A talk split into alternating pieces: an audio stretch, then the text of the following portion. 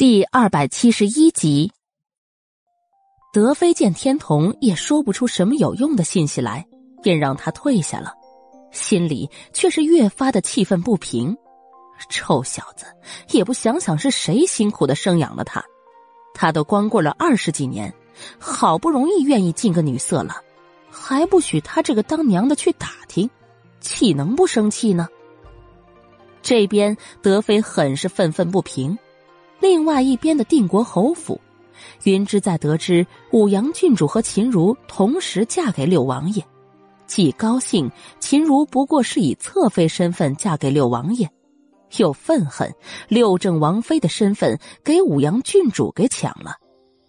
云柯可是随时关注着山水院的动静，云芝吃瘪他就高兴，因为寒冬的好手艺，他晚上又吃了满满的一碗饭。在院子里消食一会儿，便早早的睡下了。新的一天，卯时刚过，尚未到辰时，张嬷嬷就来到了锦院。云柯尚未起来，韩秋便赶紧让他在前厅稍候，自己则进了内室唤云柯。小姐，张嬷嬷来了，说是老夫人有请，让所有的小姐少爷们都去福寿堂用早膳。依奴婢看，似乎有所不妥，不如小姐你称病。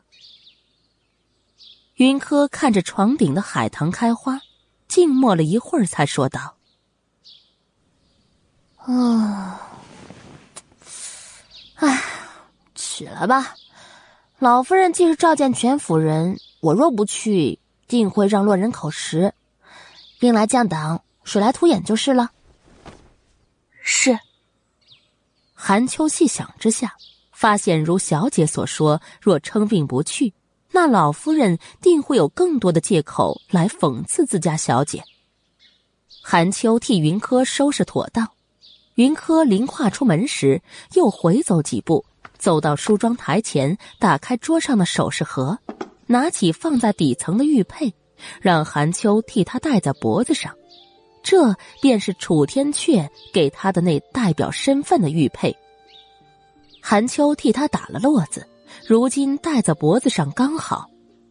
前厅里的张嬷嬷四处打量着，这锦院自打三小姐住进来之后，隐约有些变化，但她又说不出来具体变化在哪儿，只觉得似乎多了几分神秘，就连墙上的壁画都是如此。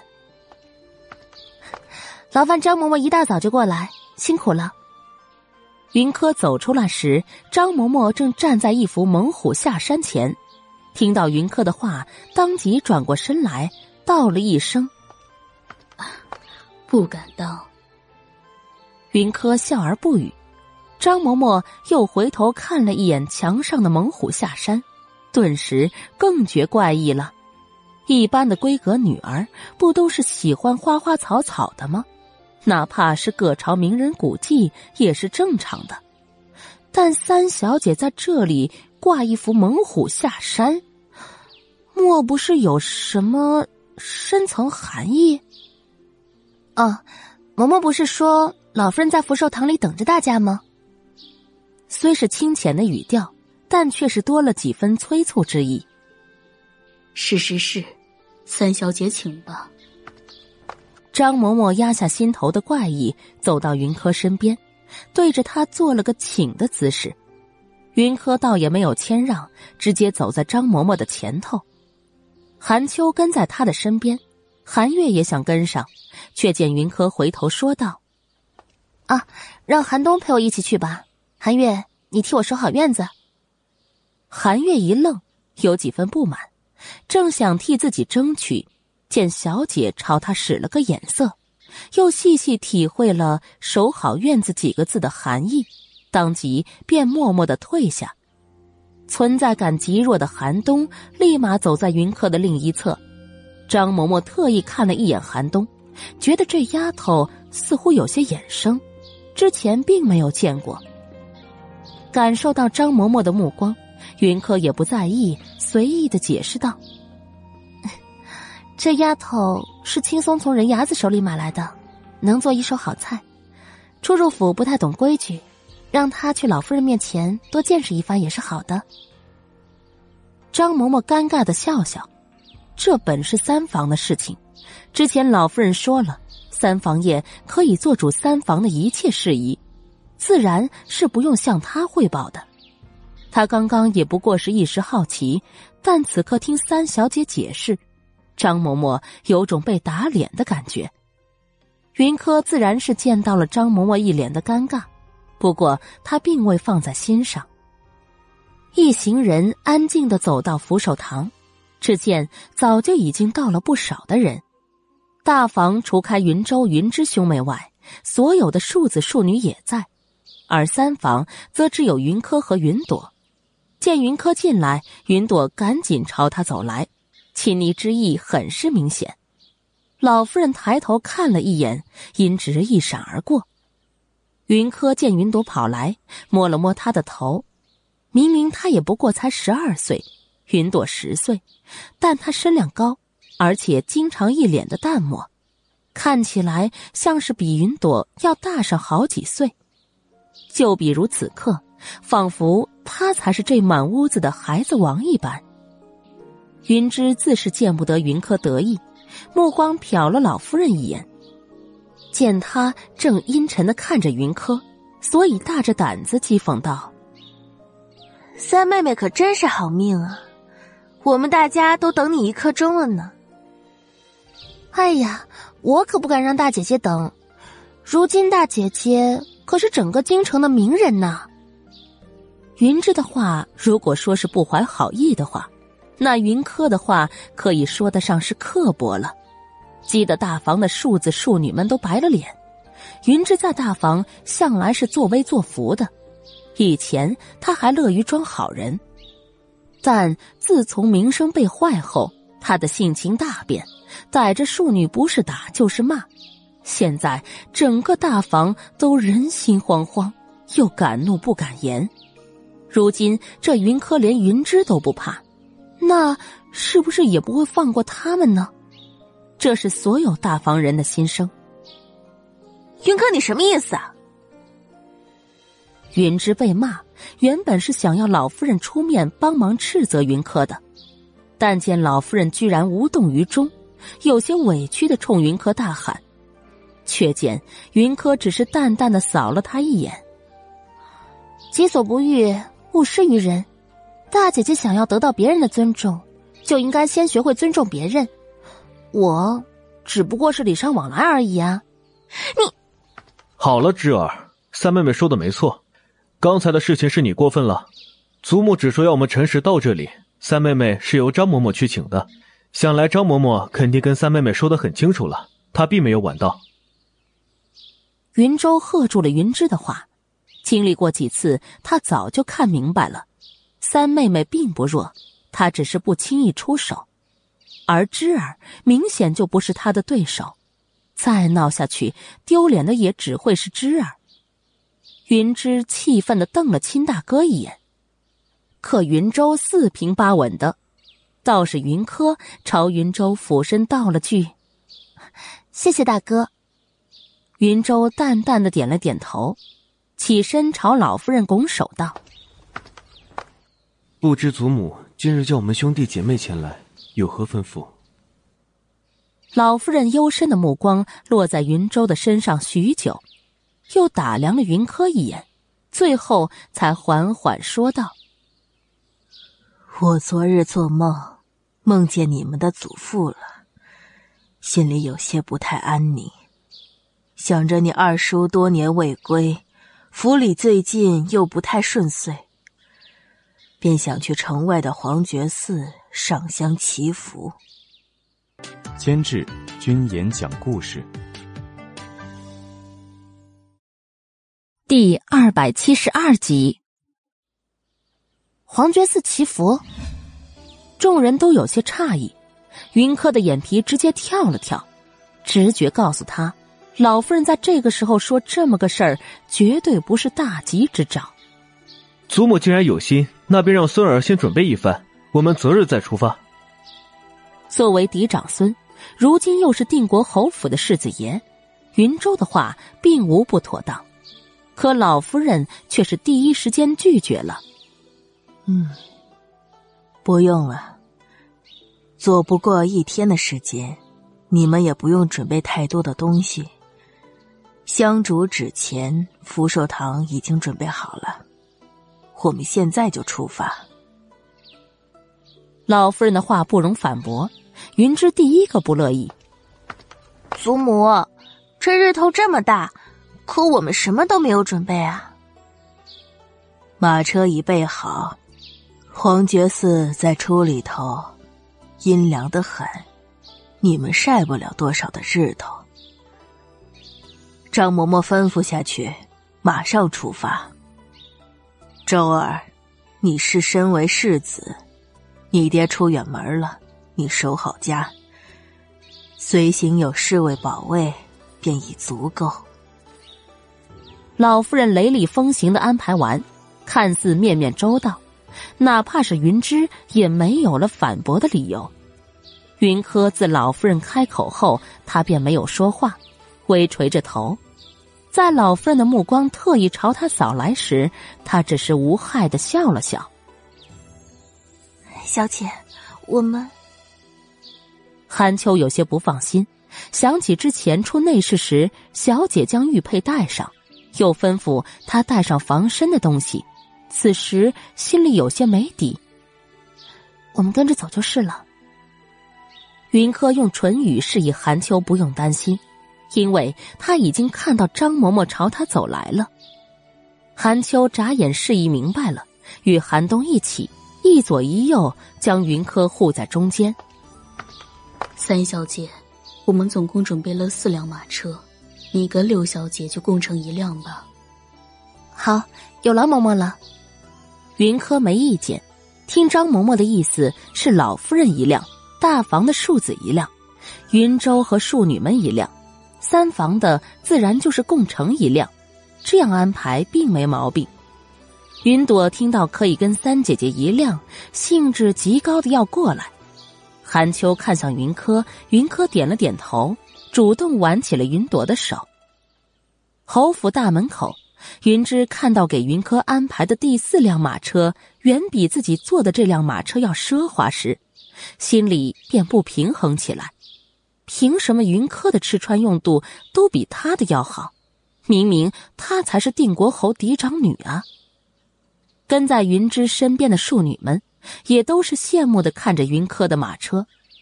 云柯笑而不语，准备上老夫人为他准备的马车。一旁的张嬷嬷见云柯上了马车，终于是放心了，动作麻利的上到第一辆老夫人的马车上。云柯，你给我下来！我才是定国侯府嫡长女，这辆马车一定是给我准备的，是张嬷嬷搞错了。云芝教主已经爬上马车车辕位置的云柯，担心会被老夫人和张嬷嬷听见，他特意压低了声音。云柯往里走的动作一顿，意味深长的看了云芝一眼。在云芝第二次催促时，他倒是洒脱的跳下奢华马车，对云芝做了个请的姿势，意思是将马车让给他。云芝在庶女们面前长了脸。昂首挺胸的，第一个上了奢华马车。那些庶女们何曾坐过这样奢华大气的马车呢？纷纷感叹了一句：“我们还没坐过沉香木的马车呢。”接着，动作迅速的爬上了马车。三姐姐，他们太过分了！我们……云朵见三姐姐受委屈，便想上前打抱不平，云柯却是微微一笑。拉着他的手，和他一起上了第三辆破旧的马车。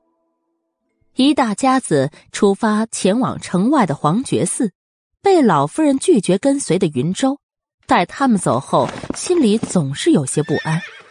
他骑马赶到天一阁，将一封信交给掌柜的，再三交代一定要交到三王爷的手里，又回了定国侯府。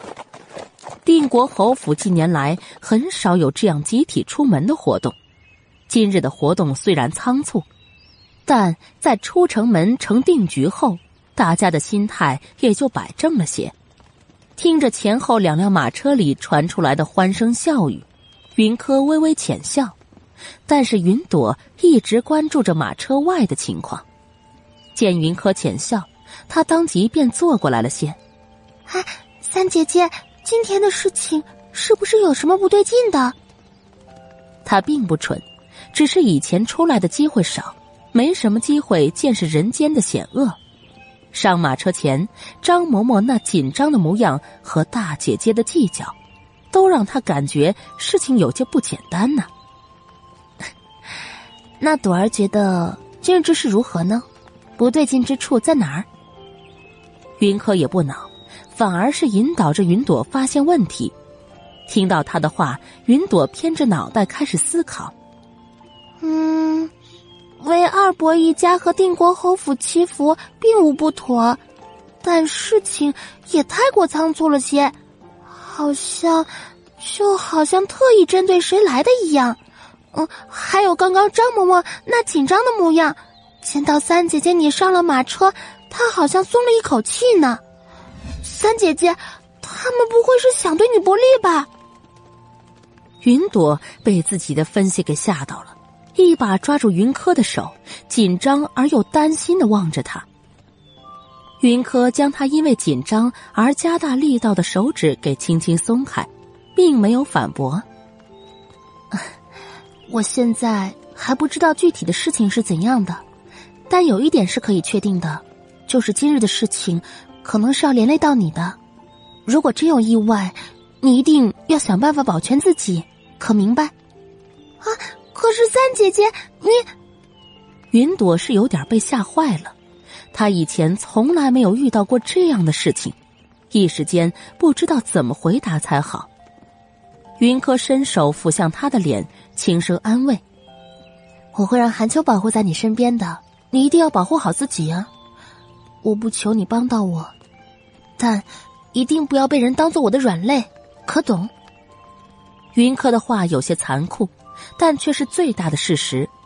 云朵略微思忖，便明白了，他乖巧的点了点头。云柯见他点头，也就放心下来。很显然，如今云朵已经被当成了他一国的。他和寒秋、寒冬都是有武功傍身的人，真遇上不对劲之处，好歹是可以自保的。但云朵却是不行。好了。现在也还只是我的猜测，说不定并没事啊。我们就当出来玩耍一趟了，安心些。嗯，希望吧。云朵乖巧点头，她现在心里没底，但跟在三姐姐身边就是她最大的心安。他相信三姐姐不会丢下他不管的。如果可以，他真的不想给三姐姐当包袱。有老夫人的马车打头。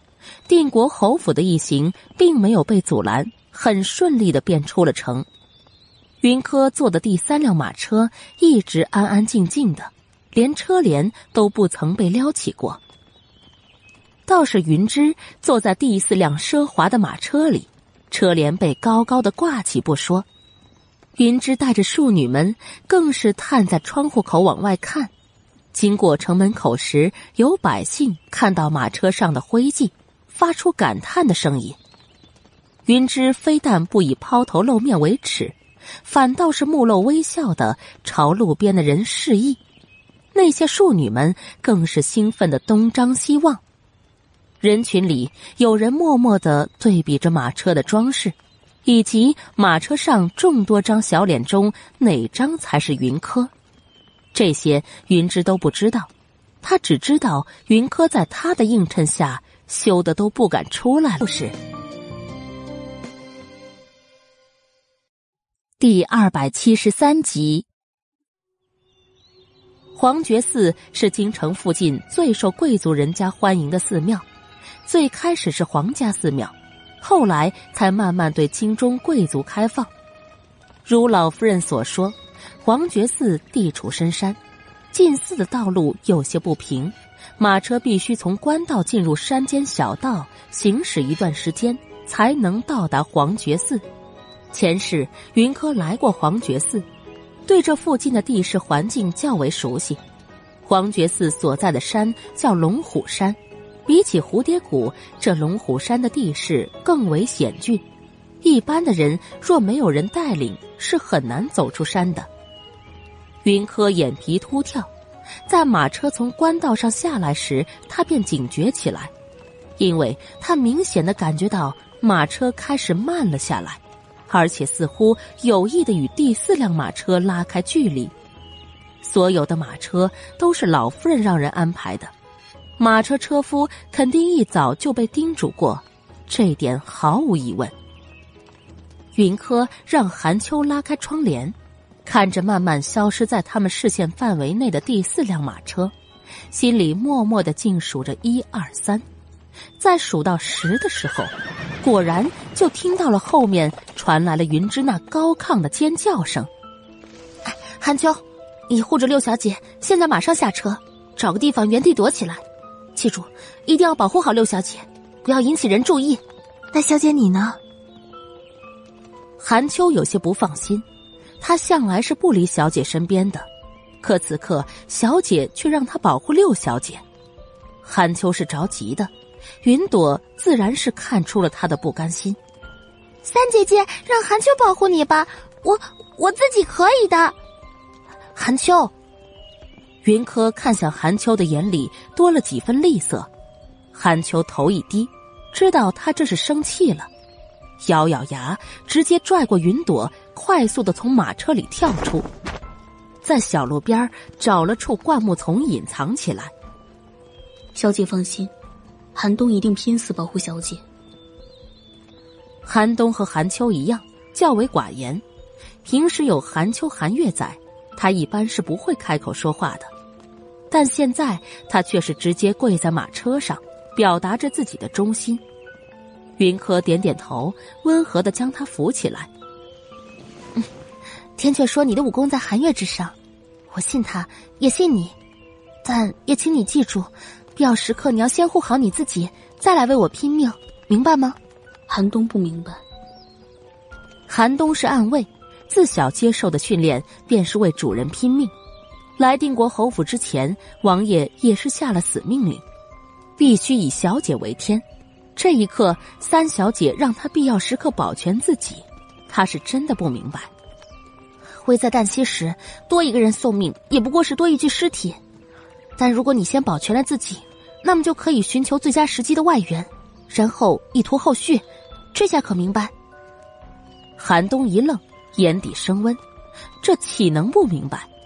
强忍着内心里的感动，韩冬将头埋得低低的，发自内心的保证：“小姐放心，韩冬定不会让小姐陷入死局的。”“嗯，我信你。”一句“信你”，便是对暗卫最大的认可。韩冬明白，他这辈子都会认这么一个主人。就在云柯安排的时候，他们的马车已经停了下来。云柯与韩冬对视一眼。决定先不下马车，后面的尖叫声越来越多，隐约间还夹杂着男人们的怒吼声。老夫人下了马车，在张嬷嬷的搀扶下回走了几步，望着第四辆马车的方向，目光深沉的让人害怕。一会儿之后，只听老夫人吩咐道：“继续往皇觉寺出发。”老夫人，三房的两位妹妹。还在后面呢。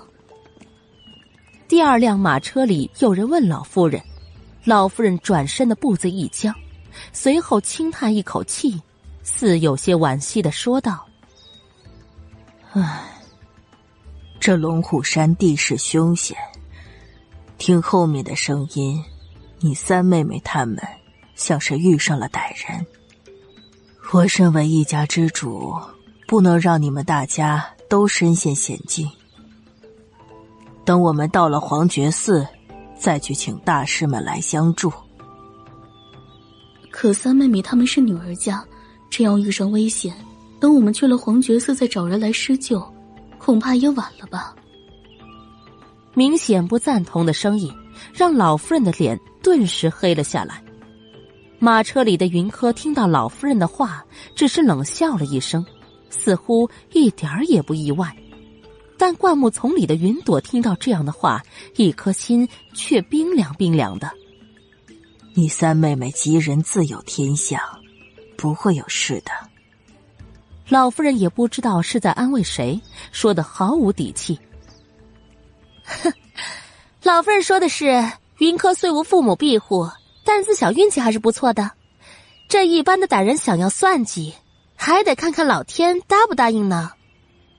云柯从马车的车窗里探出头来，朝老夫人讽刺的笑着说道，眼里的温度已经骤降至最低。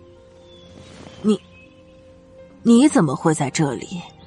你不是应该 老夫人倒是说说，我应该是在哪里呢？嗯，应该在那辆奢华无比、一看就是目标的马车里吗？老夫人莫不是以为世人都会跟云芝一样的愚不可及吗？一连几个问话，如最冰冷的刀刃一般刺向老夫人，让她没有半分的还击之力。老夫人出身洛王府，这一辈子为了洛王府，还真是舍得付出呢。哼，为了武阳郡主的一己之私，你连自己的亲生孙女都豁得出去，还真是让人佩服。也不知道当初老侯爷是不是也曾被你这样背后捅阴刀子，所以他才会半夜三更的来梦里找你算账。云哥，你在说什么？你大姐姐他们遇上了危险。我们现在必须马上去黄觉寺，请大师帮忙。你师从蓝衣，想来本事不弱，便由你先行去办救兵吧。老夫人此刻已经确定落在后面的人是云芝，既然是这样，他必须迅速的冷静下来。只要让云柯落单，那些人自然有办法将他给拿下，到时候将人交给武阳，让他出了口气。也就能安心的嫁给六王爷了。你最好是祈祷我今日无碍，不然我哪怕是死，也要拖上你一起。冰冷刺骨的语调，年仅十二岁的小姑娘脸上满是狠辣，看向老夫人的目光里更是不含丝毫温度。她相信，她刚刚的这些话会记在第二辆马车里那些人的脑子里的。寒冬。收回身子坐好，云柯朝寒冬使了个眼色，便见寒冬第一时间窜至马车车把式的位置，拉住缰绳，用力一扯，马车便朝另一条出山的方向冲去。隐约间，树叶浮动，疾风奔驰，林间隐约有了几分萧瑟。啊，韩秋，怎么办？三姐姐会不会有事啊？灌木丛里。云朵急得都快哭出来了，她没想到老夫人会对三姐姐下手，这让她太难以接受了。小姐不会有事的。韩秋的心里也不好受，如果可以，他想第一时间护在小姐身边，可小姐的命令他同样不能不执行。如果留小姐在这里，可以放心就好了。啊，韩秋，你去保护三姐姐吧，我。我这里不要紧的。云朵终于是鼓足了勇气，这一刻她好恨自己没用，不但帮不到三姐姐，还要三姐姐浪费寒秋来保护她。那六小姐，你藏在这里不要出声，我在外面撒了药粉，不会有人发现你，也不会有猛兽靠近你的。我这就去救小姐，她现在很危险。韩秋最后几个字带着明显的哽咽之意，云朵红着眼睛点点头。第二百七十四集，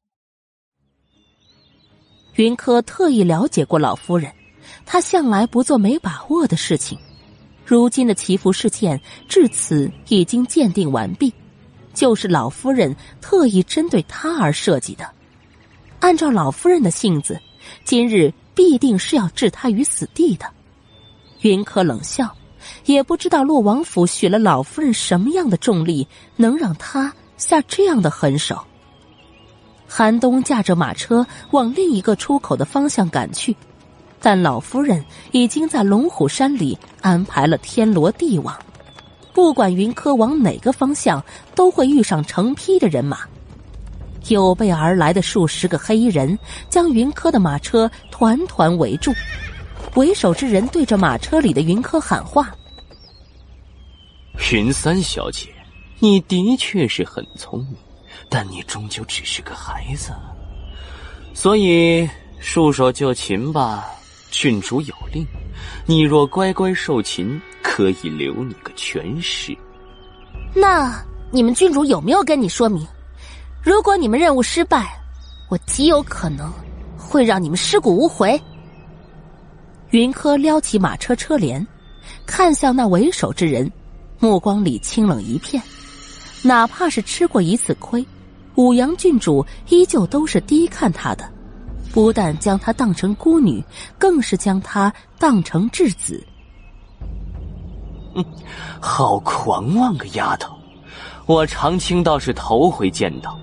小姑娘，要不我们来玩个游戏吧？若今日你能从我们手里逃脱，我可以去向郡主讨个赏，让你做我的女人，怎样？长青满脸兴趣的看着露出一张小脸的云柯，很显然对云柯的容貌是极为有兴趣的。敢觊觎我们王爷的女人，杀无赦！寒冬直接拔剑而出，紧接着十条着统一服装的身影跟在寒冬的身后。也加入到战争中来。小姑娘，原来你还随身带着暗卫呢。今日的事情看来是有趣极了，我倒是迫不及待想看到你在我身下承欢的模样。云柯狂傲，可长青却是多了几分痞气和狂傲。他从马上一跃而下，不顾周围已经交战的两方人马，缓步。走到云柯的面前，伸手便朝云柯的脸上摸去，马车里杀气瞬间迸发，长青后退一步，惊呼道：“ 小姑娘，你原来还会武？”“，五阳郡主没告诉你，我的功夫居他之上吗？”云柯的匕首精准的朝长青的面门刺来。身子也是从马车里轻盈的跃出。那今日还真是棋逢对手，也罢，难以征服的调教起来才更有滋味呢。我就陪你好好的玩玩。长青拔剑相向，以为小姑娘说的不过是逞强之语。长剑对短鼻，云柯兵器上有些吃亏，可他的力气毫不逊色于长青。身形灵活柔软，角度刁钻古怪，一时间长青也没办法奈何于他。运用轻功拼命赶来的韩秋，见小姐兵器吃亏，便抽下腰间的软剑朝云柯掷来。小姐，接着。有了软剑的帮衬，云柯的防守终于是有了反攻之势。只是对方的人马仍在增加。而云柯方只有寒秋、寒冬和十名暗卫，被围攻之下劣势显现。寒秋想过去帮云柯，但却被三四个黑衣人给直接拦截。他焦急的看向云柯，可越是着急就越容易出错。再说武功原本就不是他的长处，一不小心被对方寻了错处，直接一掌拍在胸口上，吐出一口鲜血来。韩秋，云柯急了，心下一急，被长青也揪到错处，削下一缕青丝来。小姑娘自身都难保了，还想去救你的小丫头？小姐，我没事儿。韩秋沉下心来，朝云柯汇报自己的平安，他不能再让小姐分心了。云柯听到他的话，眉头轻蹙。心里的担心更甚，初见更加的凌厉，逼得长青后退几步，再朝韩秋看去，却看到了让他头冒青筋的一幕。韩秋被两个黑衣人紧紧的扣住肩膀，已成了俘虏。韩秋，云柯着急想上前，却被长青拦下。小姐，你不要管我。韩秋恨不得一头撞死。他本是想来帮小姐一把，却反而拖累了小姐，是他没用。云柯眉头死皱，他自然是知道，如果他越是表现出对韩秋的在意，长青他们便会以韩秋来威胁他。可哪怕是明知道这样，他也不能淡定半分。前世韩秋为他消耗了自己，这一世他只想好好的保护他们。可现在的场景还真是让他进退两难。小姑娘，只要你愿意认输，我可以放掉你的小丫头，如何？哼，认输，认输，你们就会放掉我？你真当我是小孩子吗？云柯不怒反笑，他自是不信的，手中动作仍是不停的攻向长青。见状，黑衣人一巴掌抽向韩秋。清脆的响声让云柯动作一僵，被长青给寻了空隙夺了手里的软剑。现在我改变主意了，小姑娘，你要做我的女人，我才愿意放过你丫头。长青笑得得意，云柯冷着脸，整个人身上气压低沉的可怕。长青不怕死的继续往前，手再次伸向小姑娘的脸，要去摸她。云柯身子后仰避开，长青的手就要碰到她的脸时，云柯的脸完全阴沉下来，全身爆发出一股浓烈的煞气。袖间的匕首再次出手，恰在这时，一股凌厉的掌风逼来，夹杂着雷霆万钧之气。本王的女人。也是你敢碰的！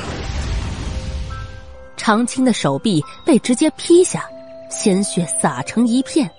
只是这还不算完，迎面而来的劲风劈得他整个身体甩出去很远，胸口沉闷作痛，让长青说不出质问的话来。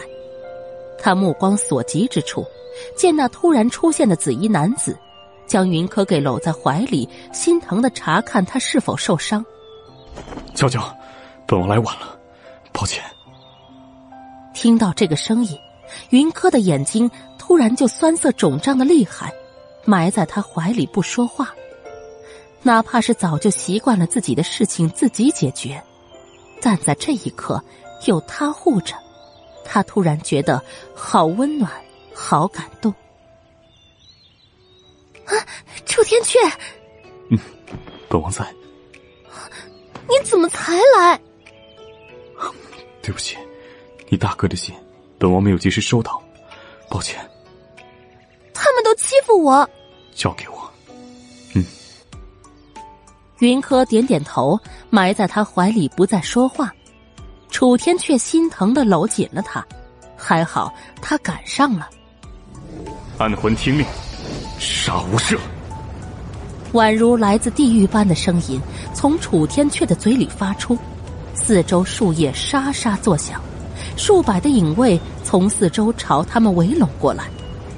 他们所有的人都着统一的衣服，每个人的右手上都纹着一个极为难懂的图案，目标是长青带来的黑衣人。哪怕是同等的数量，可黑衣人比起暗魂来，并没有太多的还击之力。黑衣人在短短的时间里便全部被杀。暗魂影卫，你是三王爷！断了一臂的长青被撞到树上，艰难的爬起后看向楚天阙，眼里有着不敢置信。世人皆传三王爷手下有一支神出鬼没的影卫，是三王爷自小训练的，奉三王爷为主，其他人哪怕是皇上。也不能使唤半分。武阳郡主只让他来刺杀定国侯府的三小姐云柯，可并没有说过会对上三王爷。长青此时有些后悔，他为什么要接下这桩买卖？本王的女人，本王舍不得伤她一分，可你们这些人却胆大包天。说本王就此饶过你。监制：君言讲故事。第二百七十五集。楚天阙的怒气是显而易见的，每一个字都夹杂着漫天的威严。长青被他震得五脏内腑都移了位。误会，这是误会。草民只是听命行事，真正要云小姐命的，是武阳郡主。长青并不是什么硬骨气之人，看到自己带来的人全部被绞杀，他明白今时之日，只怕是在劫难逃了。可楚天阙怎么可能会听信他的误会之言？大手一挥，长青再次受了严重的内伤。将他的另外一只胳膊也给卸了，挑担手巾挂到洛阳府大门口，不挂满三日，你们提头来见本王。是。一个简单的字，响彻了半边天。长青被直接吓晕过去，从大部队里出来两个影卫，直接将他拖走，那模样仿佛拖的不过是只死猪。娇娇，我们回家可好？心疼的将怀里的人给打横抱起，楚天却声音轻之又轻。云柯搂着他的脖子不说话，只是依赖的在他的肩头蹭了蹭。楚天却更心疼了，在他额头上印下一吻，柔声安慰：“这件事情就交给本王来处理，保管给娇娇一个满意的答案，可好？”光是处理一个长青还不够。谁让他的女人不高兴，他就让那人全家不高兴。楚天却眼里的煞气太过渗人，一旁的暗魂都低着头装死，从来没有见过如此让人害怕的主子。不好，这件事情我要亲自还回去，你不许再插手。云柯抬起头，从他怀里挣扎下来。既然都已经明白幕后之人是武阳郡主，他若不好好回敬，又怎么对得起武阳郡主对他的低看呢？好，好，好，只要娇娇高兴，本王不插手就不插手。他的小女人能独当一面也好，只要他高兴，楚天却宠得毫无原则，只是对于他退出他的怀抱的行为有些不满意。上前几步，又将人给捞了回来。见他并没有反对，云柯很满意，扫视了一圈，发现那些影卫们虽然一个个的低着头装死，但时不时偷瞧他的目光还是很明显。他们是你的人？云柯眼里满是算计。属下见过王妃，王妃千岁。基本上是没用楚天阙提醒。所有的暗魂全部右手持长剑插地，左膝跪地朝云柯行礼，动作整齐划一，干脆而有力，场面十分的震撼。那声“王妃”叫的楚天阙心里十分的舒坦，因为长青等人带来的不爽消失不少。被小姑娘扣在怀里，下巴抵在她的头顶，自然的嗯了一声。算是默认了她的话。给你的那枚玉佩可以调动他们，要是他们惹你不开心了，你随时可以削他们。太过随便的语气，瞬间让暗魂们泪流满面。说好的高级影卫视之无价呢？为什么他们一致觉得，在未来王妃面前，他们还不如一只小猫小狗呢？像是窥探到暗魂们的内心一般。云柯嘴角抽抽，侧回头瞪了他一眼，嗔怪道：“你呀，好歹也是你亲自训练出来的人，就这么埋汰的？整个他们加起来都不如本王的娇娇，你没听到他们都喊王妃了吗？或许再过不久，在他们心里，你这个王妃比本王这个王爷都要重上百倍了。”语气似乎有些幽怨，但那眼神却绝对是宠溺的。云柯有些无语，虽是瞪他，但心里却是甜滋滋的。王妃要不要给他们训训话？冲小姑娘暧昧一笑，一声“王妃”喊得毫无违和，仿佛她就应该是他的王妃，哪怕她现在只有十二岁，哪怕一切都还只是才开始，可他就是这么的笃定。被他搂在怀里，不能随意的走动，云柯有些不满。再无论他怎么瞪，某人就是厚着脸皮不愿意松手，那显而易见的故意成分让人手痒痒。娇娇替本王敲打敲打他们，免得他们都皮了。朝那些单膝跪在地上的暗魂们抬了抬下巴，楚天却就是不松手。他必须让这些兔崽子们明白，小姑娘在他心里的位置。免得会有不长眼的冲撞了小姑娘，惹她不开心难过。挣扎不开，云柯索性便也就放弃了。见所有的暗魂都洗耳恭听的模样，他倒也没客气，清了清嗓子，便开始敲打。既然你们都唤我一声王妃呢，那我也就说几句。我对你们也没啥要求，替我看好了你们家王爷就成。要是让我发现你们跟着他一起胡闹，做些毁人姻缘、撬人后院、断人财路的事情，我还真就会削上几回的。对于“王妃”一词，云柯并不反对，他本就打算好了这辈子跟在楚天阙的身边。那一声“王妃”再正常不过了。要是楚天阙不让人叫他王妃，那他才是真的要生气呢。他说的自然。可暗魂们却是瞬间凌乱了，这这以前并没有人告诉他们，他们的任务便是看着他们王爷的呀。呃，还有，作为暗魂，他们可是很高级的。胡闹一词，怎么可能出现在这么严肃的他们身上呢？人群中，天童暗戳戳的上前来，瞄了一眼自家笑得像个傻子一样的王爷，很想咆哮。但又担心会坏了王爷在未来王妃心里的形象，当即只得吞了吞口水，小心翼翼的咨询：“那王妃的意思是，只要不是毁人姻缘、撬人后院、断人财路的事情，那就不用被削，对吗？”天童，你还跟你家王爷做过别的什么事情吗？比如说，逛青楼？云柯声音清冷。但却莫名的有种危险的感觉，天童缩了缩脖子，有种自己撞枪口上的感觉。没没有，哪怕是有，他也不能这样明目张胆的承认啊！可是不对啊，怎么王妃看他的目光有些不太对呢？嗯，是没有，还是不敢有啊？云柯冷哼一声。天童当即便吓得一跪，不，不敢有。哼，还真是个洁身自好的人呢。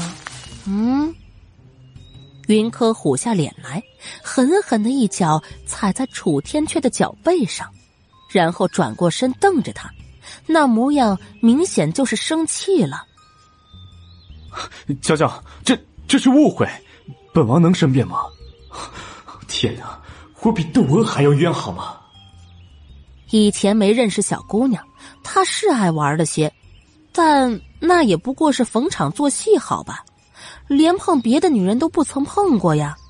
他是清白的，守身如玉的那种。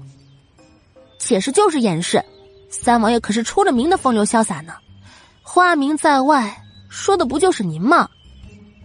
见他慌了神，云柯心里偷笑。但面上仍然板着脸，彰显着怒气。哦，真的是误会，本王从来没有碰过别的女人。本王发誓，如果有半句谎话，就……云柯眼疾手快的捂着他的嘴巴，不让他把那诛心的话说出口。楚天阙见他面色不佳，轻叹口气，将人又重新捞回怀里，认真的说道：“本王一生。”只有一个娇娇，也只要一个娇娇。认真的不能再认真的语气，纯净而执着的目光，让云柯的脸不争气的红了。故事第二百七十六集。还看什么看？还不赶紧转个身去！没看到本王现在正忙着吗？楚天阙的一声怒吼。暗魂们都统一转了个方向，但云柯却是被他给拉回了神思，伸手重重的在他脸上拉了一下，瞪他一眼，意思是在说：“你这说的是什么荤话？”楚天却嬉笑的朝他凑拢来，云柯直接推开，并戳了戳他的额头，想着两人刚刚差点就亲上了，云柯的脸烧的厉害。见小姑娘害羞了，楚天却的心情很好。很想趁热打铁，又担心小姑娘记太深，以后都避开她，便朝天童的方向使了个眼色。天童极为聪慧的转移了话题：“王妃，定国侯府的老夫人那行人要如何处理？”云柯脸上的红云散去，取而代之的是冷漠。想到之前老夫人那阴沉的目光。他身体里的戾气也是直接迸发，冷笑一声，云柯清冷的说道：“哼，龙虎山地势险峻，虎狼众多，与定国侯府一行有所冲撞，实属正常。老夫人最近忧思过多，也确实应该好好的休养一阵了。”天童一愣，他怎么觉得这话里包含的信息量有些过大呀？你们都起来吧，定国侯府那些人就交给你们了。你们这衣服挺漂亮的，若不细看，还以为跟长青带来的那些黑衣人是一伙的呢。我们的衣服比他们漂亮多了的吧？天童想也没想的直接反对，却是被人给拽了过去。几颗脑袋聚在一起，开始嘀嘀咕咕起来。楚天却一扶额，突然觉得自己似乎教了一群蠢的。云柯笑嘻嘻的看着他，他索性将小姑娘给一把抱起，纵身上马回城。此时，定国侯府的人马处，老夫人见云柯驾马车离开，心里有些难以平静。偏偏这时，云芝等人像是受了极大的惊吓一般，战战兢兢的赶了上来。一见到老夫人，便嚎啕大哭，哭丧呢哭，我还没死呢。老夫人被他们哭的心里更是心神不宁，当即便大声吼道：“云芝的哭声夹在喉咙里，刚流出来的眼泪流得更欢，她身后的庶女们更是吓得瑟瑟发抖。你怎么会坐在那辆马车上的？”我不是让张嬷嬷告诉你坐第三辆的吗？老夫人黑着脸质问。云芝想着那些黑衣人，凶神恶煞的问谁是云柯。此时又听老夫人的话，心里顿时明白了几分。他这是明显的被云柯给坑了。那些黑衣人就是冲云柯来的，可云柯却故意哄得他换了马车。是云柯。是云柯，他故意哄着我们，跟他换了马车。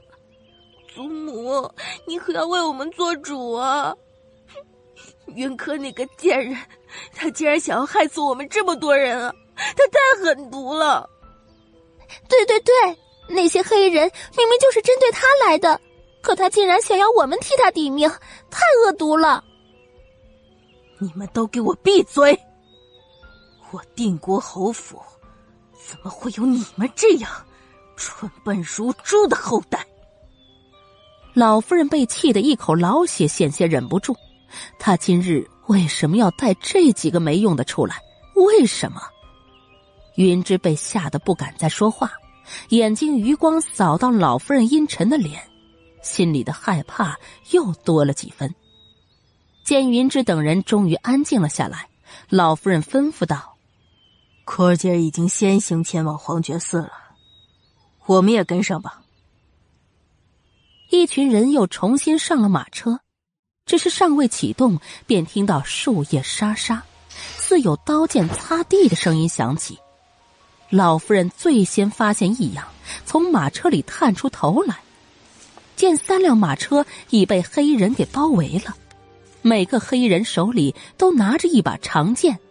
有不少长剑上还沾染着鲜红的血渍，老夫人吓了一跳，厉声质问道：“你们是谁？想做什么？”“也不做什么，只不过是来向老夫人禀报一声，云三小姐身受重伤，我们提前来收点好处。至于我们是谁，老夫人不是很清楚吗？可是你亲自下的命令，要我们今天势必将云三小姐给杀了的。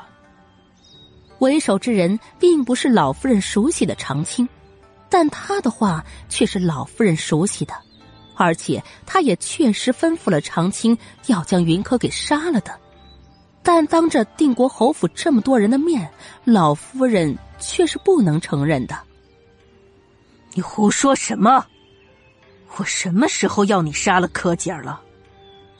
柯姐儿是先行去黄觉寺搬救兵了。我们正准备一同赶上，哪怕是心里本就存了要教训云柯的心思，老夫人这会儿也是不会承认他买凶杀人的，一口咬定云柯是打头去黄觉寺搬救兵了。哼，料到老夫人不可能会爽快的将那大笔银子给我们，所以我们才想着先来收点利息，但还是没想到老夫人你会直接否认。也罢，既然我们早就预料，那便想好了收不回银子的应对之策。你这定国侯府的所有姑娘家可都在这里了。我们兄弟这么多人，随意的掳走几个卖到窑子里，也是一笔钱，好歹能填补一下我们的损失。你什么意思？老夫人脸色一变，她看不惯云柯，便想着除了他保证定国侯府的安宁。但若真让这些黑衣人将大房的姑娘家给掳了去，那他也该以死谢罪了。老大，别废话了，动手吧！开玩笑，他们王妃可是说的很明白了，要给定国侯府的老夫人一些教训。为了逼真，他们可是连自己最能装的衣服都给换上了。要是还不能成功，那王妃能给好脸色吗？王妃没有好脸色，宠妻如命的王爷还不得将他们一个个的给削死？于是，一大群黑衣人自发的朝老夫人所在的马车和其他两辆马车冲了过来。大房的庶子们都有练武，好歹也能抵挡几下，而且黑人的目标也不是他们，所以他们并没有受太多伤。可老夫人就不一样了。他年轻时虽是上过战场，但终究年迈，动作不如年轻人，被人直接拎起扔了下来。明晃晃的长剑更是直接从他脸颊上扫过，剑气让他的老脸顿时便鲜血直冒。张嬷嬷吓坏了，想扑到他脸上替他挡难，却被人直接踢开。你这个老婆子也是个狠心的，为了别人家的事情。居然连自己的亲孙女也下得去手，现在更是将定国侯府的儿子女儿都陷于危险中。你这做法完全是想定国侯爵后呀！定国侯府有你这样的亲娘，还真是不幸呢。可不是嘛！那云三小姐好歹也是三房嫡出，她竟然让我们这些人不但要杀了她，还得狠狠的折磨。有这样的长辈做祖母，哎呦，真是定国侯府所有人的悲哀呀！哎呀，你们懂什么？洛阳郡主的根还在洛王府呢。这不听说武阳郡主受了委屈，便拿自己的嫡亲孙女来替他出气。哎呀，云三小姐也真是可怜啊！不对，是定国侯府的所有姑娘家可怜。这不，马上大家伙都要被老夫人卖。第二百七十七集，一句接着一句的嘲笑着，云芝这辆马车上的女孩们早就吓懵了。之前他们还以为是被云柯给连累了，可现在看来，云柯只不过是第一个倒霉的，这马上就要轮到他们了。云芝不敢相信的看着老夫人，想着要被卖到窑子里，早就顾不上尊老了。对着老夫人破口大骂道：“啊，你个老不死的，原来是你想要害死我们！我们怎么会有你这样的长辈？你就这么巴不得我们死吗？”老夫人原来是这样的人，她为什么要那么狠心呢？明明我们都是她的亲人啊！啊，刚刚难怪那些人会凶神恶煞的想找三姐姐的麻烦，原来都是老夫人找人要来杀她的。三姐姐怎么那么可怜？我们怎么会这么倒霉？所有的声音汇合在一起，无一不是指责老夫人的。包括大房的庶子们也都是义愤填膺的瞪着老夫人。你们在瞎说什么？我怎么会巴不得你们死？你们没看出来，是他们在故意挑拨离间吗？老夫人没想到事情会如此的失控，她大声的训斥着，可没有人再相信她的话，甚至有大胆的跑来黑衣人面前。表示自己与老夫人并没有多大关联。如果黑衣人一定要报复的话，就找老夫人。这话听在老夫人的耳朵里，更是让她怒火直升。你们，你们！可他斥责了半天，也只能吼出这几个字来：“大哥，跟他们那么多废话做甚？直接把这食言的老太婆给做了。”把这些小娘们送到窑子里，我们是肯定能大赚一笔。好歹也是官家小姐，不是？好，打晕带走。一声令下，早就按耐不住的众人直接出手，将除老夫人之外的所有人都给打晕了。庶子们被装进麻袋，姑娘们都被搬上马车。住手！你们都给我住手！老夫人这一刻是真的害怕了，她怕这些人真的将她的孙子孙女们都给随意的对待了，那她如何跟云家的列祖列宗交代？如何跟长子交代？这一刻，她不是洛阳郡主，也不再是定国侯府的老夫人，只是一个寻常的妇人，一个做了错事后悔莫及的老人。别喊了，老夫人。你马上就会体验到被逼至绝境的滋味了。早就易容成普通人的天童，直接塞了块破布在老夫人的嘴里，让她再也叫唤不出来。五花大绑将老夫人给捆得结结实实的。三辆马车分不同的方向行驶，老夫人则被一人一骑带向龙虎山深处。原本热闹的树林顿时安静下来。像是不曾来过人一般。一直躲在灌木丛中的云朵，这时候才敢松口气，双腿早就已经发软，可他不敢停歇，拼命的往外跑。他刚刚听到那些黑人说三姐姐受了重伤，他现在必须马上去找三王爷，只有他才能救三姐姐。云朵拼命的跑着。哪怕是鞋子已磨破，他也不在乎，只希望自己能早些见到三王爷，告诉他这里发生的一切。跑着跑着，云朵眼前出现了一道熟悉的身影，好像是三姐姐身边的寒冬。啊，寒冬，我三姐姐怎么样了？她是不是伤得很严重？都是我不好，我没能帮上三姐姐的忙。云朵上前，一把抓住寒冬的衣服，慌乱的说着。寒冬不善言辞，只能捡最主要的说：“小姐安然无恙，现在已经回锦院了，特意派我来接你回家。”云朵愣了半天，才听明白寒冬说的：“三姐姐无恙，而且已经回锦院了。”正想欢呼一声，却是直接晕了过去。静谧祥和的锦院里。韩秋低头跪着，他的正对面云柯正喝茶，旁边楚天却冷着一张脸，满脸的煞气，像是被人欠了几十万两的银子。小姐，是韩秋没有，不但没有帮到小姐，反而还连累了小姐。韩秋愿意领罚。云柯放下茶杯，正准备开口，却被楚天阙抢过了话头。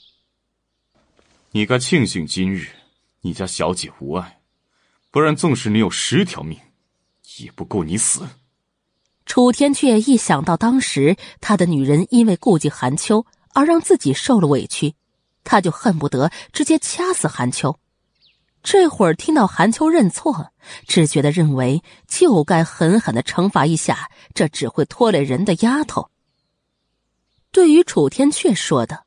韩秋并没有异议，他自然是明白当时那种情况下自己被俘对小姐产生的影响，而且当时小姐并没有要他跟随的，他是罔顾小姐命令在先，害小姐陷入困境在后，所以他确实该死。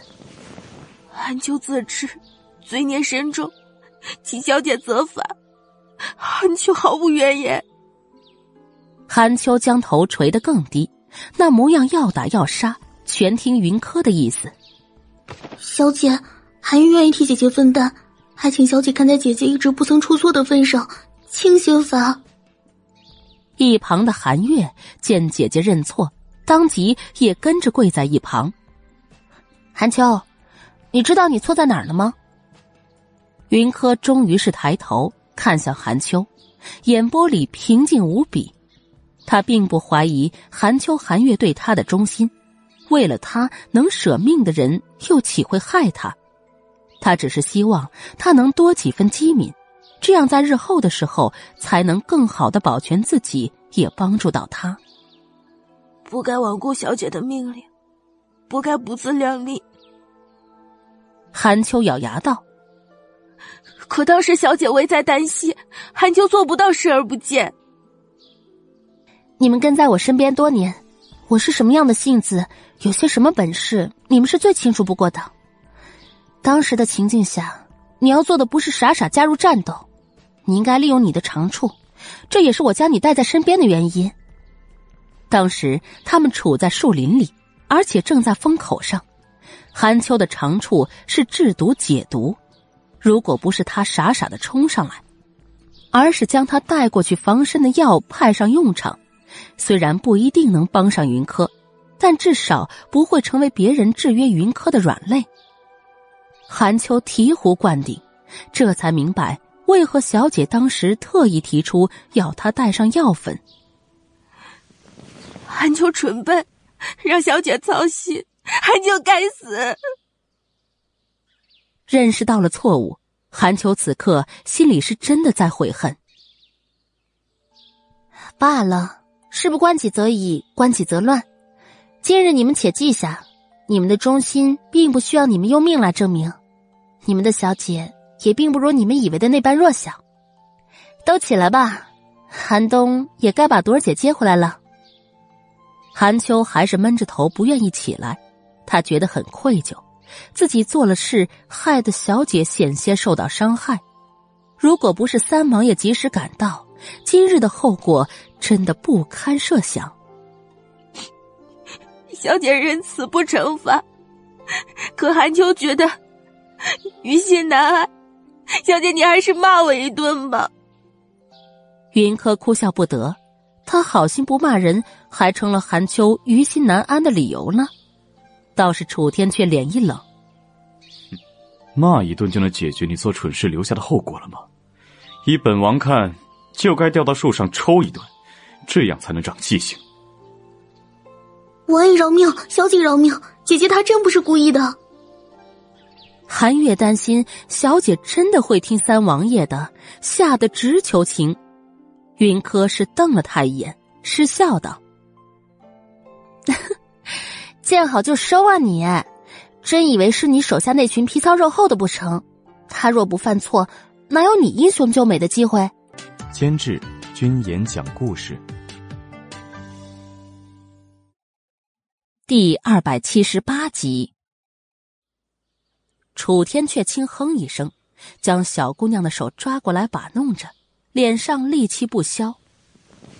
他也该庆幸，不是本王手下的那群皮糙肉厚的，不然至少得在暗格里待上三五天，不死也得脱层皮。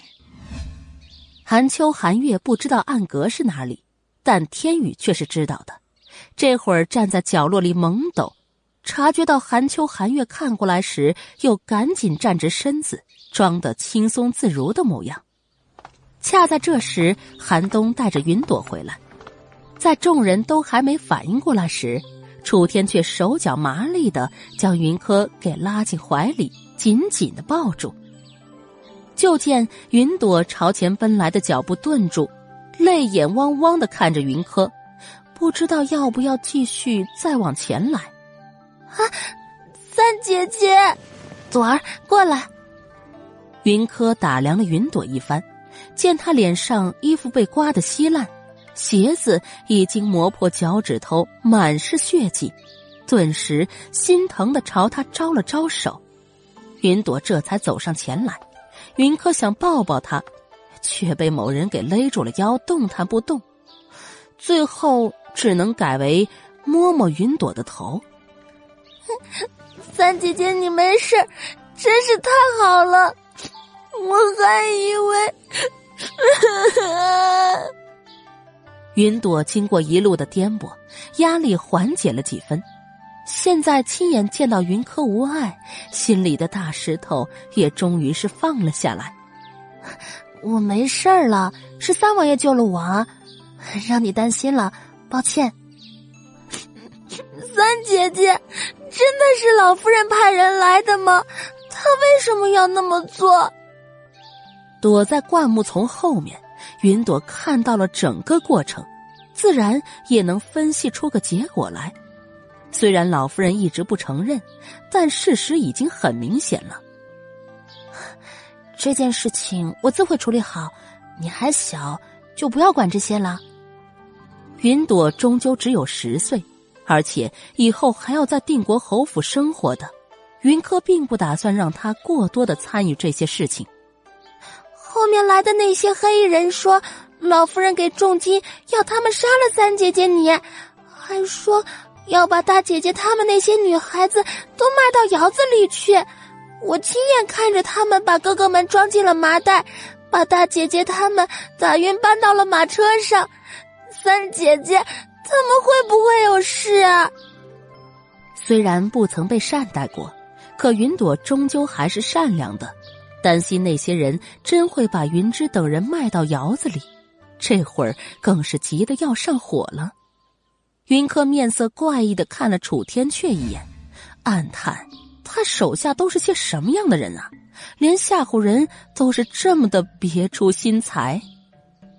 楚天阙嘴角一抽，暗骂了一声“兔崽子们”，然后朝云柯讨好一笑。云柯回瞪他一眼。才转过身安慰云朵：“好了，他们不会有事的啊！你先回去休息，脚上记得上点药，然后好好的睡上一觉，醒来就会没事啦。大姐姐的事情，我请三王爷派人去看看，好吗？”云朵点点头，先前着急不觉的，这会儿她也感受到了脚趾头传来的钻心的痛。乖巧的朝三姐姐俯了身子，然后便离开了锦院。云柯示意韩秋带着伤药去朵院看看。韩冬见小姐似乎有话跟三王爷说，便自觉的退出房门。韩月见天宇还傻乎乎的站着，上前直接拧住他的衣领往外拖，临了还不忘把房门给带上。娇娇，那个你有话就直说，成不？别这么笑，笑的本王有些心慌。楚天阙举手求饶，小姑娘现在胆子越发的肥了，不但敢瞪他，还敢取笑他了。可他却是莫名的觉得兴奋，小姑娘胆儿越大越好玩儿如果可以，他宁愿小姑娘坐他头上。云柯捶了他一拳，嗔怪道：“哎呀！”你这个痞子，把手下也教的没个正形，看把你给能的！楚天却心情极好的接住小姑娘的粉拳，放在嘴边亲了一下，在为自己分辨的同时，也不忘替手下的兔崽子们洗白。本王猜想，那群兔崽子应该是想找个地方，把你的那些兄弟姐妹们关上一晚，让他们胆战心惊一把。如果不出意外。他们会在旁边先挑拨一番，让他们对老夫人心存怨恨。这样的话，等把他们再放回侯府时，自然就不会再如以前一样服从老夫人的管束。至于老夫人，他们肯定将你之前的话听进来了，知道老夫人年纪大了，睡眠质量不太好，肯定会想办法帮忙调剂一番的。至于再放回来时，老夫人的失眠是治好了，还是加重了？那效果可能就真的有些不太好说了。云柯狠狠的抽了抽嘴角，很想质问一句身边的男人：“你确定你的这些解说能安慰到人吗？为什么他觉得如果云朵在场，听了之后会更加的为那些人担心呢？不过好在他不是云朵。”所以也不可能会替老夫人和云芝等人担心，只是可怜的那些被误当炮灰的庶子庶女们了。五阳那里，你打算怎么做？尽管放手去做，万事有本王替你担着。他可不希望他的小姑娘因为担心后果而做事儿束手束脚。嗯，你自然得替我担着。我已经想好怎么回敬未来的六王妃了，只是还需要用到你的那些人。云柯没打算跟他客气，有他这么一个大靠山不用，反而矫情的去捉襟见肘，他又不是个傻的。而楚天阙就是喜欢小姑娘的这种不客气，这才说明小姑娘把他当成了自己人。用吧用吧，有什么事情直接吩咐寒冬就是。他会传达到的。云柯点点头，也确实是打算通过寒冬来传递消息。如楚天阙所说，第二天清晨，云芝等人的马车出现在定国侯府的大门口。每个人从马车上下来时都是惊魂未定，匆匆回了自己的院子，便不敢再出门。老夫人则是在第二天下午的时候才被人送回来。一回福寿堂，听说就病倒了，请了不少的大夫，可都是摇头而归。这样的事情也不敢劳动宫里的太医。在听说云柯早早的回了锦院后，张嬷嬷厚着脸皮来锦院，说是想请韩秋帮老夫人开两副药。小姐，那老不死的就是自作自受，我们才不去给他诊病，真好的让他又继续来害小姐你吗？韩月没能参与整个事件，但并不妨碍她从韩秋那里听明白事情的经过。现在他对这老夫人连最起码的尊敬都没有了。云柯沉吟不语，看向韩秋，意在询问他自己的意思。小姐，奴婢倒是觉得应该前去看看，不为看病，只为雪上添霜。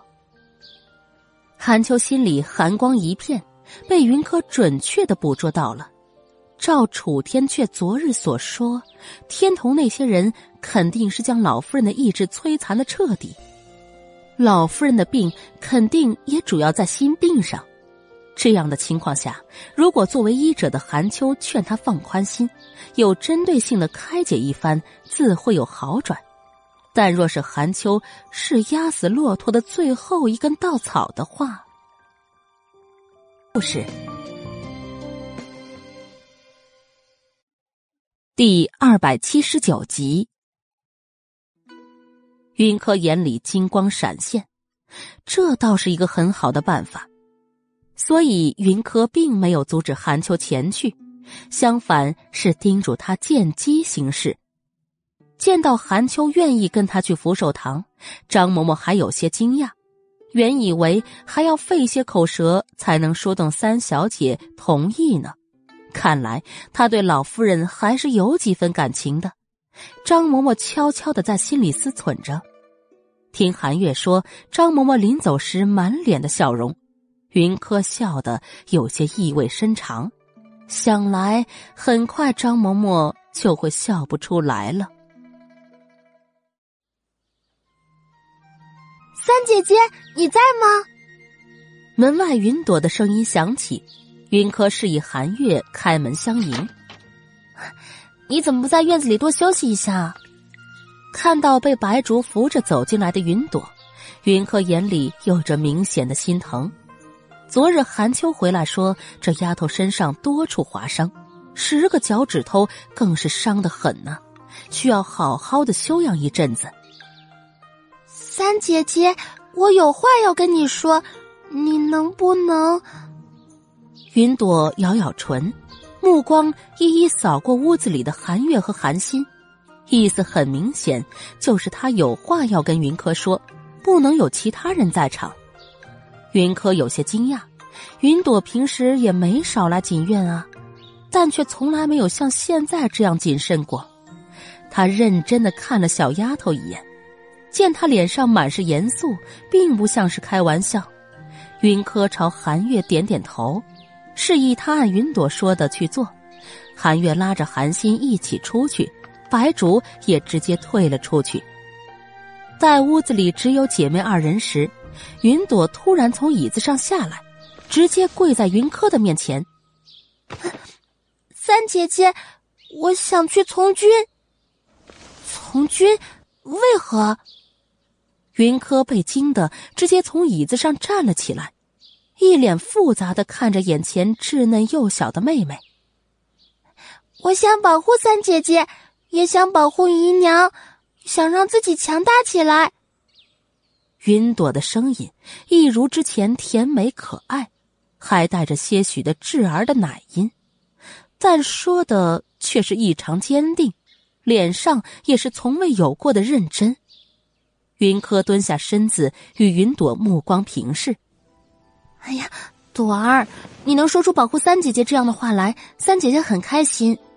但如你所见，三姐姐并不缺你的保护啊。你想保护姨娘，也有别的方式，并不非要从军的。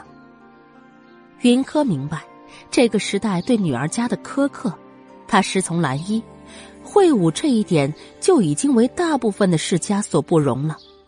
云朵如果真从军，且不说能不能在军中闯出名堂来，就光是与那么多的男子共阵营，就已经会被世俗所不容了。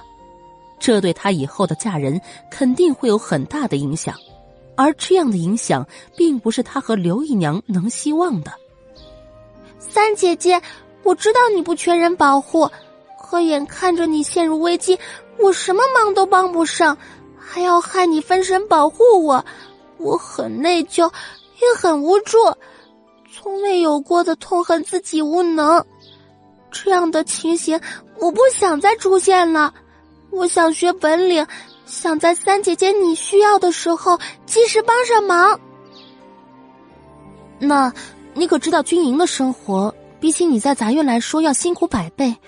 没有哪一样成就就是一蹴而就的，你选择的这条路有可能会让你陷入万劫不复啊！云柯一脸的严肃，他是真的心疼云朵这个妹妹的，也真心希望她能过得好，将来嫁个老实人，平安顺遂的过上一生。这些我都知道，也有认真想过的，吃得苦中苦，方为人上人。姨娘那里。我也有商量过的，三姐姐，你就成全我吧。云朵知道自己的这个想法有些疯狂，但人不疯狂枉少年嘛。他想为自己和姨娘撑起一片天，也想给三姐姐做最有力的后援，所以他必须去拼。云朵相信三姐姐会理解他，也会帮助他的。四目相对之下。云柯最终只是轻轻的叹了一口气，他没办法劝说云朵放弃这个想法。人有梦想是很好的，能集中所有精力来做一件大事也是非常幸福的。如同他这辈子执着要报仇一样，云朵想从军，这是遵从自己内心的选择，他没办法阻拦，只能尽最大能力去帮他。嗯。你连你姨娘都说服了，也算是有备而来。说吧，需要我怎么做？云柯将云朵扶到旁边的椅子上坐下来，带着几分无可奈何的语气坐回自己的位置上。我就知道三姐姐一定会帮我的。云朵开心的笑着。我想请三姐姐帮我举荐，至于去何处，全听三姐姐安排。云柯眉头轻蹙，这确实是个问题。要真让云朵一个半大的孩子自己随便跑去一个军营，只怕会被当成刺客给抓起来。这既要瞒下他的女儿身份，又要在眼皮子底下学到本事。想来想去，似乎外祖父那里才是最好的地方。云柯嗔怪的瞪了云朵一眼，假装生气骂道：“你呀，我到你来找我有什么好事呢？原来你是想让我替你跑腿的呢。”云朵笑嘻嘻的凑过来讨饶：“嘿 好姐姐，我是真心相求的。你也知道，以我的身份，想出这定国侯府都麻烦，更别说去从军了。三姐姐，你对我最好了。”也一定会有办法替我完成这个心愿的，对不对？唉，你就吃定我拿你没办法，回去收拾一下吧，随我去趟将军府。但能不能说动外祖父，就看你自己的了。云朵说的没错，他不可能不管。哎，得嘞！云朵雀跃的跳起来，要回院子去换衣服，一不小心踢到脚，痛得他惊呼。云柯赶紧上前扶住他，无意的感叹了一句：“哎呀，你这性子，让人怎么放得下心来啊？”云朵的眼泪突然就涌了出来。世间也就只有三姐姐才会这样疼她了吧？跟姨娘一样的，让她割舍不下，所以她要回报三姐姐，一定要出人头地，做三姐姐的助力。担心会让三姐姐看出异样来。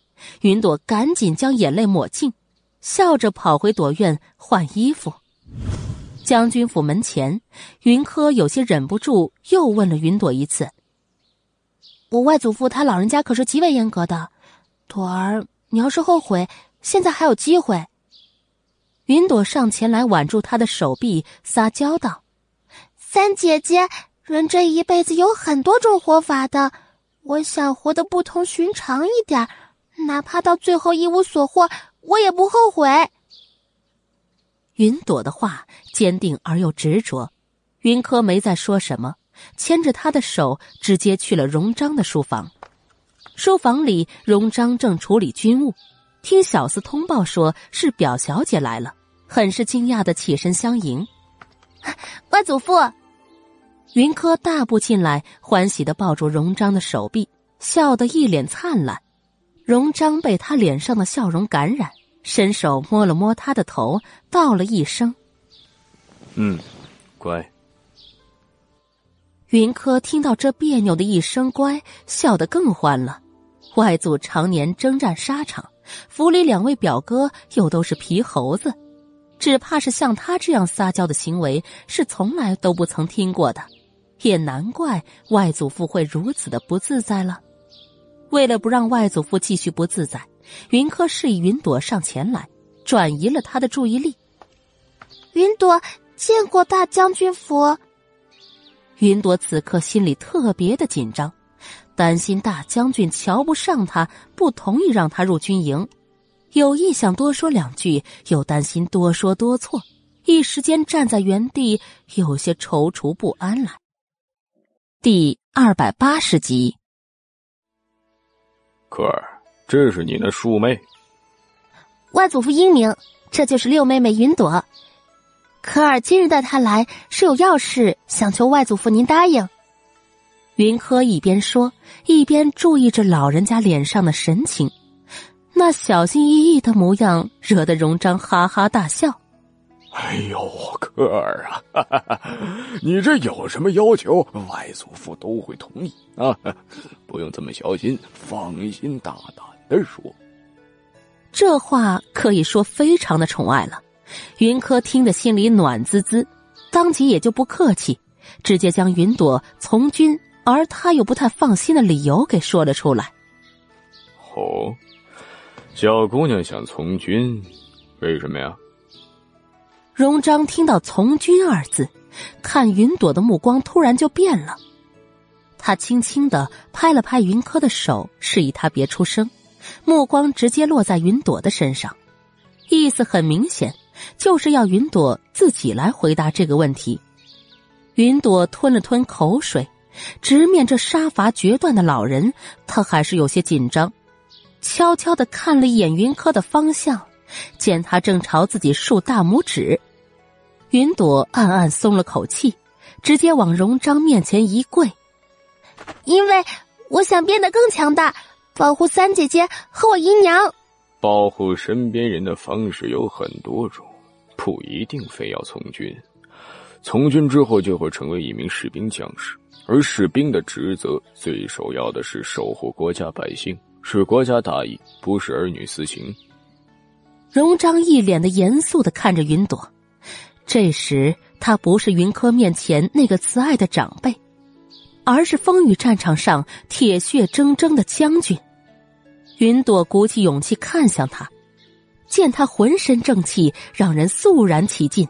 心里莫名的像是被注入了一股力量，一股正面向上的能量，让他轻易驱散心理阴霾的能量。云朵再次开口，嗓音里明显带上了底气和决然。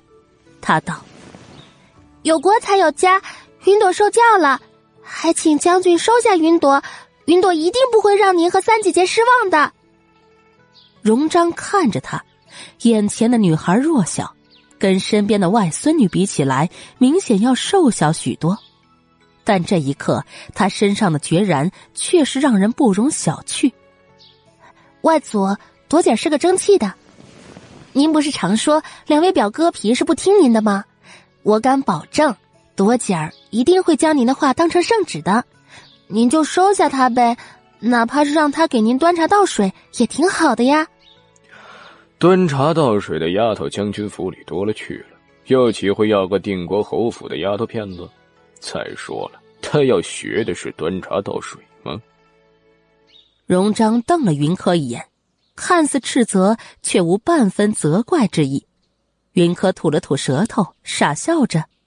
云朵也是个聪明的，赶紧保证：“啊，愿听将军一切差遣。”哎，罢了罢了。你三姐姐这可是第一次求我，为的不是她自己，而是你这个妹妹，可见她如何看重你。既如此，我也不服他的意，你就暂且留下吧。但先说好，我不会因你三姐姐的原因给你放水。你若受不了苦，我就让他来把你接回去。云朵一定不会让三姐姐失望的，谢谢将军收留。荣章点点头，倒是个知恩的。察言观色的能力也是不错的。可儿，你这把他送出府，你家老太太可是说妥当了？这个上尉呢？事发突然，还没有传出去。云柯原本也就没打算将这事说给老夫人知道。三房如今如数掌握在他的手里，只要他许了云朵出来，谁又能说什么呢？这件事情你必须说与老夫人听，至于用何名头，那是你自己决定的事。总之不能落人口实，免得到时候给你惹祸上身。快明白？云柯眉头轻蹙，实在不明白云朵从军的事情为何会给他惹祸。但外祖父说的没错，小心谨慎些总是好的。外祖放心，我明白了。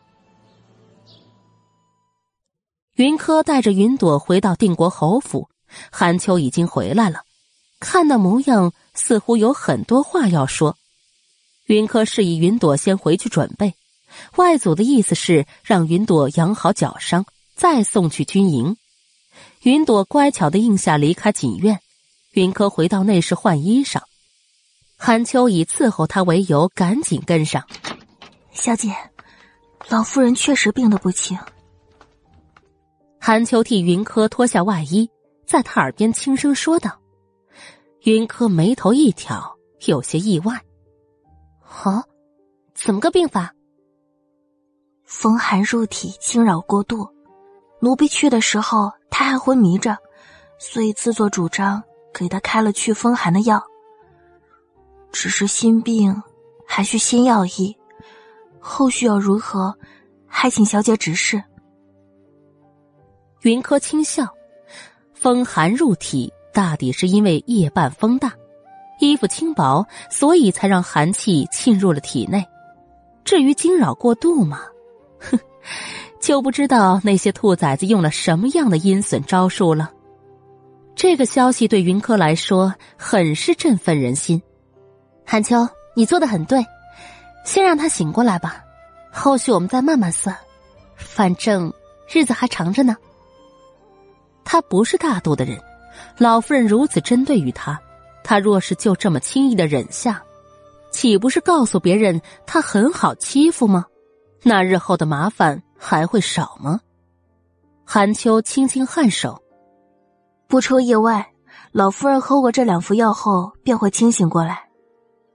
于是云柯笑得更甜了，朝外扬声喊道：“韩东可在？”韩东应声进来，不知小姐有何吩咐？你可知道那些兔崽子昨晚将老夫人弄去哪儿了？韩东一愣，随后嘴角狠抽。他自然是知道的。一大早，天童将人送回来时，就悄悄的告诉了他，还交代了，如果三小姐问起来，一定要替他们美言几句。想到这里，韩东木着脸。学着天童的模样，将他的原话给搬了过来。哥几个好好的研究了一番三小姐话里的意思，并且经过严肃的讨论，于昨晚凌晨时分，将老夫人给五花大绑挂在龙虎山的山头挂了一夜。如果三小姐不知道龙虎山的山头有什么的话，你可以告诉三小姐，那龙虎山里埋了不少的烈士英魂。韩东模仿的惟妙惟肖，云柯一时没忍住，刚喝进的茶水直接就喷了出来。他如何会不知道龙虎山里有什么？整座山的另外一面是悬崖，悬崖绝壁下有不少的坟墓。照天童所说，将老夫人挂在那绝壁上吹上一夜，而且目光所及之处便是群坟。若再有人在旁边碎碎叨叨着那些坟主人的生平事迹，唉，那些事迹里兴许还有些是跟老夫人有关的。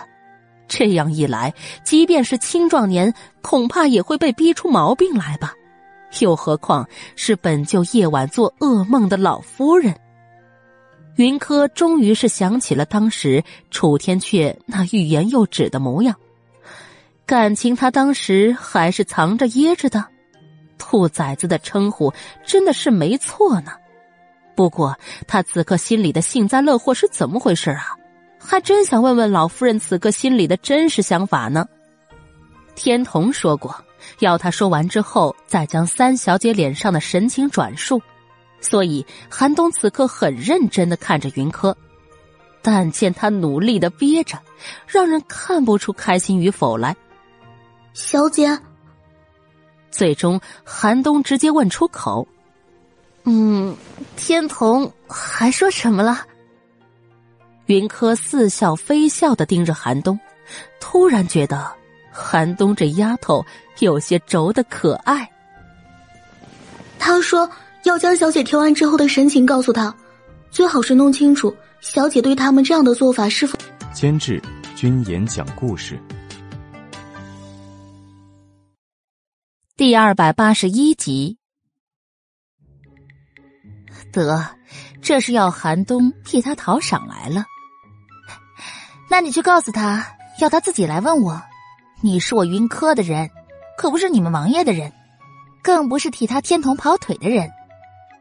韩东只想跪下请罪，可是悄悄抬头看，又发现小姐并没有生气，于是放下心来。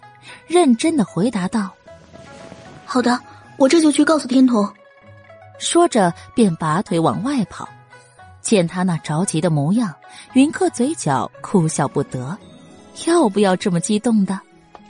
这韩冬性子单纯，倒也是个有趣儿的。韩秋走到云客的身边，低笑着说道：“云柯失笑，点点头，出声让韩秋传饭。他肚子都有些饿了。”只是饭菜才上桌，韩月便匆匆跑进来，说是德芳斋的伙计有要事禀报，让他进来。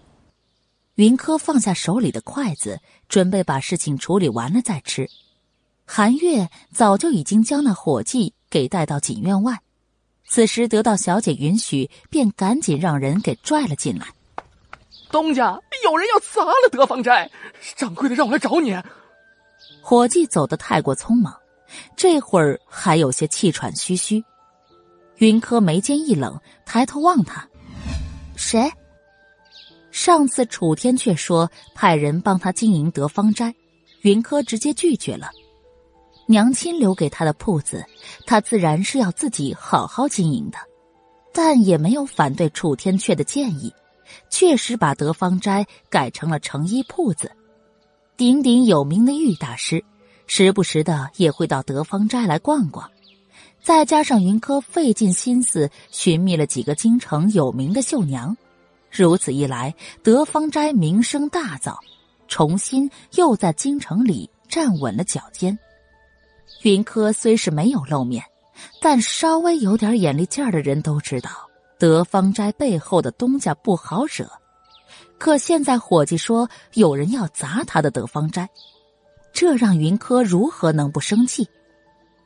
伙计虽然见过云柯几次，但从来没见过他这样生气，一下子有些被吓懵了。一旁的韩月便拉了他一把，让他回神。是是是，是是那五阳郡主。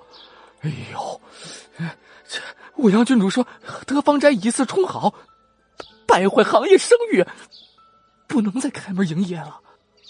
哼，我倒要看看他有几个胆子砸我的铺子。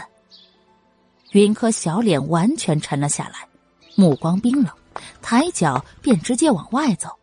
韩秋、韩月赶紧跟上。主仆三人策马赶到德芳斋时，五阳郡主正站在屋子中央，大声嚷嚷着：“怎么，你们东家不敢出来吗？竟然敢以次充好，蒙骗顾客，就要敢做敢当。这样缩着不敢出来，莫不是以为我们都是愚昧好妻？”他手里的新鞭子时不时的甩向那些质量上乘的布料上。原本整洁的大堂被他甩得一片凌乱，老掌柜着急的想要上前去护着布匹，却被他的鞭子甩在地上，摔得不轻。云柯面色阴沉的下马，拨开看热闹的人群，大步上前，见五阳郡主的鞭子又起，他直接给拽在手里。哼，堂堂郡主之尊，这样当众撒泼！莫不是以为这大楚王朝都是你洛王府的不成？小姑娘身形纤细，但整个人身上散发出来的气势却是不容小觑。只见她此刻目光冰冷的看向五阳郡主，话里带着若有似无的陷阱。若武阳郡主胆敢应下，那便是对皇上不敬。云客，你什么意思啊？五阳郡主清楚的感受到云客的话中有话，他自是不敢承认洛王府在大楚朝只手遮天的，哪怕这是事实，他也不敢承认。我倒想问问，武阳郡主这是什么意思啊？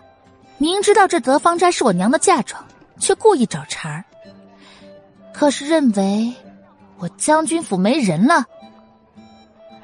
云柯没有提定国侯府。而是直接搬出了将军府，果然见五阳郡主神色有些许的变化，但随即他又快速的恢复了神态。既然你说这德芳斋是你娘的嫁妆，那么正好，我们来清算一下德芳斋以次装好的事情。你们大家看看，本郡主身上的这衣服，便是德芳斋买的。当时铺子里的伙计说，这是用最新最好的天蚕丝织成的。可是本郡主穿到身上以后，却是痒得很，连手腕都抓破了。这岂不是说明德芳斋以次充好？五阳郡主故意伸着手臂走到门口，让围观百姓看自己手上的红肿，以此来证明自己并没有说谎。围观百姓不明真相，见武阳郡主手腕上确实是红肿一片，便都交头接耳起来。真没想到，这德芳斋会是这样做生意的。对啊，开始看到他们打着玉大师的名头，又因为秀娘手工着实好，还以为是有口碑的，没想到也是这眼皮子浅显的人。一面倒的议论让云柯的脸色很不好看，他为德芳斋操的心这些人并不知道，他也不相信德芳斋的伙计们敢在他的眼皮子底下做出这样的事情来。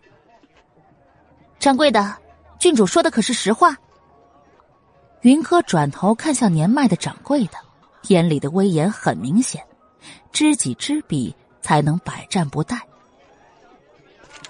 呃，东家，郡主身上的衣裙，确实是我们铺子里定做的，但这类的天蚕丝，也并不是郡主一个人穿，但别人都没有出问题。老掌柜的自然是知道事情的严重性。拿出一本册子递给云柯，示意册子上的人都定做了五阳郡主身上的天蚕丝衣裳，但人家都不曾来找过麻烦。你这老不死的是什么意思啊？是说我故意跟你们东家过不去吗？难不成为了跟他过不去，我就要自虐吗？五阳郡主听到掌柜的话，很是生气，手中的鞭子再次朝老掌柜的甩来。相比于之前的那根玉骨鞭，这根新鞭子要粗长许多。老掌柜的已近七十，这要被直接抽到身上，能不能再站起来都是两说。云柯面色一冷，直接夺过五阳郡主的鞭子扔到地上。哼，人说打狗还得看主人，郡主三番两次在我德芳斋的地盘上抽人伤物的，莫不是真以为我云柯是死的？被云柯夺了鞭子，武阳很愤怒，但目光触及到外面那些看热闹的百姓时，又有些得意。一个老不死的老头子而已。云三小姐打算如何处理这件事情？若云三小姐不能给本郡主一个圆满的答复，那本郡主哪怕是告到太后面前，也是要为自己寻个说法的。这话很明显是在向云柯施压。意思很简单，就是说，如果云柯不能很好的处理，那他就要去宫里告状，后果如何，那便只有云柯承担了。对于他的威胁，云柯眸光沉了沉，目光落在五阳郡主身上不远处的红河身上，走上前去，猛然发问：“你家郡主衣柜里天蚕丝的衣裳有几件？”红河正低头走神，突然被问到，有些没反应过来。啊啊，没有。那也就是说，你家郡主天蚕丝做成的衣服，就只有身上的这么一件，可对？啊，对。云河，你这贱丫头瞎说什么？红河没明白云柯此举何意，但五阳郡主却是明白了的。对红河大声的斥责着，但云柯已经得知了自己想要的答案。故事第二百八十二集。五阳郡主，云柯转而走到五阳郡主的跟前，冷着脸认真的看着他。这样的云柯让五阳郡主有些害怕。他不由自主的后退了两步，但想到外面那么多人看着，自己一味的退让会让人看笑话，便又站定了脚。哼，你对天蚕丝过敏，所以衣柜里才会没有天蚕丝做的衣服。但为了陷害我德芳斋，便咬牙订了一件，还故意穿在身上，为的就是污蔑我德芳斋以次充好。哼，我该说五阳郡主你。心思歹毒呢，还是该说，你对自己也狠得下心啊！被云柯揭破心中所想，五阳郡主有些心慌，但并不愿意就此承认。我不知道你在说什么，明明就是你德芳斋以次充好，与我何干？哼，事情是你挑起来的，怎么会与你无关？你可敢让韩秋替你查看手腕？云柯步步逼近，五阳郡主再退两步，在听到说要韩秋查看时，更是直接将手给背在了身后。云柯冷笑一声，转向大门口那些看热闹的百姓，朗声说道：“ 我云柯在这里向大家保证，我德芳斋所有衣服布料均对得起你们付出的银两，绝不存在欺瞒和以次充好的情况。若不信，可以回去拿衣服来查验。该是德芳斋应该承担的责任，我们绝不会推诿。但若是别人故意栽赃，将军府也不会放过他。最后一句话显然是对武阳郡主说的，但围观的人也都听在了心里。一面倒的情况有所缓解，云柯听见有人小声议论：“这铺子可是当年将军府给荣三小姐的嫁妆呢。”将军府可是我们大厨的保护神，将军府的铺子自是信得过的。可不是嘛，我家夫人也在这德芳斋订了一件天蚕丝的衣服，可是夫人没发生红肿的事情，想来的确是武阳郡主个人体质的原因呢。对呀对呀，你们没看到武阳郡主都不敢让云三小姐的婢女检查身世吗？肯定是心里有鬼的。议论之下，武阳郡主一张脸也越发的黑沉，他不退反进，逼近云柯道：“云柯，你以为将军府能护你一世吗？你姓云，你是定国侯府的人，你得罪了我，对你而言并没有好处的。你可别忘了，定国侯府是谁当家做主？啊，你是说老夫人吗？难道你都不知道？”老夫人被人挂在龙虎山山头一整晚，寒气入体，再加上惊扰过度，哼，现在都已经病入膏肓了吗？云柯突然朝武阳郡主露齿一笑，武阳郡主想用老夫人来威胁他，却忘记提前跟老夫人通气商量好。你什么意思？武阳郡主大惊，似想到了什么一般。长青的双臂被砍，双脚脚筋被挑断，也是你做的。他怎么都不会忘记，今日凌晨洛王府下人来报，说是大门口被人挂了一个浑身赤裸的男人。那男人双臂被砍，肩膀伤口处仍在冒着鲜血，模样极惨。经辨认，就是被他派出去刺杀云柯的长青。此时云柯再提老夫人。武阳郡主看着他天使般的笑容，似怎么都没办法相信，这些都出自于云柯之手。算是吧，云柯轻笑。郡主送我一份那么大的礼，我怎么着也得回敬一二，不是吗？不过长青是阿雀让阿魂亲自送去洛王府的，老夫人那儿也是阿雀亲自交代的，只因。你们都得罪了我。云柯得意的浅笑着，似故意提及楚天阙，成功的让武阳郡主的怒气值到达顶峰。云柯，你是在故意向我炫耀吗？炫耀你得了楚天阙的青睐，炫耀我成了没人要的吗？武阳郡主的声音阴直的可以滴出水来。熟悉他情绪的红河。见他这模样，悄悄的后退几步，可云柯却是不怕，不但不怕，还特意又走上几步。对呀，我就是在向你炫耀啊！你想通过老夫人来拿捏我，却低估了我。武阳，我也不怕告诉你，我云柯向来不是软弱好欺之人，你的刺杀之仇，我是一定会报的。你要是有胆嘛，就等着我回报给你喽。敛去笑意后，云柯的声音冰冷刺骨。还有一点，你既然马上就要成为六王妃了，那就好好的做你的六王妃，别再觊觎我的男人。不然我不介意让你后悔生出这样的念头。嗯，你的男人，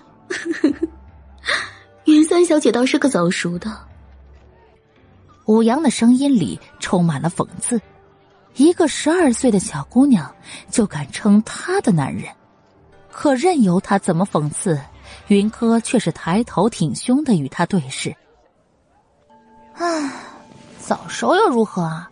我自是有那本事啊！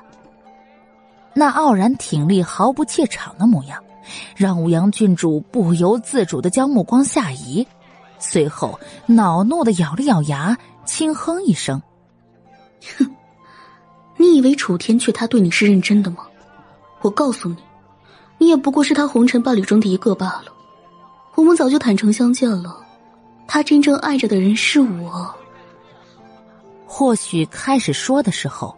武阳是有着故意气云客的成分在，但话出口后，他却自己先当了真。他相信楚天却对他并不是没感情，明明他们自小就认识，而且他爱了他那么多年，不是吗？自己相信了，那自然就多了几分底气。看向云柯时，径直的就把云柯当成了破坏感情之人。那模样有了几分咄咄逼人。云柯眉头轻挑，楚天却爱着的人是武阳吗？云柯自是不信的。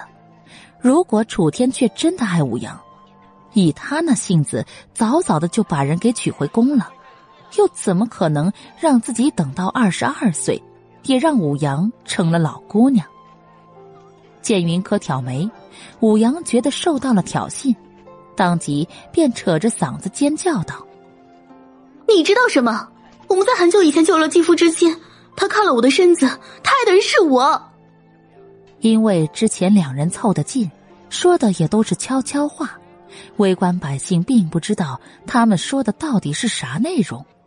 但武阳郡主的这一嗓子却是直接吸引了门外所有人的注意，包括刚走到门口的楚逸轩。”楚逸轩能感觉到身边所有人看向自己时那泛绿的目光，他强压下心里腾腾升起的怒意，大步朝内走来。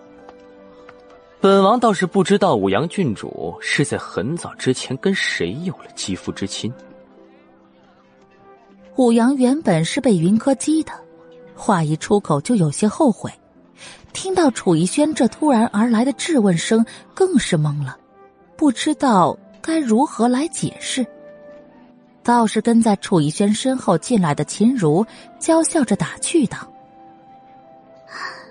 郡主姐姐想来，定是很早之前就跟王有了肌肤之亲呗，不然怎么会早早的怀上孩子呢？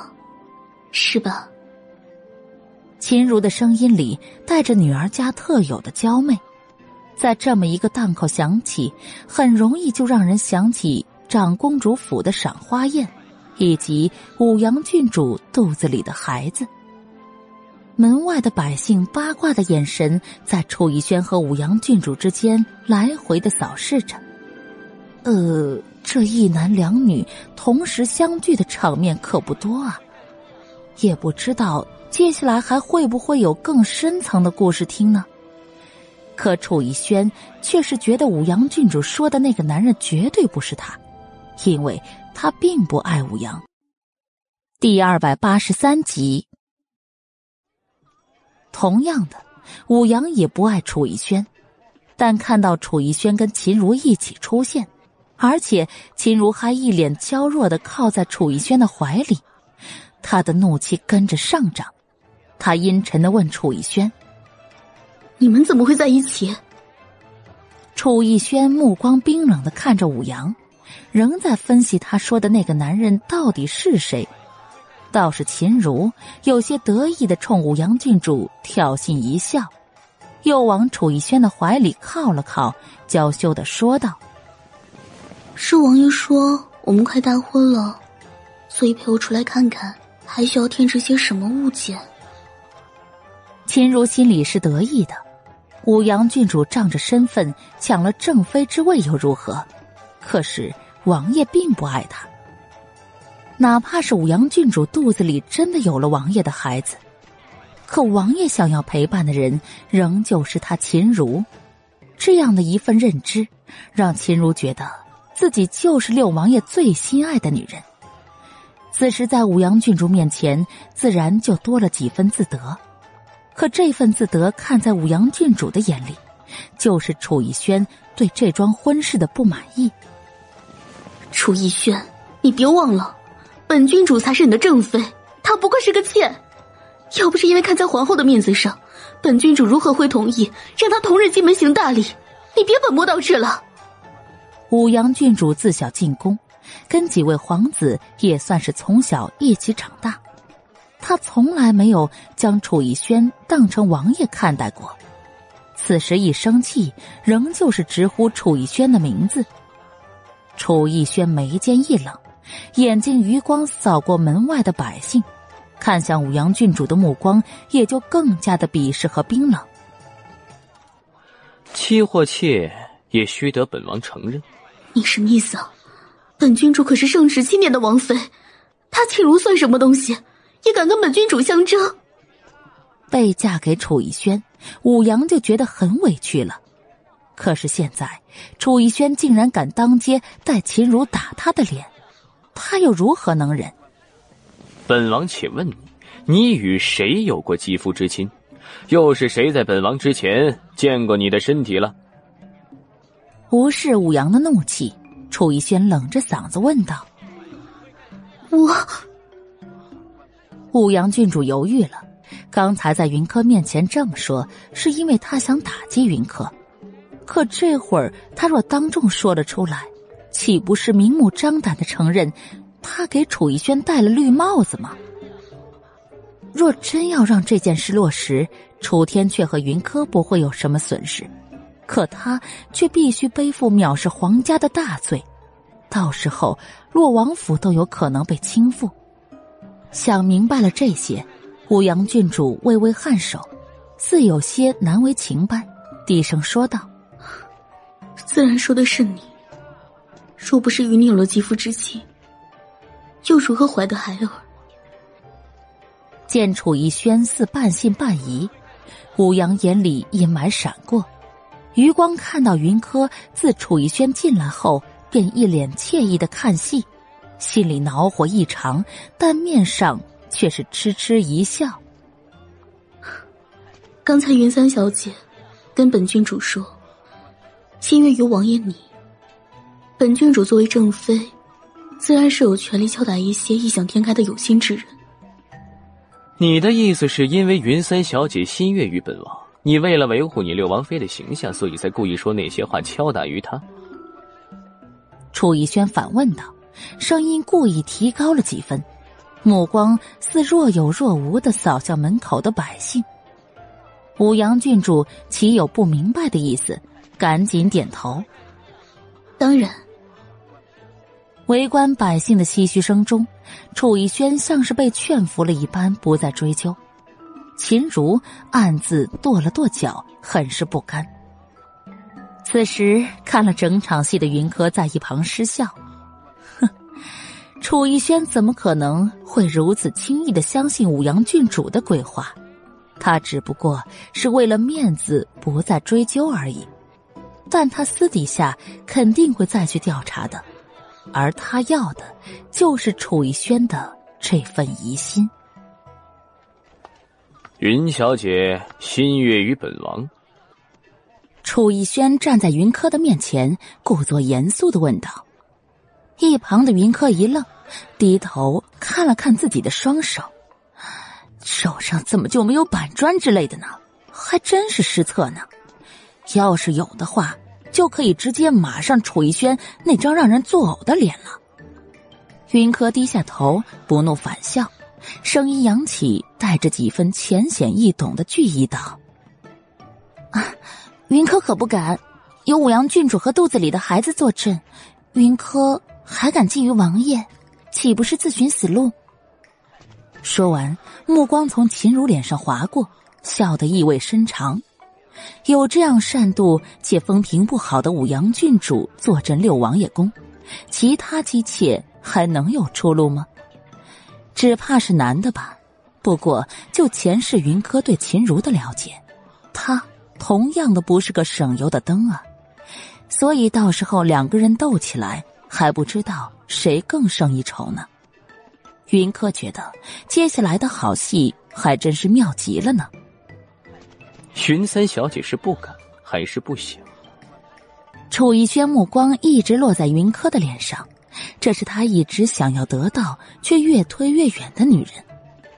将军府的势力，他觊觎已久。可整个将军府防得如同铜墙铁壁，好不容易得知将军府对这个表小姐的在意，他策划了许久，想将她给纳在身边，可无形中似乎有一只手一直在搅局，让他不但功亏一篑，反而还被绑上了两块牛皮糖。至于那无形中的手，到底是眼前的小姑娘自己本身？还是说他身后有高人指点，这一点楚逸轩百思不得其解。不敢啊，更是不想。云柯语气不变，心里的冷意凝聚。他又不是脑子摔坏了，自是不想再重蹈覆辙。况且针对楚逸轩的网已经撒下，很快他便可以收回成果。哼楚逸轩对这样一个答案很不满意，武阳郡主吹了吹自己的护甲，低声说道：“云三小姐的眼光可高着呢。郡主姐姐这意思是说，云三小姐看不上魔王爷吗？可是，在如儿看来，我们王爷可是这世间最伟岸的男子呢。姐姐要给王爷几分信心才好。”秦如状似天真的开口，但说出来的话。却是让楚逸轩看向武阳郡主的目光更为阴沉。武阳郡主稍稍回神，他明白这秦如又在给他挖坑了，更想起之前被他垒下的嫉妒心。他身为正妃，楚逸轩都没说要陪他置办东西，秦如一个侧妃竟然还敢霸占着楚逸轩，还真是没把他放在眼里呀。哼，他武阳郡主。又岂能落于人后？当即上前挽住了楚逸轩的另外一只胳膊，强势的要求道：“王爷既然来了，那就陪本王妃一起逛逛吧。听说对面的胭脂楼里又上了一批玉大师亲制的面头，本郡主要去挑选，王爷作陪。”楚逸轩不想再被这么多的人围观，也想着快些离开，便默不作声的。任由二女一起拉扯着往外走去，但云柯却不想让他们就这么离开。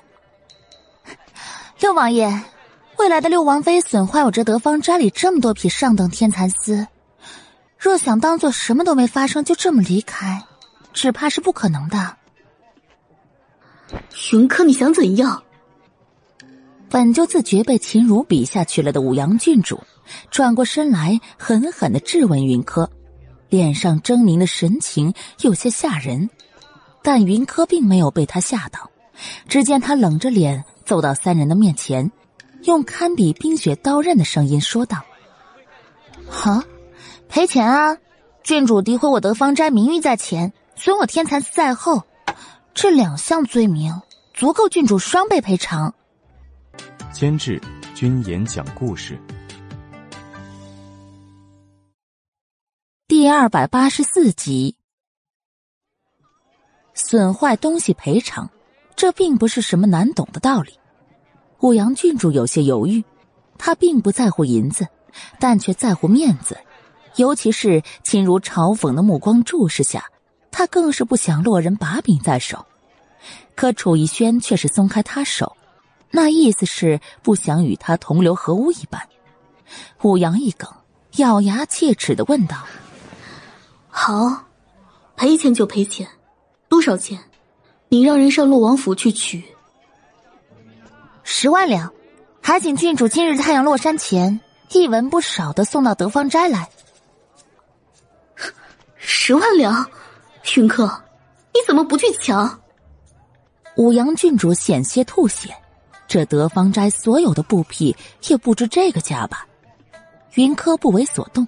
将目光转向楚逸轩，六王爷，云柯只是个生意人，在商言商，这些天蚕丝可是我让人高价买回的，为的就是趁个早卖个好价。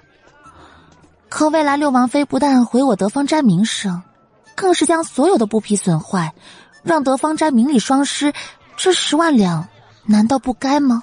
该。楚逸轩从牙齿缝里挤出一个字来。看向武阳的目光更是如同淬了毒，云柯嘴里的“未来六王妃”几个字，更像是一个响亮的耳光拍在他的脸上，打得他的脸生生作疼。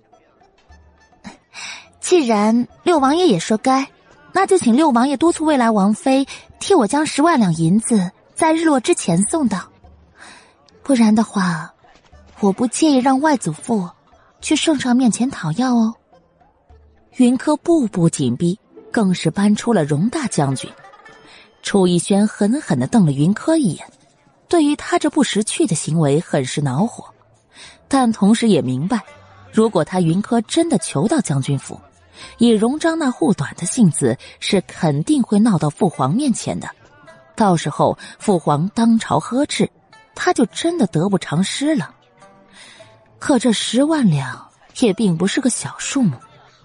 想到这一切的罪魁祸首，楚逸轩只觉得自己手痒痒的，恨不得现在就掐死那个蠢货。呼气，再吸气。楚逸轩终于是压下了心头的怒气，应下云客的要求道：“云三小姐放心，今日日落前十万两定会送到德芳斋。”说着，同时甩开秦如和武阳二人，拂袖离开了德芳斋。啊，王爷，你等等我！秦如冲武阳跺了跺脚，连忙追了上去。武阳则是红着眼睛看着云柯。那目光像是要把云柯给拆骨入腹。云柯，你给我等着！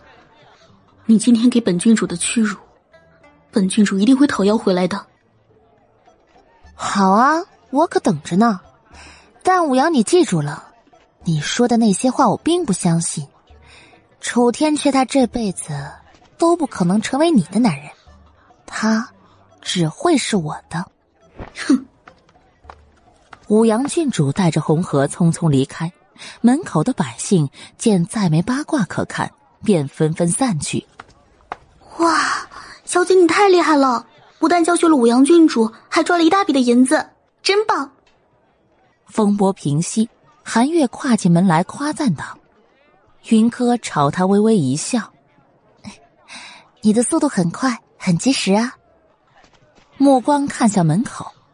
心里默数着一二三，果然在第三声数完后，一个爽朗的声音响起：“对呀，这件事情传出去，德芳斋的声誉不但不会受影响，反而会让更多的贵人来德芳斋订衣服。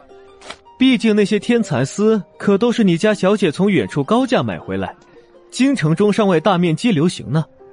记得下午武阳郡主送银子来时，把声势弄大点。”看着那摇着折扇、大摇大摆出现的某人，云柯嘴角轻勾，随意的说道：“哎，你说，如果让天阙知道我在你的眼皮子底下受了委屈，他会不会划烂你的娃娃脸呢？”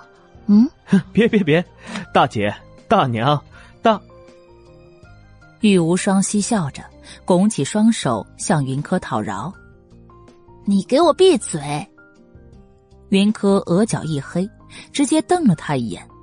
这货明明就在对面的脂粉楼待着，却只顾着看戏，一点帮忙的意思都没有。哼，你战斗力如此之强，不用我插手，不一样的坑了他们十万两银子吗？玉无双有些委屈，瞄向云柯的眼里写着明晃晃的害怕两个字。在云柯瞪过来时，他又赶紧将坑改成了银子。是赢，你赢了他们十万两，这可是个好消息啊！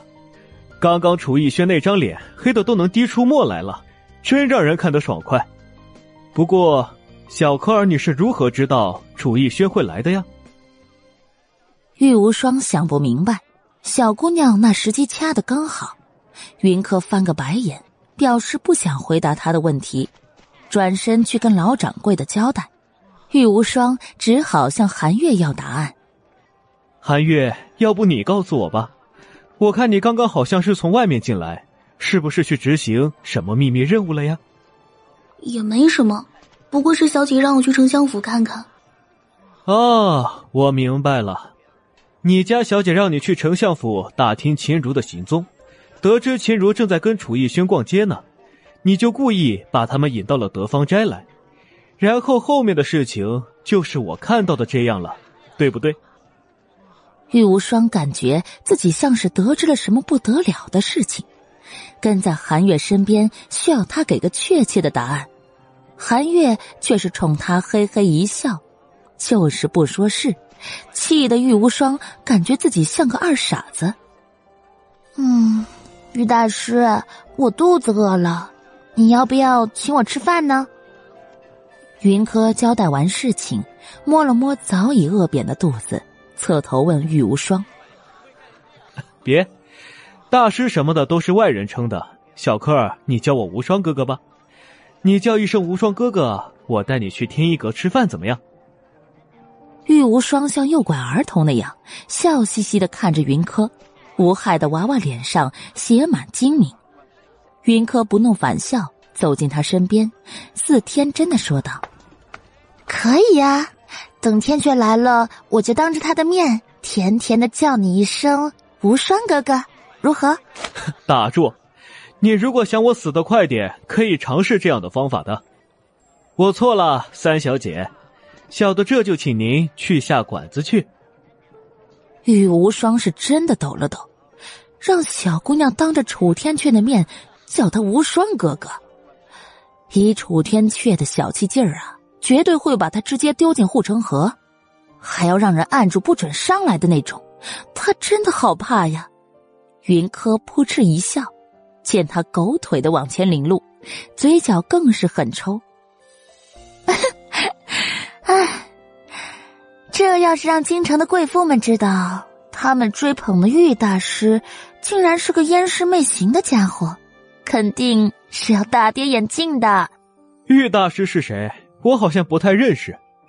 我是清秀无比的玉无双。嗯，就是这样。将自己额边散乱的秀发抚到脑后，又掏出扇子来，故作潇洒的扇动着。玉无双说的毫无压力。云柯已经无力吐槽了，一行四人到天一阁时，用餐高峰期已经过去。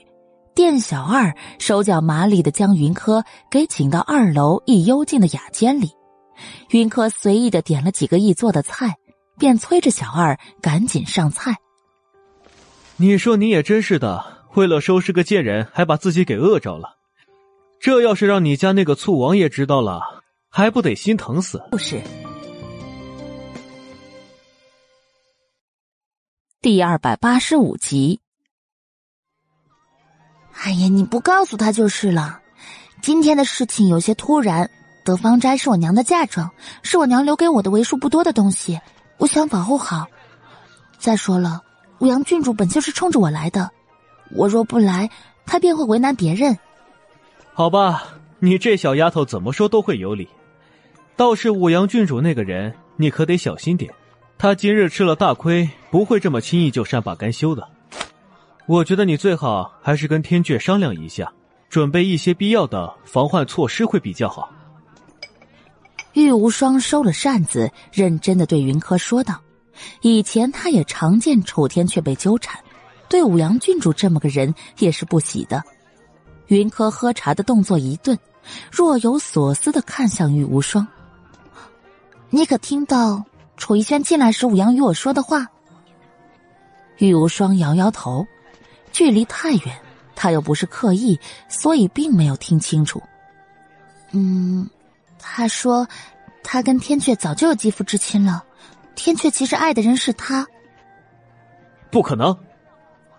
玉无双第一时间反驳，神情很是激动。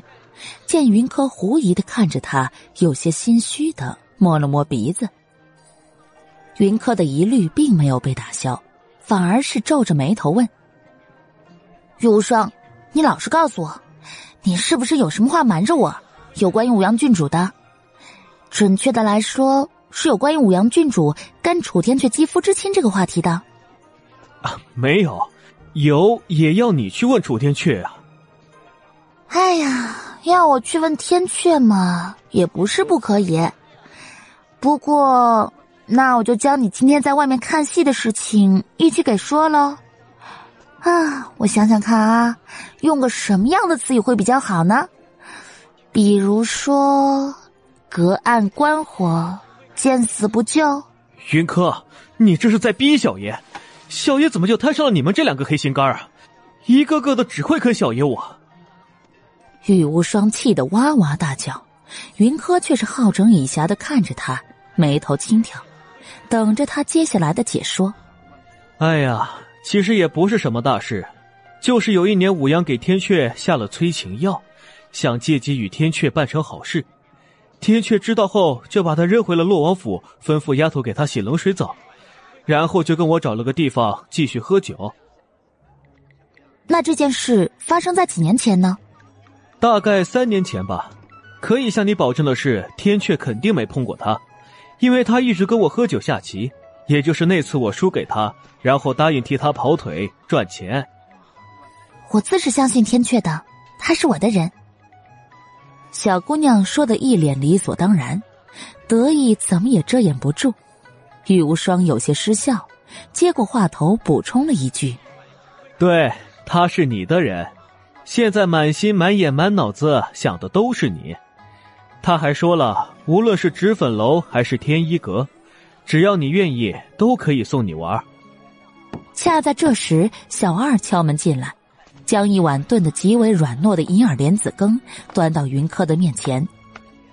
这是爷特意为三小姐准备的，爷呀，让我们每日备着，只为这三小姐来了能够随时吃到。嗯，我知道了，你们做的很好，我会在王爷面前替你们说明的。云柯温声说道。整个人面部的线条都柔化了几分，玉无双看得啧啧暗叹，将银耳莲子缓缓吃下，云柯才抬头对玉无双说道：“嗯，我知道你最近在找黄玉，你帮我办件事，我就送你一块极品黄玉，如何？”你怎么知道我在找黄玉？你手里真有极品黄玉？不对，你要我帮你做什么事情？该不会是要我去杀人放火吧？那我告诉你，我可不好人家的儿子，可不能做这样失德的事情哦。云柯直接翻了个白眼，他以前怎么没发现这玉无双是如此的聒噪？唉，你就说你帮不帮我办事吧。极品黄玉自然是有的，你可别忘了我师傅是谁，我那儿好宝贝多着呢。帮帮帮，只要有极品黄玉，我肯定帮。玉无双自然知道云柯的师傅是谁，也相信云柯手里有很多宝贝的话，于是点头如捣蒜。云柯笑眯眯的看着他，告诉他要办的事情是什么。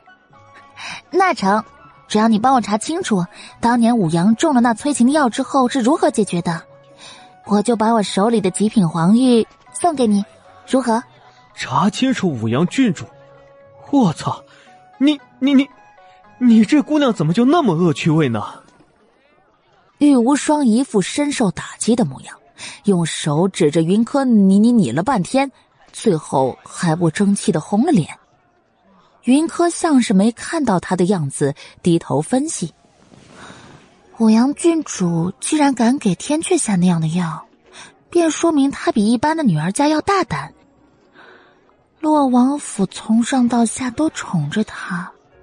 老洛王对他更是有求必应。如果他不愿意泡冷水，你的意思是武阳郡主当晚找了别的男人解决？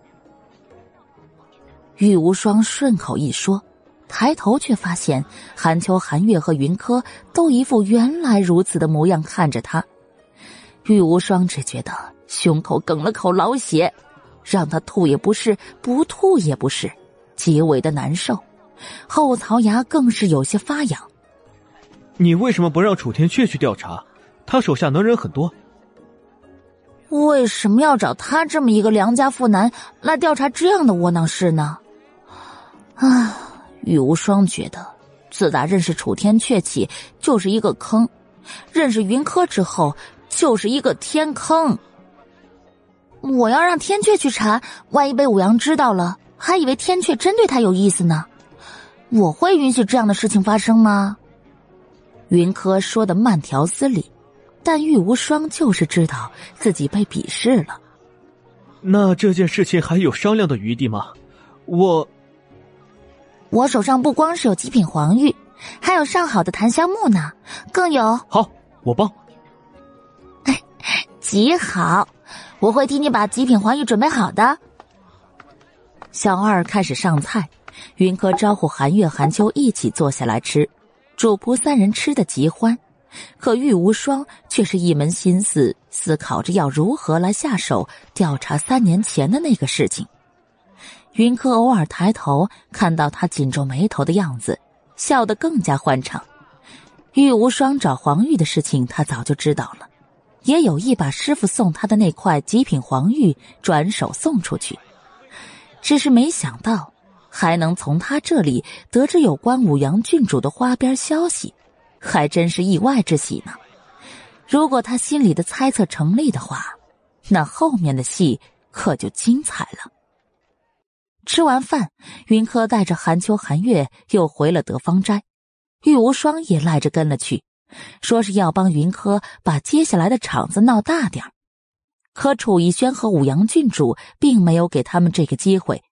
洛王府的管家带着一叠银票。送到德芳斋后，便离开了。云柯让韩秋清点了一下，发现并无短缺，便收了起来。倒是玉无双发现无戏可看，有些嘴欠的怂恿道：“小柯儿，就这么轻易的放过了他们，是不是显得你没胆儿啊？”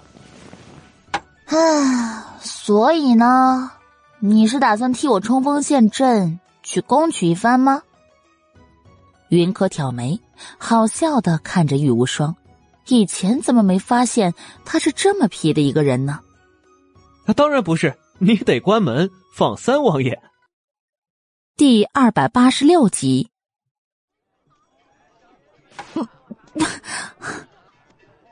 云柯喝到嘴边的茶水，吞也不是，吐也不是，有些尴尬。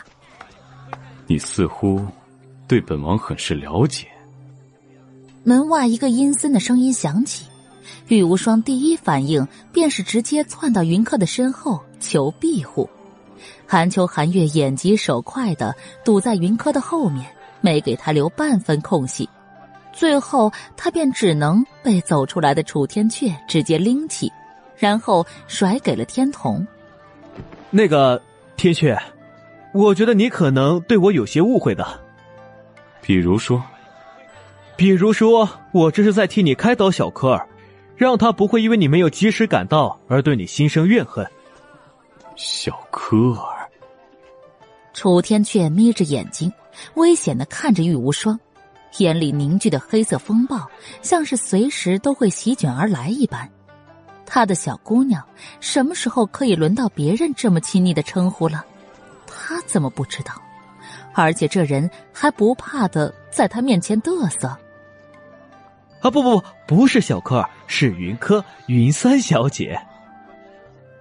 玉无双摸了一把额头上的虚汗，该死的，即便是认识这厮这么长时间，可还是没出息的，在他面前犯怂，简直太丢人了。可偏偏人家三王爷对于这样的答案都还不太满意。嗯。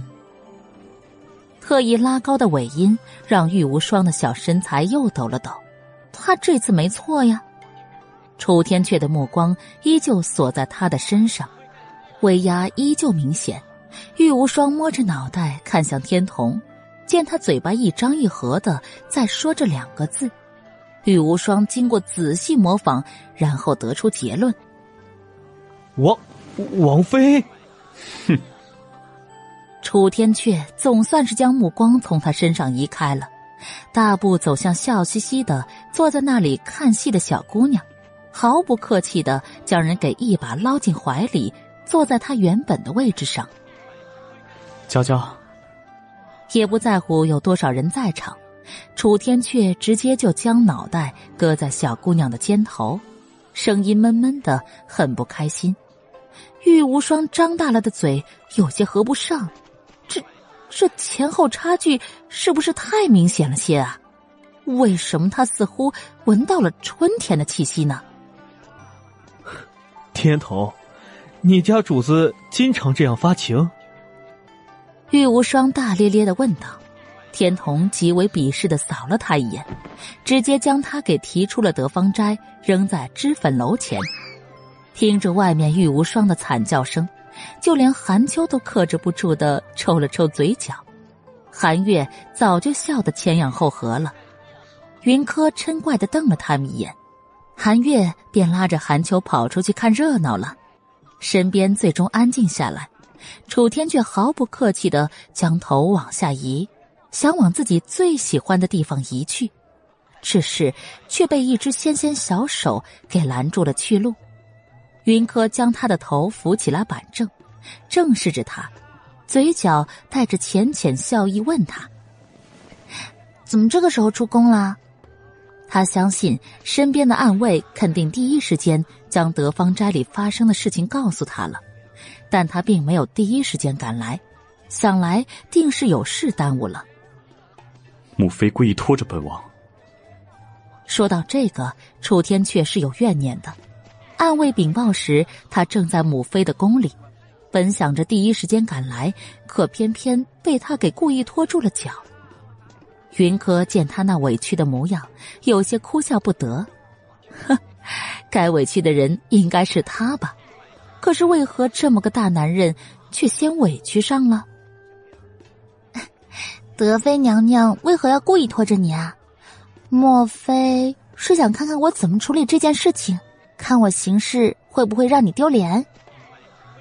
对于宫中的那位德妃娘娘，云柯了解不多，但也听说过是个爱挑事儿的主，尤其是爱看热闹。也正因为她的性子古怪，所以楚天却这么多年来行事乖张，并不让人觉得意外。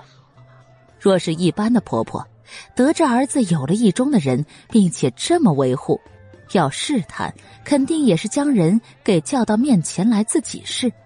可偏偏这德妃娘娘是个不按常理出牌的。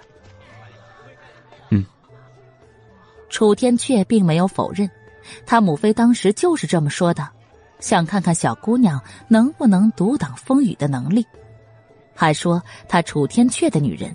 要是连这么点小事都处理不好，以后又如何与他并肩作战呢？他不满意母妃拖住他，但也并不是什么都没准备，至少有加派暗卫在德芳斋周围保护小姑娘的安全。娘娘的做法并没有错，我并不如你想象中的那么娇弱，这样的小事我能处理好的。云柯觉得。今日之事本就不方便要楚天阙出面，他自己处理也没什么不好。你这么不需要本王，让本王觉得自己是个英雄，都没了用武之地。楚天阙还是很怨念，他很喜欢他的小姑娘，事事都靠他，这样的话才能表明小姑娘是需要他的，也能看出他在小姑娘心里的位置。可若是小姑娘什么都可以自己解决了。那还要他做什么呢？会不会有一天小姑娘发现比他更厉害的人时，就会直接跟人跑了？光是想着会有比他更出色的人在小姑娘面前出现，他心里就非常的不爽，更不想小姑娘眼里心里还有别的男人存在。这么想着，楚天却抱人的劲道也就大了两分。再一次感叹：小姑娘怎么还不积极？若小姑娘成年了，他马上将人给娶回来藏起来。听着他孩子气的话，云柯有些失笑。呵，这样的话让他怎么接呢？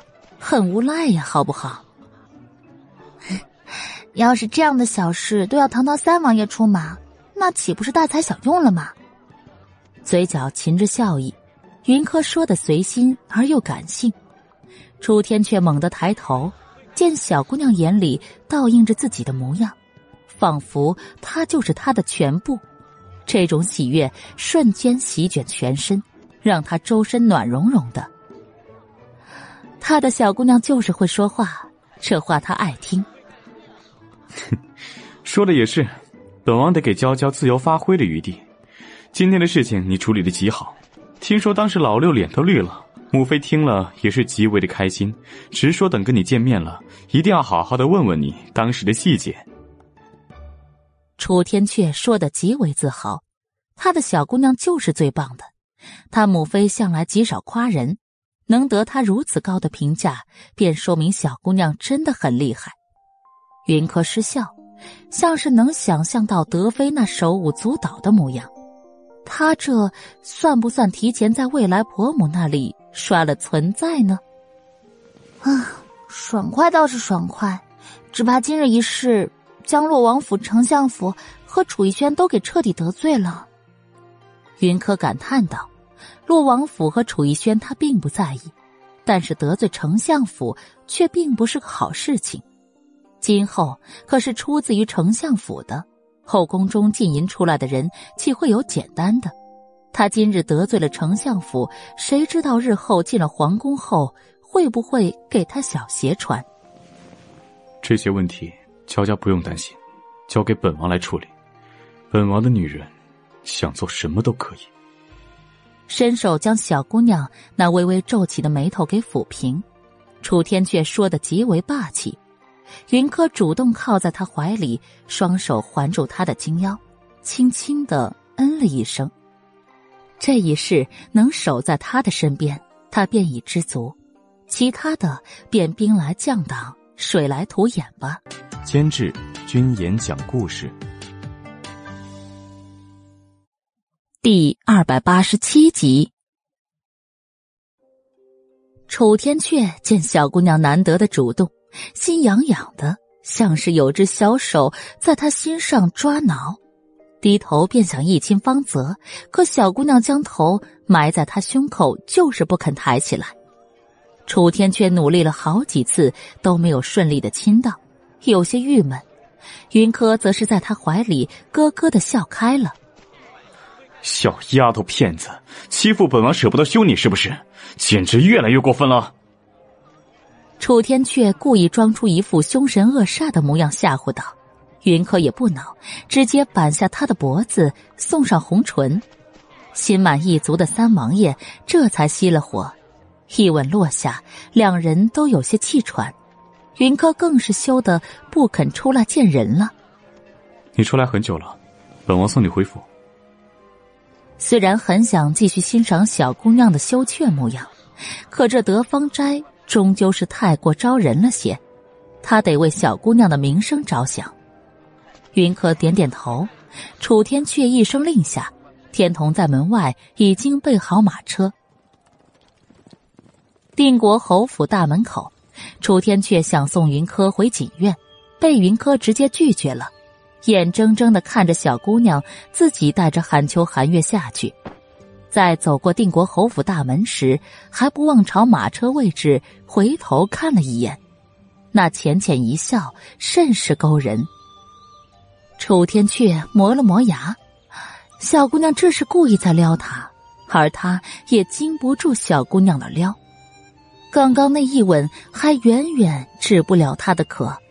马车外，天童在问：“王爷，我们现在是要回宫吗？回什么宫？”将马车赶到锦院外墙下。天童有些汗颜，很想问一句：“王爷，你不是才抱着人家小姑娘一下午吗？这才分开就又开始想念了吗？”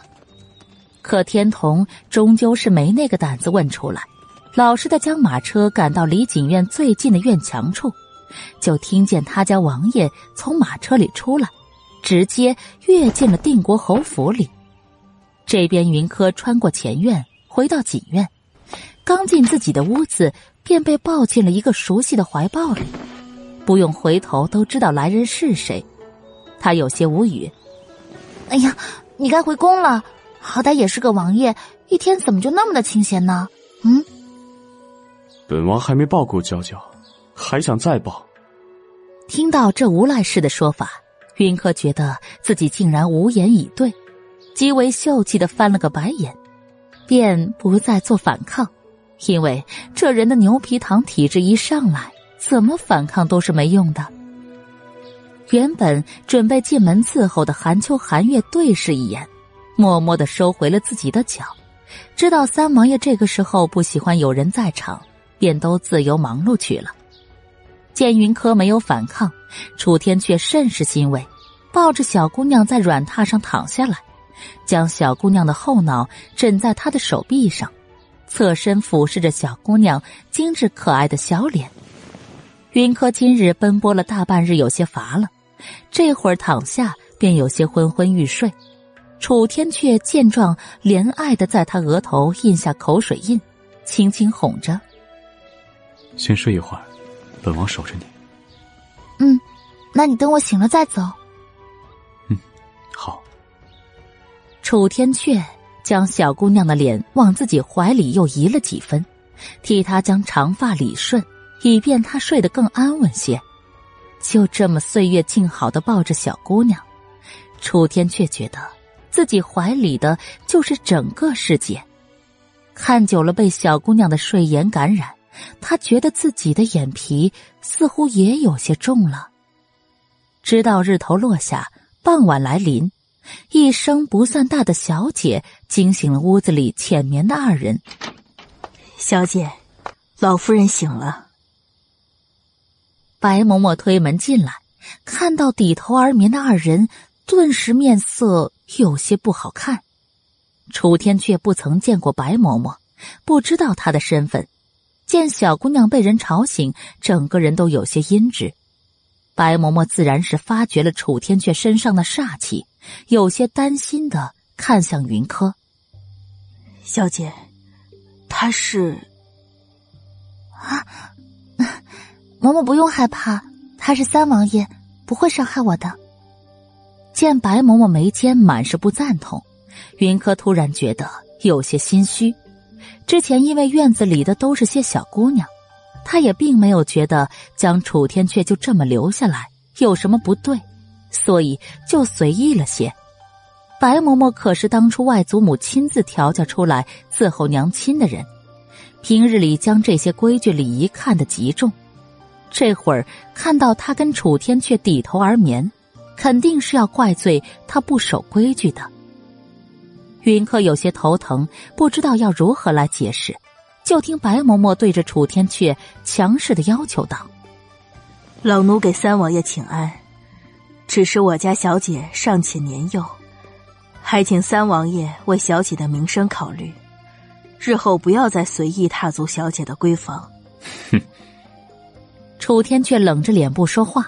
全身的冷气一瞬间如数释放，整个人明摆着很不开心。云柯伸手想摸摸他的脸，可是白嬷嬷如炬的目光让他莫名有些心虚。天阙，这是白嬷嬷，是我娘亲的陪嫁丫头，也是我这院子里的掌事嬷嬷。前些日子嬷嬷伤了腿，所以一直在调养，啊这两天才回的锦院，我尚未来得及跟她说明呢。一旁的白嬷嬷瞧着云柯那稚嫩的小脸，稍稍叹了口气。罢了，小姐年纪还小，以前不懂的事情，她多费些心来教就是了。小姐，夫人早逝，有些道理可能没人教你，这外男可不得随意。只是话尚未说完，就被云柯给打断。嬷嬷刚刚说老夫人醒了，是呢。老奴刚才经过福寿堂时，听说老夫人已经醒了，张嬷嬷正烧香还愿呢。还真是命大呢。嬷嬷，你先下去吧，我要跟王爷商量些事情。听到老夫人醒来的消息，云柯冷下脸来。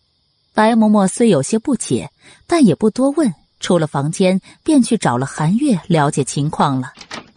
见白嬷嬷出了门，云柯松了口气，直接扑进楚天阙的怀里，双手搂着他的脖子，娇声解释：“嗯，白嬷嬷她没有坏心的，也算是这定国侯府少有的几个对我好的人。之前就是担心他会在意你的存在，所以才有意避开他的。没想到今日。”还是被他给逮了个正着，等我改日跟他说明白，不许生气。嗯，你打算什么时候让本王见光？楚天却很不悦，明明他跟小姑娘都已经如此的亲密了，可还是被当成外男，任谁都会不爽吧？你一直都是最见得光的，只是现在我才十二岁，若让外祖父外祖母知道了，定会责怪师傅没有教好我的。这些本就与师傅无关，所以不能让师傅来背这个黑锅，不是？那你就委屈本王。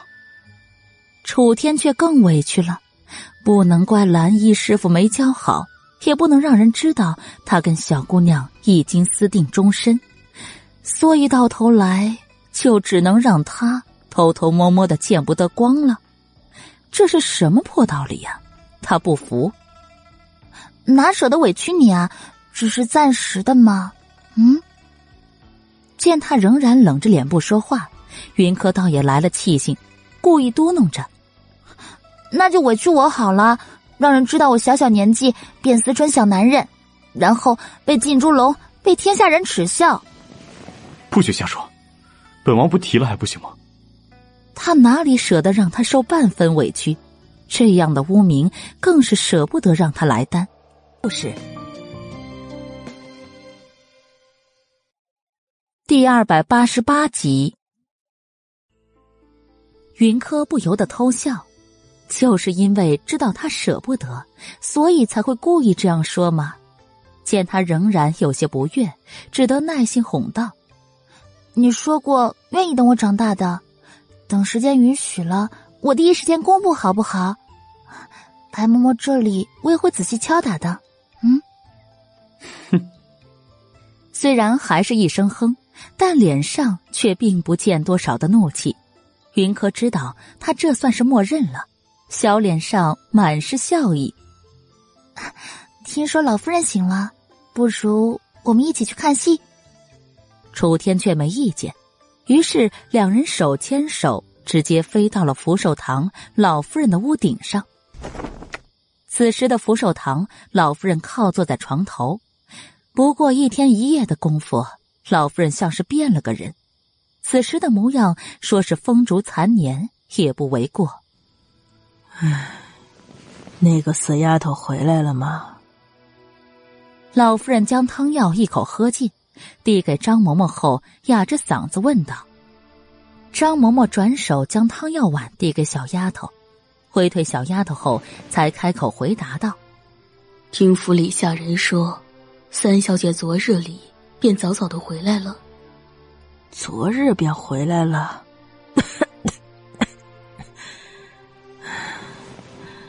果然是个命硬的贱丫头。”老夫人似乎被这个消息气得不轻，重重的咳了几声，面上有些狰狞。很显然，并不满意这个答案。张嬷嬷轻叹一声：“老夫人，您回来后病得不轻，府医说您是邪风入体，因您年纪大了，他不敢给您用药，所以老奴去了锦院，请韩秋姑娘来。韩秋姑娘开了方子，给您连喂了两次，您果真就醒来了。”张嬷嬷没有明说的是，当时老夫人送回来时，几乎是没有了体温，一张寡白似鬼的脸，府医都被吓到了，只说要下人们准备后事。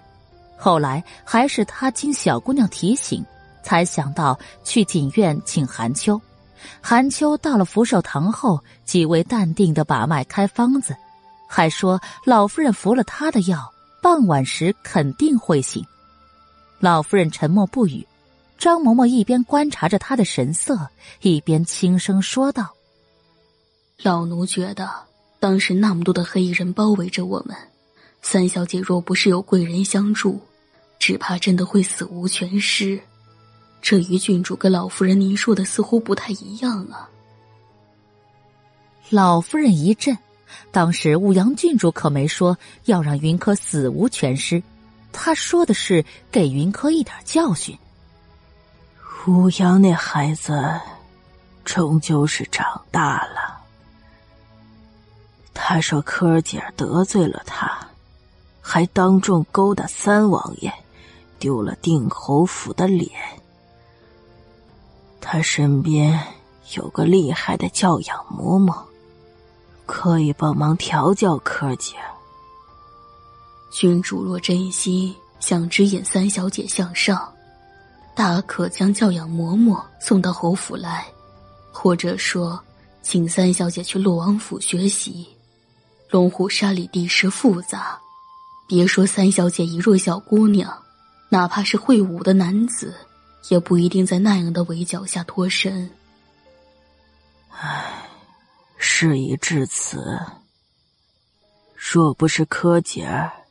他太桀骜，不服管束，我又如何会想要让外人来教训于他？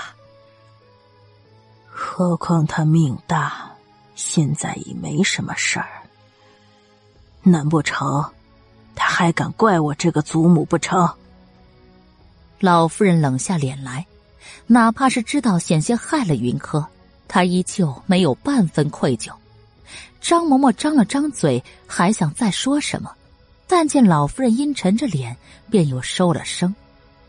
整个福寿堂里极为安静，老夫人喝过药，便又昏昏沉沉的睡了过去。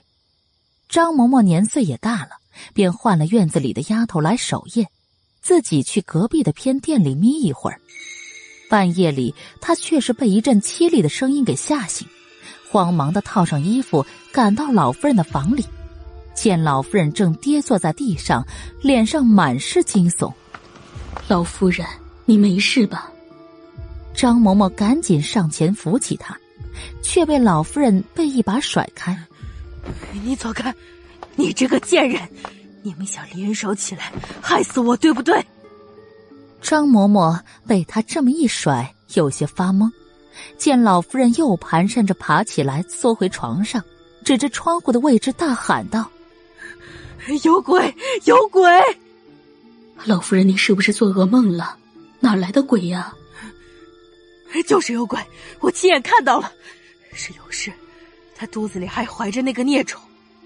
还有，还有老侯爷，他指着我的鼻子骂我，说，说我为什么不放过那对贱人母子？是他们，他们来找我报仇了。老夫人的声音极为的凄厉。吓得闻讯赶来的丫头们都缩在一旁，不敢多言。有胆小的更是被有鬼一事吓得直哆嗦。听到尤氏的名号，张嬷嬷也有些犯怵。当年老夫人有多宠那尤姨娘，整个定国侯府的人都知道。尤氏怀了身孕，老侯也高兴坏了，更是有意让尤姨娘的孩子接掌定国侯府。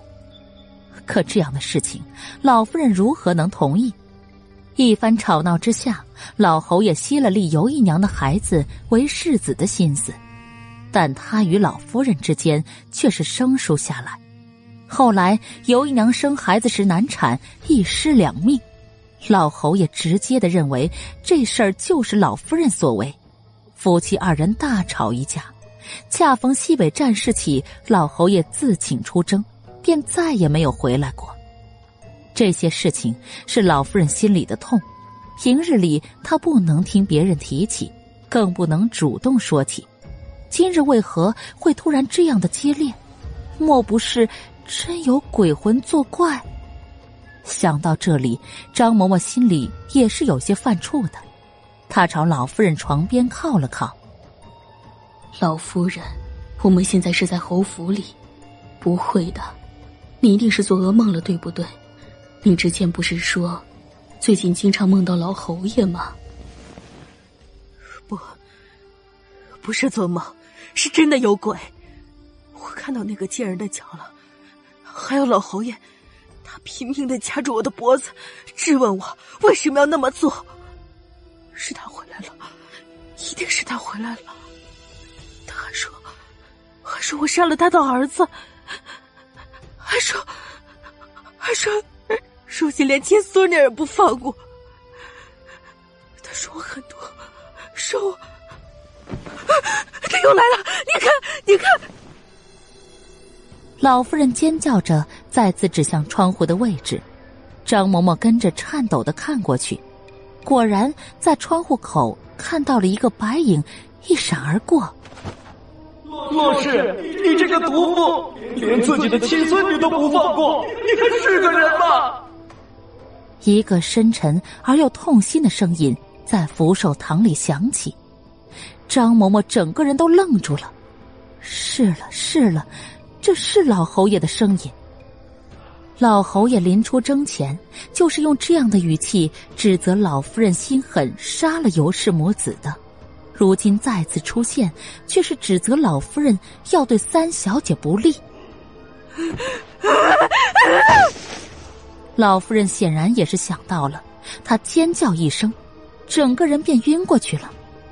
张嬷嬷赶到床前查看，见她又如早上被送回来时一样，整个四肢冰凉。眉间印堂青黑一片，快来人，去侯爷和三爷院子里，就说老夫人快不行了。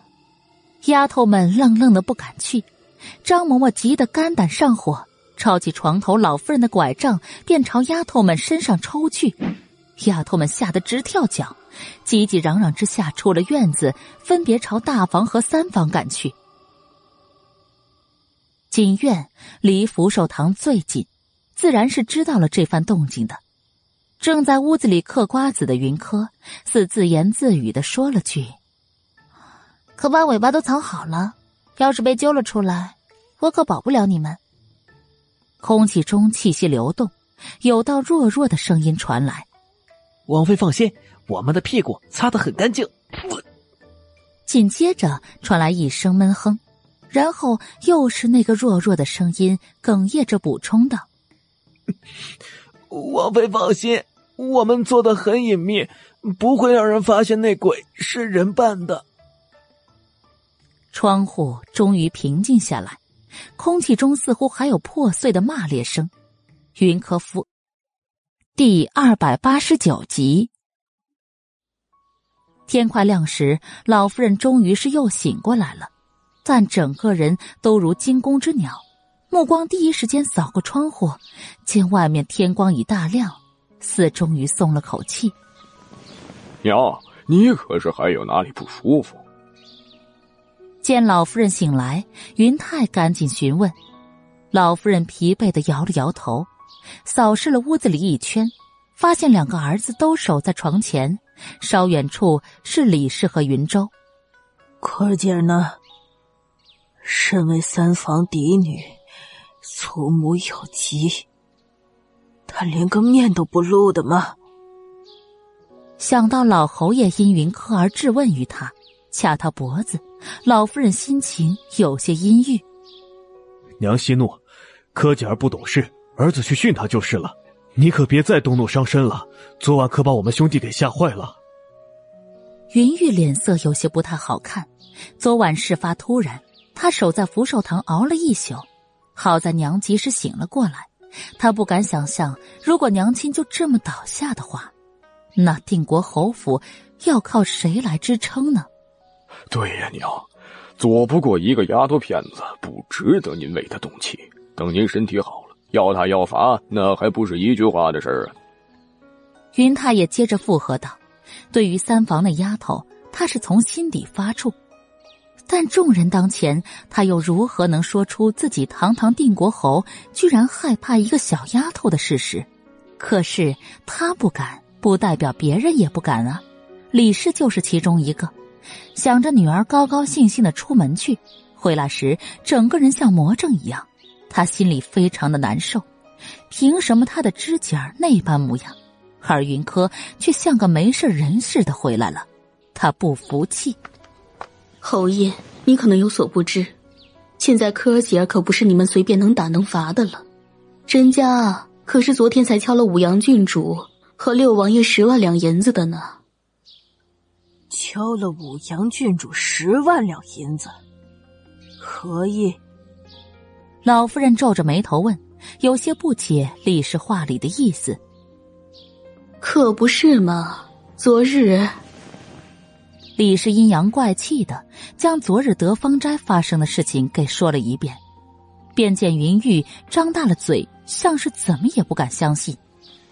孽女，孽女，简直就是孽女！那可是洛阳王府的五阳郡主和六王爷，他哪来的胆子？不行，我非得好好教训教训他不可。老三，不得冲动。老夫人叫住了云玉，咬牙将思绪理了一番。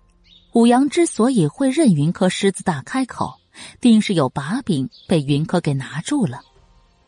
那么也就是说，云柯已经知道了黄觉寺祈福这件事情的所有来龙去脉。他连武阳和楚逸轩都能敲诈，如果让老三就这么前去逼问斥责，他会不会把所有的事情都给捅出来？老夫人不敢赌，云柯的狠劲儿，她早就已经领教过了，所以老三是肯定不能去逼问的，至少不能在这个当口。昨晚被吓到，是因为心里慌乱又心虚，但这会儿老夫人却是冷静了下来。一连串的事情很显然都是一个人做的，包括昨晚的闹鬼事件，也都是特意针对他来的。让老夫人觉得意外的是，云柯的心狠，还有他背后那人的手段。尤氏的事情，这世上知道的人并不多，可却还是让云柯他们给掘了出来，让他如何不惊呢？云玉被叫住，回头见老夫人脸上阴晴不定的，心里有些怪异，但也还是老实坐下了。老夫人却是长长的叹了口气，稍稍思忖道：“唉。”柯儿姐自小不在侯府长大，性子乖张了些。这些我一早就知道了。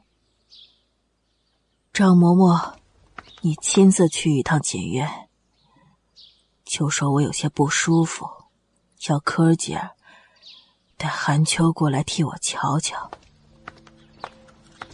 老夫人突然改变的态度，惊了一屋子的人。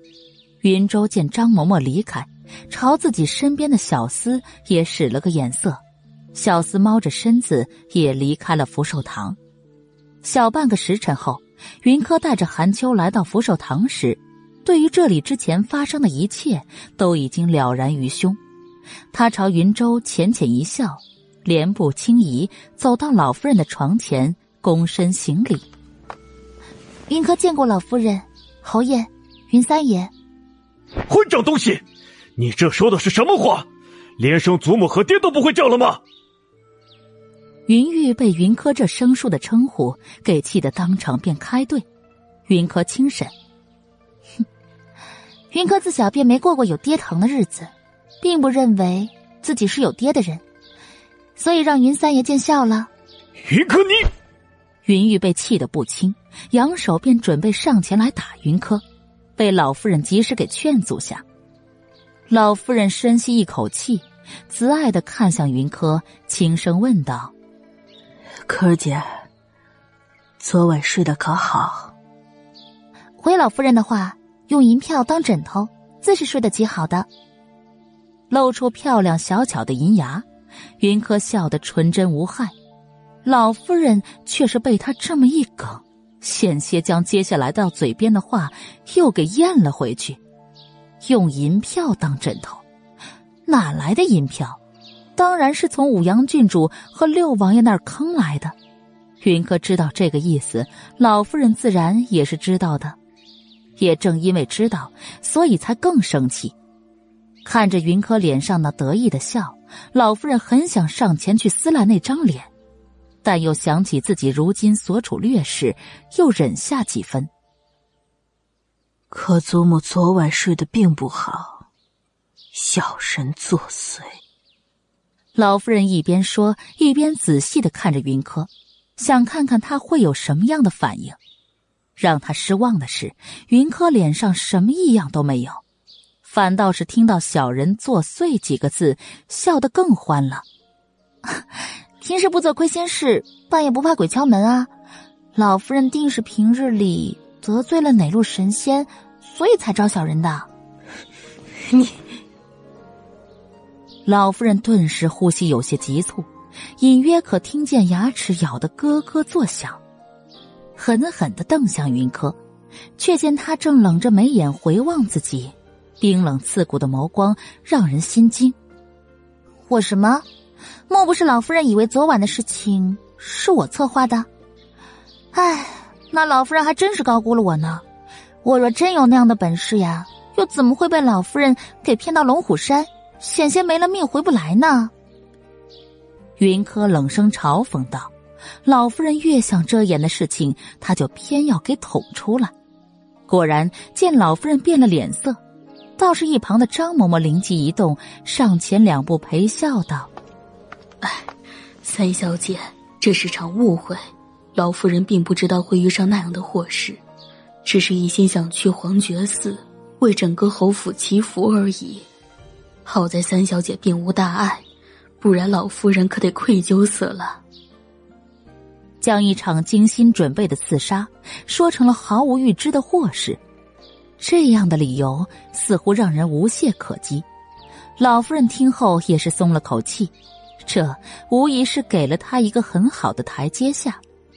云柯轻笑，也不反驳，目光落在李氏的脸上，掸了掸衣袖上的灰尘，轻声说道：“啊，我娘天上有灵，护我平安回来，自是没事啊。”只是可怜了芝姐姐和大房的姐妹们，听说差点就被卖到窑子里了呢。唉，还真是家门不幸啊！云柯，老夫人一声猛喝，云柯收口笑而不言。但李氏可顾不上那么多，他气冲冲的直接在老夫人面前跪了下来，还请老夫人给我们知姐和大房的姑娘们一个公道。监制。君言讲故事第二百九十集。李氏，你这是何意？怎能对娘如此无礼？你还不快给本侯起来！云泰见老夫人因为李氏的动作而面色不悦，当即便上前狠狠的踢了李氏一脚。云州面色一冷，双手紧抓椅子扶手。似乎在极力的忍耐着。云柯将他们一家三口的形态收入眼底，心里对云州有几分同情。比起云玉来，其实云泰更渣。我是何意？我只不过是要老夫人给个说法而已。要我们大房的姑娘去给定国侯府祈福，这本无厚非。可老夫人却连个收拾东西的时间都没有，路上遇匪徒。老夫人也只是顾着自己逃路，根本就没考虑过大房的姑娘们，她是否有命安全归来。如此之人，让我如何尊重有礼？当日的祈福，李氏正好回娘家了，所以并不知情。他在家心神不宁一整天，可是临近天亮时才等回女儿，而且还是个惊魂未定、满嘴害怕的女儿。他慌张无助的想去找云泰商量对策。却发现他在小妾房里乐不思蜀，仔细打听发现，一起出去的姑娘家都如惊弓之鸟。逼问之下才知道，原来是老夫人算计云柯失败，最后却累得大房的姑娘们受罪了。李氏确实算不上太聪明，但都已经是如此明显的算计，他又如何会看不明白？偏偏此时，云柯似无意的嘀咕着。大伯母可能有所不知啊，老夫人受了武阳郡主的命令，想让我有去无回呢，担心我会起疑，便让整个大房的兄弟姐妹们作陪。唉，只是没想到我命好啊，恰好遇上到皇觉寺上香的三王爷，那些刺客不敌王爷的暗影，我幸而逃过一劫，而大姐姐他们一直跟在老夫人身边，又如何会？难道？老夫人的计划不仅如此吗？老夫人被李氏的不敬逼得胸口气血翻涌，听到云柯当着她的面都敢搬弄是非，更是恨不得直接掐死云柯。手中的拐杖砸在地上，砰砰作响，看向云柯的目光如同淬了毒一般。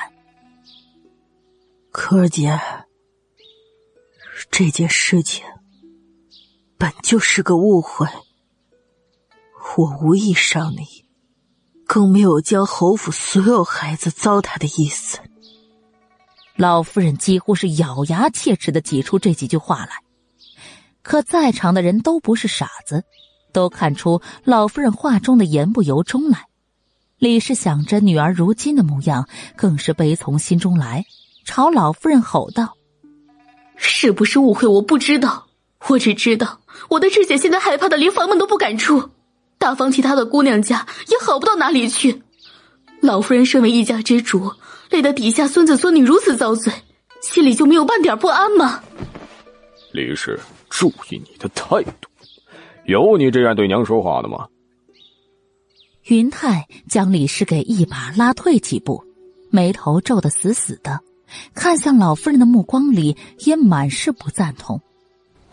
娘，他们说的都是真的吗？云玉向前两步，认真的看着老夫人，执意想从她嘴里得到一个答案。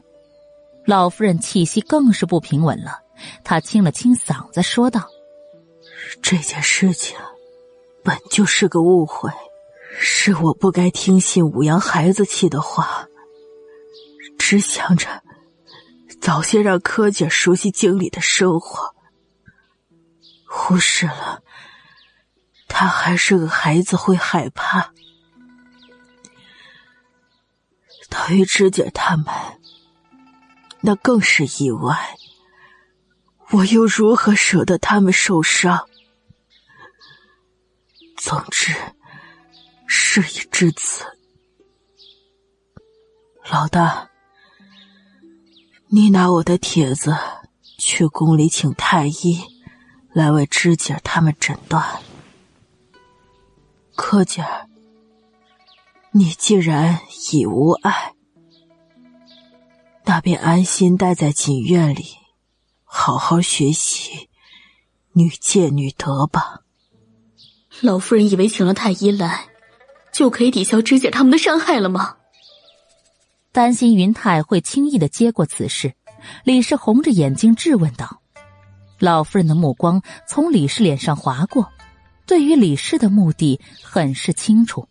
不过他此时却是没有太多的精力计较，略带几分疲惫的宣布道：“我需要休养一阵儿，这府里的上上下下。”就交给你来安置吧。对于这样答案，李氏似乎很满意，上前的步子又退了回来，算是接受了这么一个安排。云柯没错过李氏脸上任何的表情，见他如此轻易的就满足了，嘴角讽刺的笑容越发的明显。这件事情就此结过，以后谁也不得再提了。不然家法伺候。一言堂式的总结，让云泰和云玉都明白，哪怕这件事情真是老夫人幕后策划的，那么也都已经成为了过去式。啊，老夫人是不是遗忘了什么？当日三房可不止我一个姑娘家同行呢。云柯自然是听出了老夫人让他学习女德的讽刺意味，不过他不在乎。对于老夫人这样的假派意思，他连吐槽的兴趣都没有。只是离开将军府时，外祖父的叮嘱依旧在耳。他又觉得今天是个不错的机会。云柯，你还想做什么？老夫人阴沉着脸看向云柯，声音里的不喜甚是明显。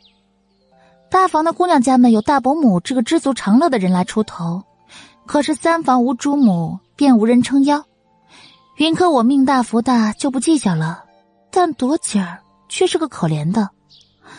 托老夫人的福，朵姐儿当时被人从马车里扔出去，全身都被山上的荆棘划伤了，脸更是伤的不能见人。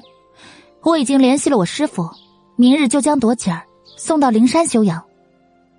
云柯清冷的声音在福寿堂里传播着，众人面色各异。但却都没出声。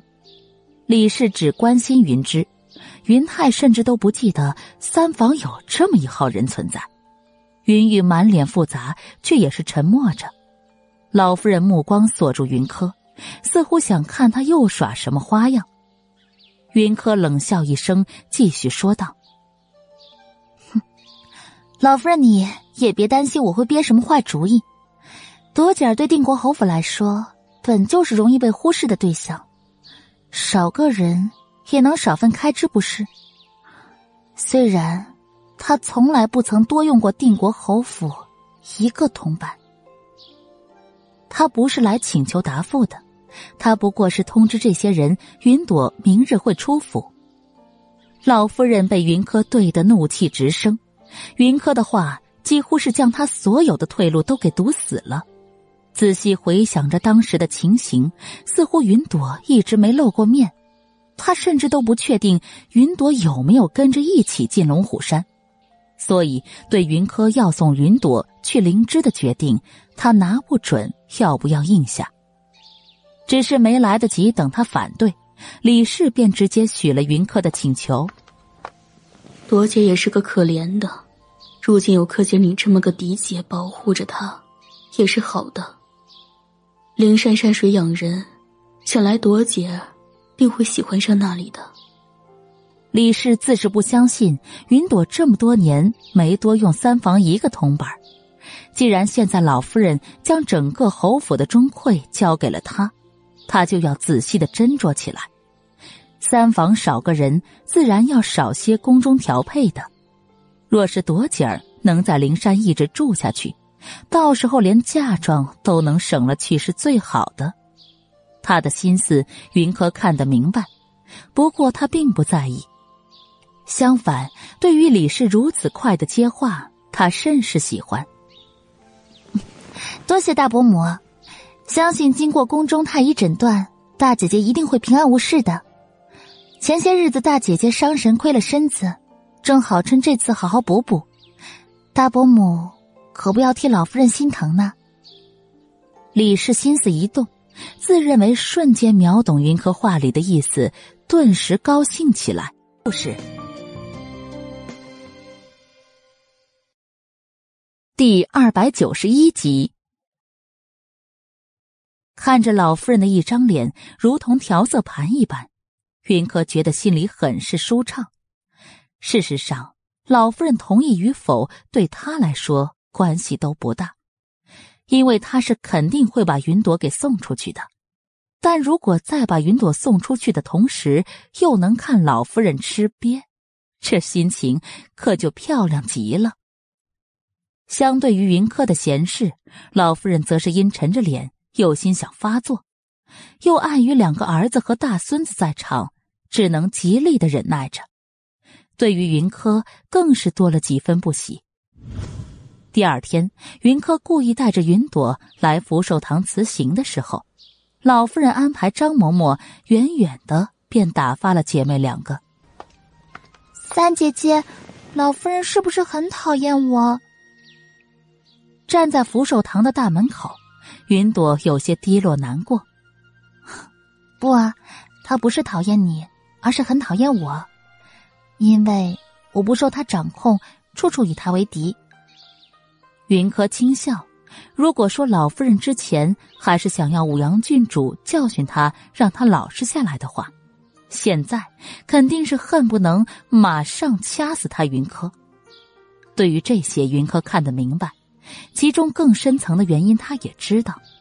云朵见云柯说的如此坦然，又想起在龙虎山灌木丛里听到的那些话，老夫人当时害人的模样，更像是刻在了脑子里。云朵身子一抖，抬头决然的向云柯保证：“三姐姐，你放心，我一定会变强大的。”云柯低头看到小姑娘眉间的认真，轻轻一笑，替她将脸上包裹的纱巾又紧上几分。为了让人相信云朵是因为身子各处受伤严重，所以才要出府休养，此刻云朵被缠得有些臃肿。脸上更是只剩一双大眼睛，这般模样，不管远近看起来都是有些害人的，也难怪老夫人不让云朵进院子了。不过云柯不怕，他靠近云朵，低声说道：“我自然是相信你的，我外祖他是有真本事的，你要安心留在他的身边，见事做事的同时也要保护好自己啊。遇到困难可以跟他老人家说的。”也可以让人送信回来给我，我会的，三姐姐。那好吧，老夫人这里你也就不用多想，我现在送你出门，大门口马车早就准备好了，云朵生母刘姨娘也早早的守在马车边。见姐妹两个出来，她便泪眼朦胧的迎上来。朵姐儿，刘姨娘知道女儿并不是去灵山，也知道女儿自己选择的是一条什么样的路，在心疼女儿的同时，她也怪自己无能。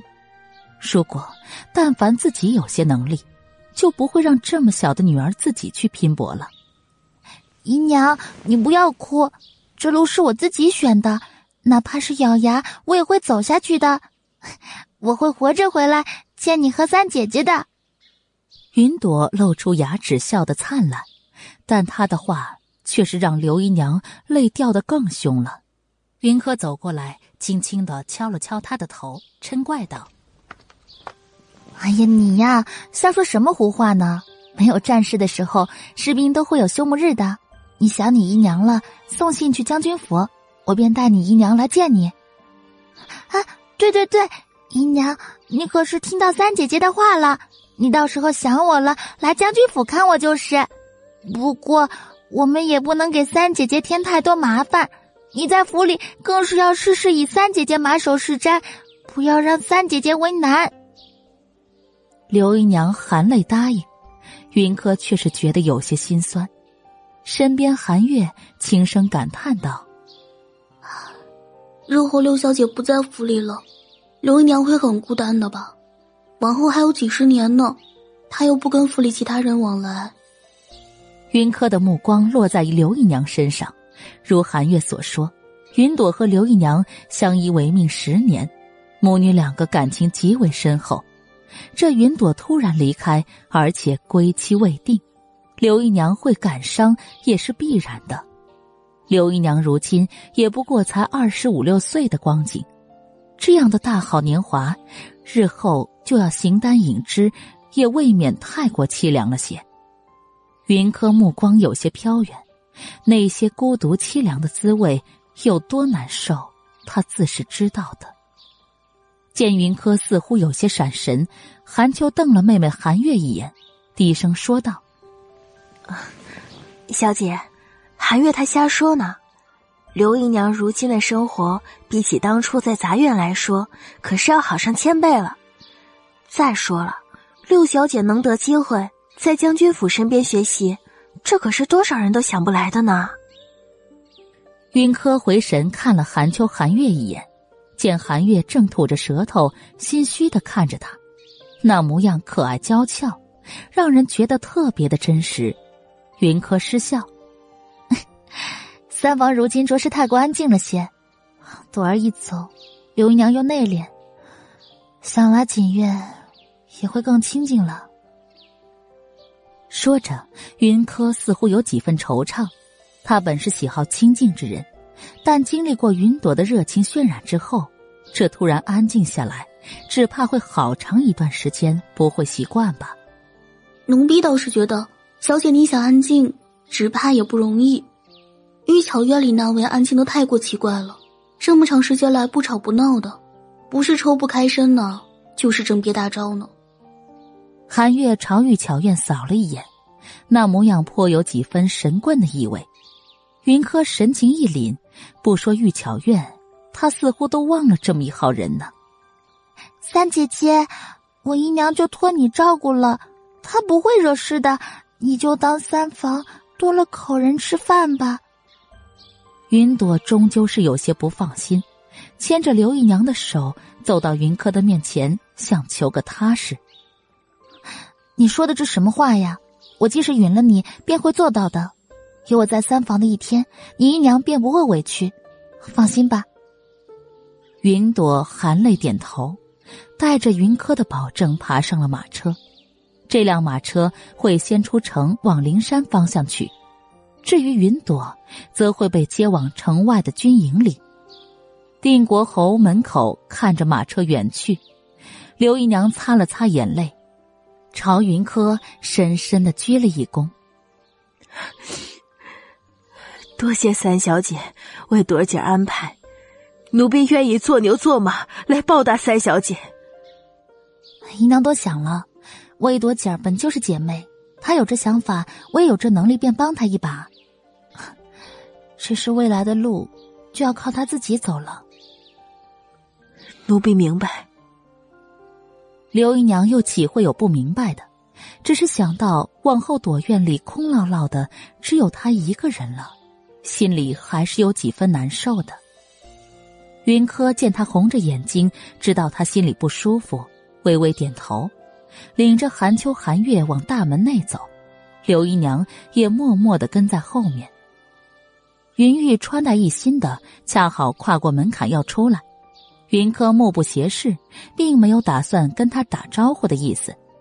云玉面色一沉，正欲斥责，却恰好扫视到微低着头、眼睛红红的刘姨娘。擦肩而过的瞬间，云玉有些意外此女子的身份。只见她身姿纤弱，颇有拂柳之姿，那红红的眼眶更让她平添了几分涟漪。站住！云玉转身叫住了已经走过的刘姨娘，有些好奇她的身份。听到声音，停下脚步的刘姨娘转过身来，依旧微垂着头，朝云玉一礼，哽着嗓子回答：“多姐已经走了，不知三爷还有。”第二百九十二集。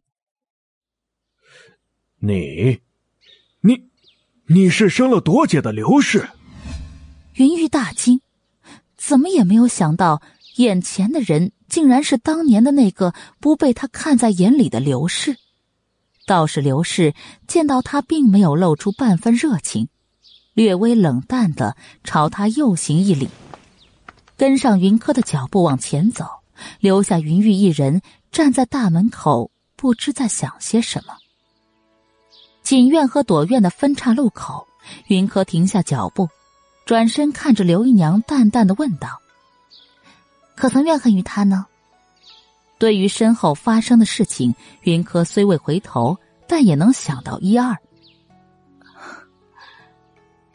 年轻时自然是有怨过的。若不是他，悲切完全可以找个身份相配的人平淡一生。过了这么多年，现在依旧怨，却是怨他对朵姐的漠视。如此之人，不堪为父。刘姨娘依旧眼眶红红的，但言语间却多了几分犀利和怨气。云柯停下脚步，回头看刘姨娘，刘姨娘微微低头，随之又抬眼与云柯对视，丝毫不见惬意，反倒还有几分刚气闪现。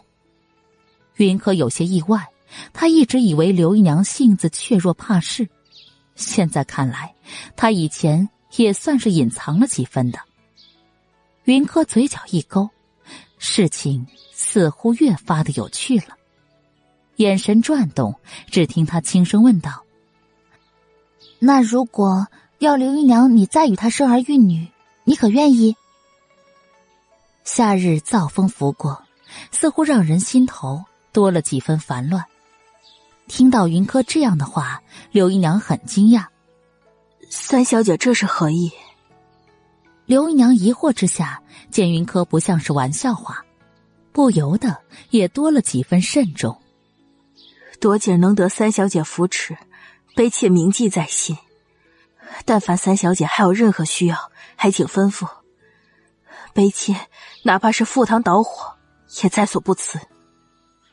这下，云柯脸上的笑容更为的浓烈。很好，这刘氏非但不柔弱，而且还是个聪明的。这样的人用的恰当，那绝对是神助攻一枚。他正好需要。啊，姨娘言重了。我与朵姐是同胞姐妹，也答应过会替她好好照应你。刚才所说也只不过是我的想法，姨娘可以仔细想想，不用急着给答案。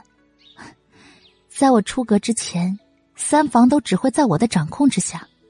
至于我出阁以后的事情，我可能就管不了那么多了。云柯现年十二岁，番年就十三岁了，也就是他在定国侯府也最多不到三年的光阴。他相信他话里透露出来的意思，以刘姨娘的聪明会明白的。多谢三小姐体恤，卑姐会仔细考虑的。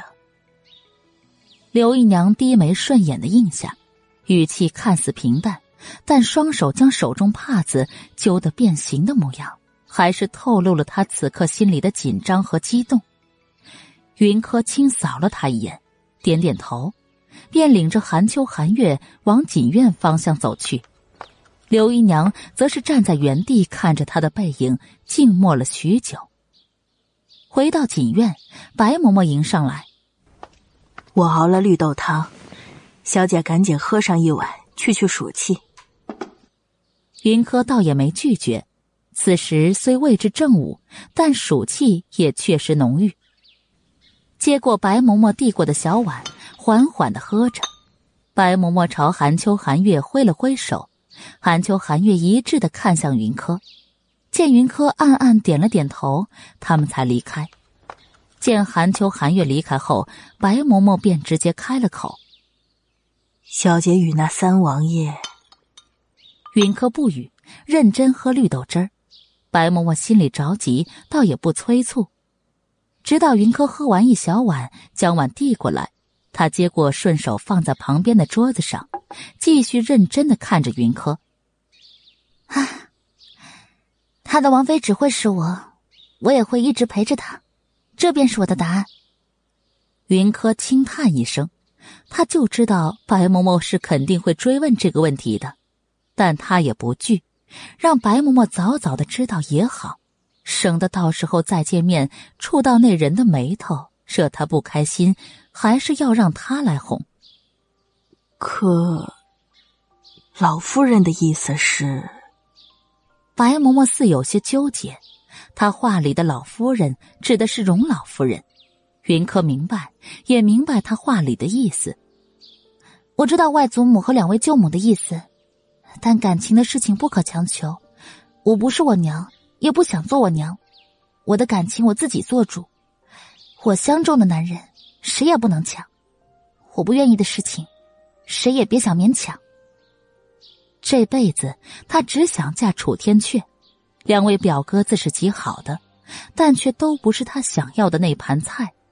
这话他虽是说的极为的粗糙，但意思并不难理解。他相信白嬷嬷会理解他的。白嬷嬷，你跟在我娘亲身边多年，你亲眼看着她嫁给云三爷是如何的痛苦。难道嬷嬷还想逼着我嫁给自己不喜欢的人吗？二位表少爷肯定不是云三爷那样的人，有老夫人和二位夫人盯着，他们也不敢对你不好。白嬷嬷还是看中两位表少爷，认为知根知底。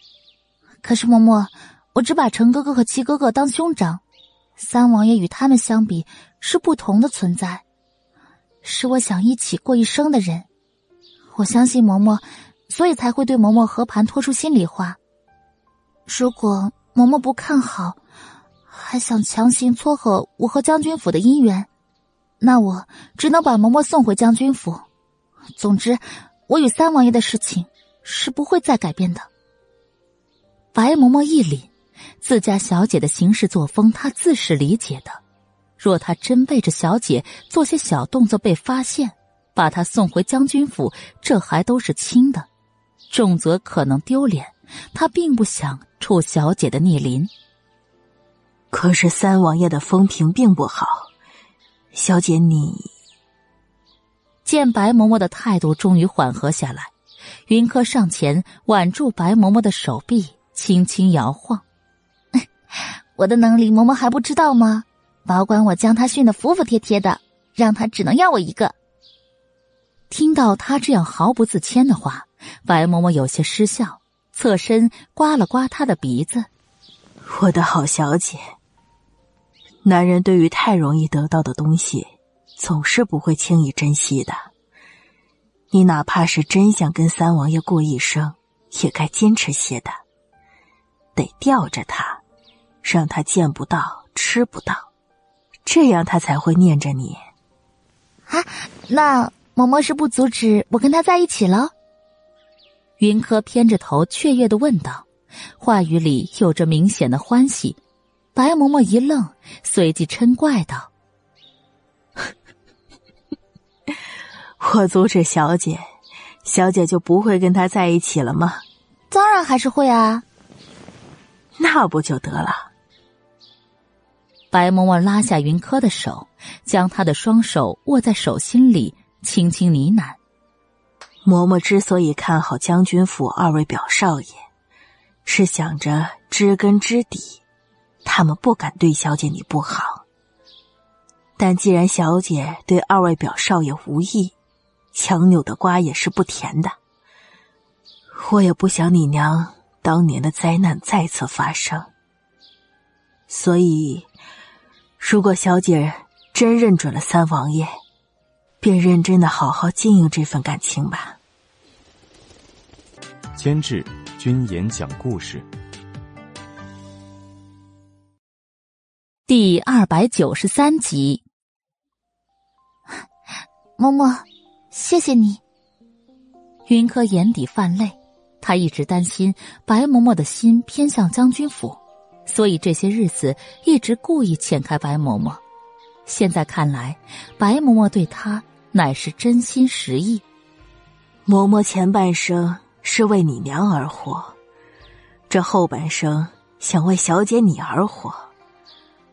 听嬷嬷一句劝，小姐，你要与那三王爷保持距离，别让他轻易就牵了香。时间一长，他就会乏了去的。小姐，你还小着呢。再说了，这一辈子还长着呢，再好的感情也是要保鲜的。白嬷嬷说的苦口婆心，云柯微愣，心想之下。觉得似乎挺有道理，嬷嬷放心吧，日后我会注意的，也还请嬷嬷多多提点。感情的世界里，云柯是真的缺乏明灯，两世加起来，身边都没个长者教诲维护。此刻，白嬷嬷的话让他心底波澜频起。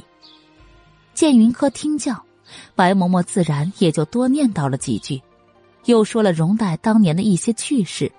云柯兴趣极为浓厚，两人说的兴起时，韩信进来禀报，说是月姨娘求见。明月，云柯眉头轻皱，心里猜测着明月这个时候求见是揣着什么目的呢？小姐若是不想见，那老奴便去回了她。不了，让她进来吧，嬷嬷陪我一起听听她要说什么。白嬷嬷点点头。并叮嘱云柯要小心这明月。明月见过三小姐。明月跟在韩信的身后进来，朝云柯见礼问安，只是那姿态极为敷衍，腰甚至都没有弯下去过，而且不等云柯回答，便直接站了起来。云柯看着明月涂得鲜亮的指甲，对于明月眼里的敷衍更是看得分明，眼神微眯。是他太久没关心三房的事情了吗？还是说明月他误会了什么？不然他哪来的胆子如此放肆？眼见着明月准备自发落座，云柯面色一冷，直接吩咐道：“白嬷嬷，给我张嘴！”白嬷嬷眼疾手快的上前几步，直接在明月的脸上抽了几个巴掌。他本就是习武之人。拍出来的力道自是大的惊人，明月脸上被拍出明显的红肿。三小姐这是何意？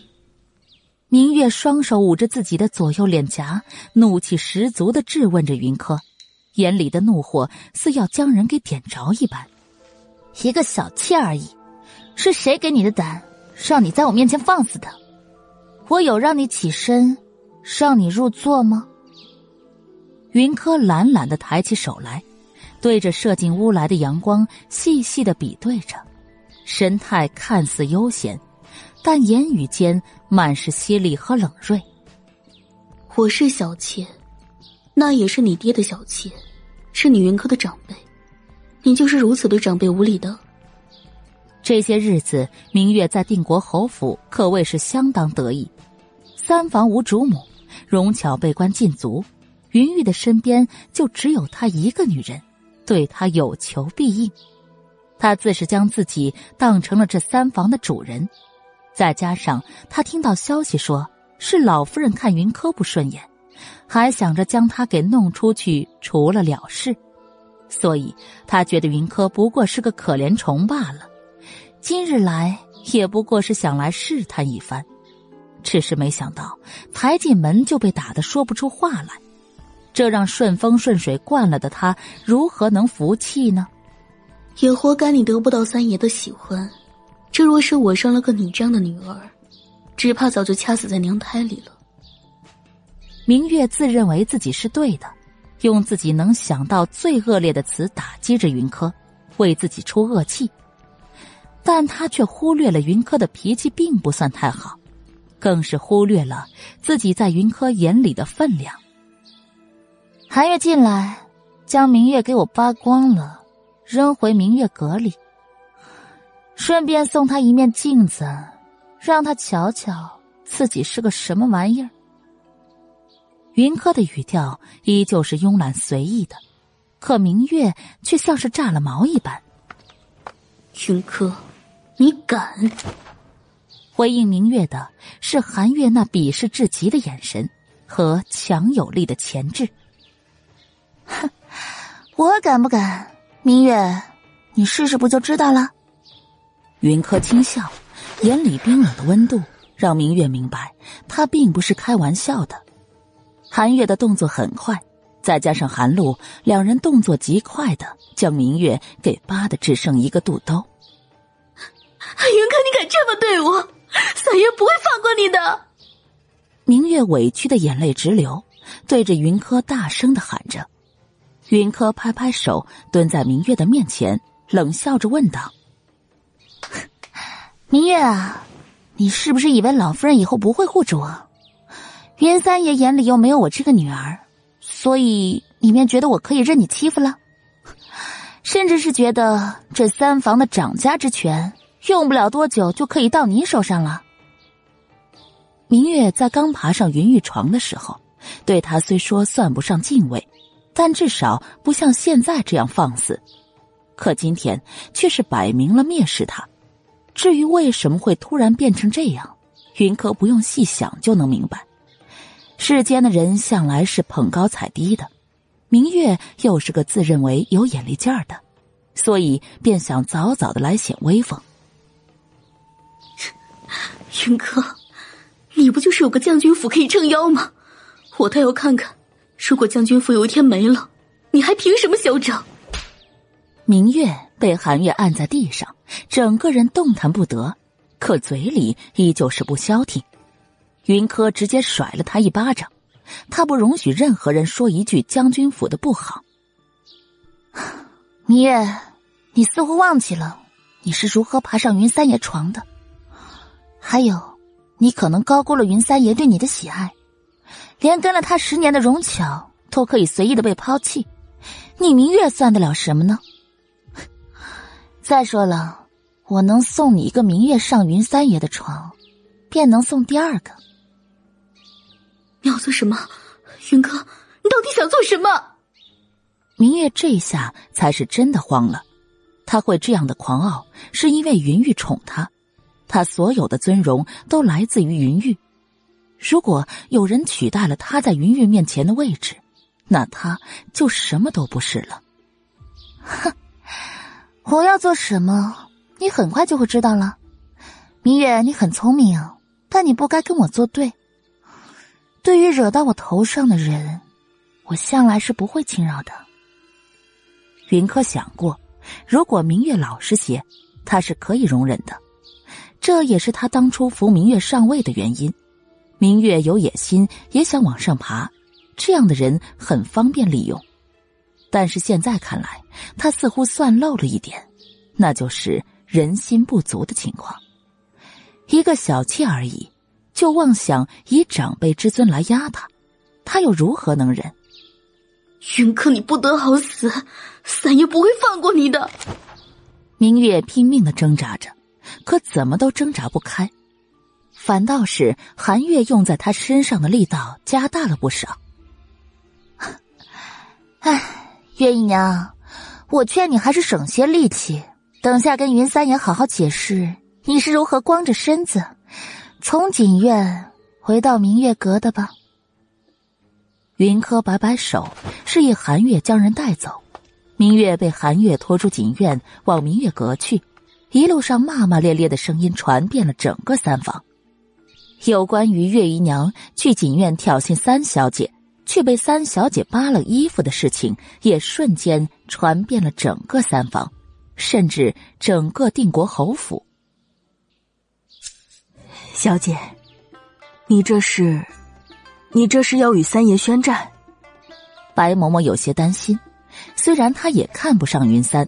但小姐终归是为人子女，这样做似乎有些太过高调。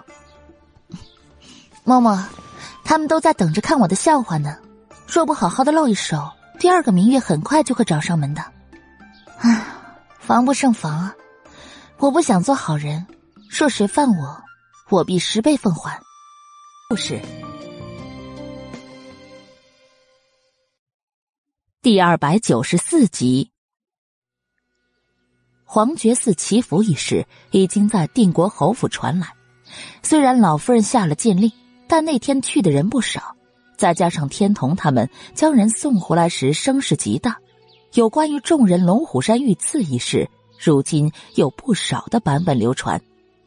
但不管是哪个版本流传，老夫人不待见三小姐的事情，却是已经成了定局。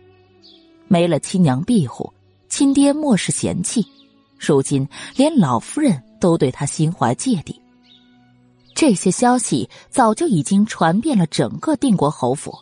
他若不好好的露一手，就这么让事情落实，那他在这锦院也别想再清静了。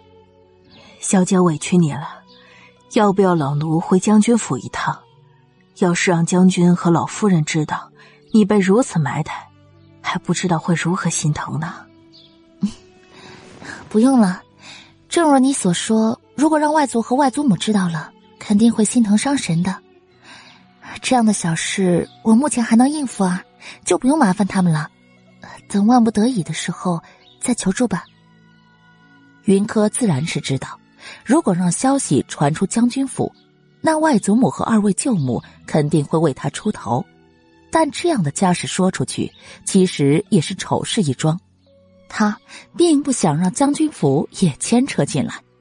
见白嬷嬷仍皱着眉头替他心疼，云柯便招手让他过来。嬷嬷，若真替我打抱不平呢，那便替我去一趟朵院吧。朵姐儿不在，刘娘肯定是不习惯的。嬷嬷去了，跟刘姨娘聊聊天，也算是缓解她的孤寂。作为云三爷的妾室，刘姨娘着实太过沉寂了些的。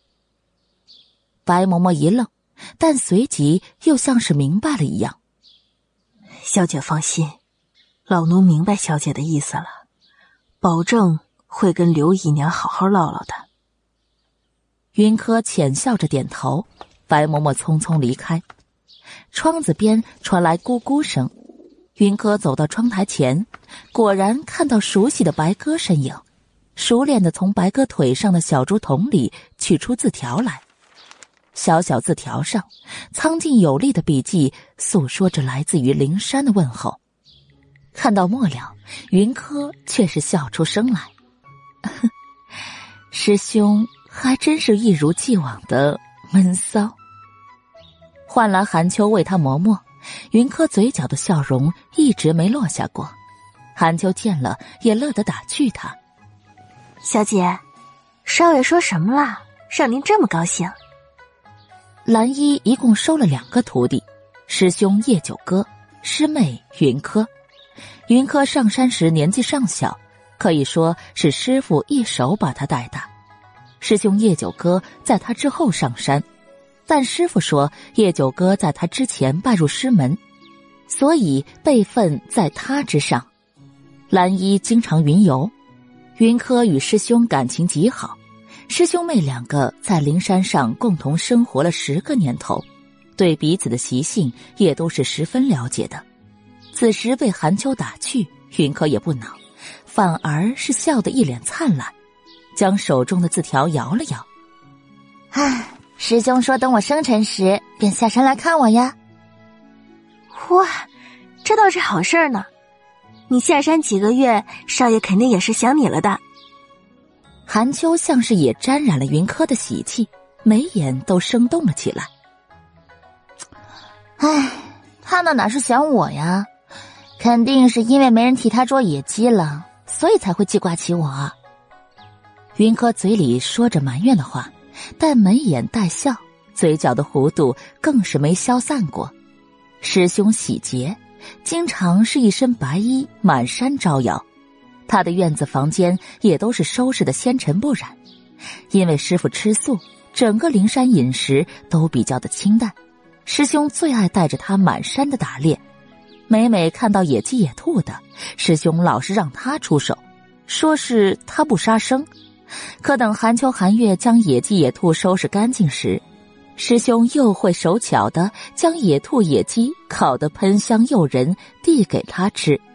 兄妹两个这么多年来可以说是默契十足了。时隔两月不见，云柯觉得自己非常的想念灵山的人和物。要是让少爷知道你这么说他，肯定又要罚你抄书了。呃，韩秋，这个你可以不用提醒的。韩秋捂嘴偷笑，难得见小姐吃瘪，他如何能不乐呢？在灵山时，小姐可是天不怕地不怕的，可偏偏少爷每次都会有上百种理由罚他，而且每次小姐还找不到反驳的理由。见韩秋笑，云柯最后也是忍不住笑出声来。在灵山的十年是前世他最高兴的时光，他甚至觉得将他送到灵山，这是他娘亲容黛做的最正确的事情。师傅和师兄对他的付出，让他过了十年最快乐的日子。隔世再回忆灵山的生活，他心里感触更多。也更期盼见到那如亲生兄长般的师兄，想着离自己生辰还有好几个月呢，云柯只得叹口气，执笔给师兄回信。屋子里静谧安宁，云柯将信写好，待墨干，便交给韩秋，自己则是回了内室午休。待他午睡醒来时，白嬷嬷正好从朵院回来。并带回让他满意的答案，刘姨娘算是应下了他的提议。晚饭时，云玉回到定国侯府，明月当即是一把眼泪一把鼻涕的向他描述了白日发生的事情。云玉怒气冲冲的便要来锦院找云柯对质，只是云柯出门逛夜市了，恰遇从锦院出来的刘姨娘。你怎么会在景院？云玉黑着脸质问，刘姨娘倒是不慌不忙，先是朝云玉行了一礼，后退两步，才轻声回答：“多姐去养病了，妾身独自一人在朵院里，很是不习惯，便想来三小姐这院子里瞧瞧，看有没有什么需要帮忙做的。没想到三小姐不在。你经常来景院？”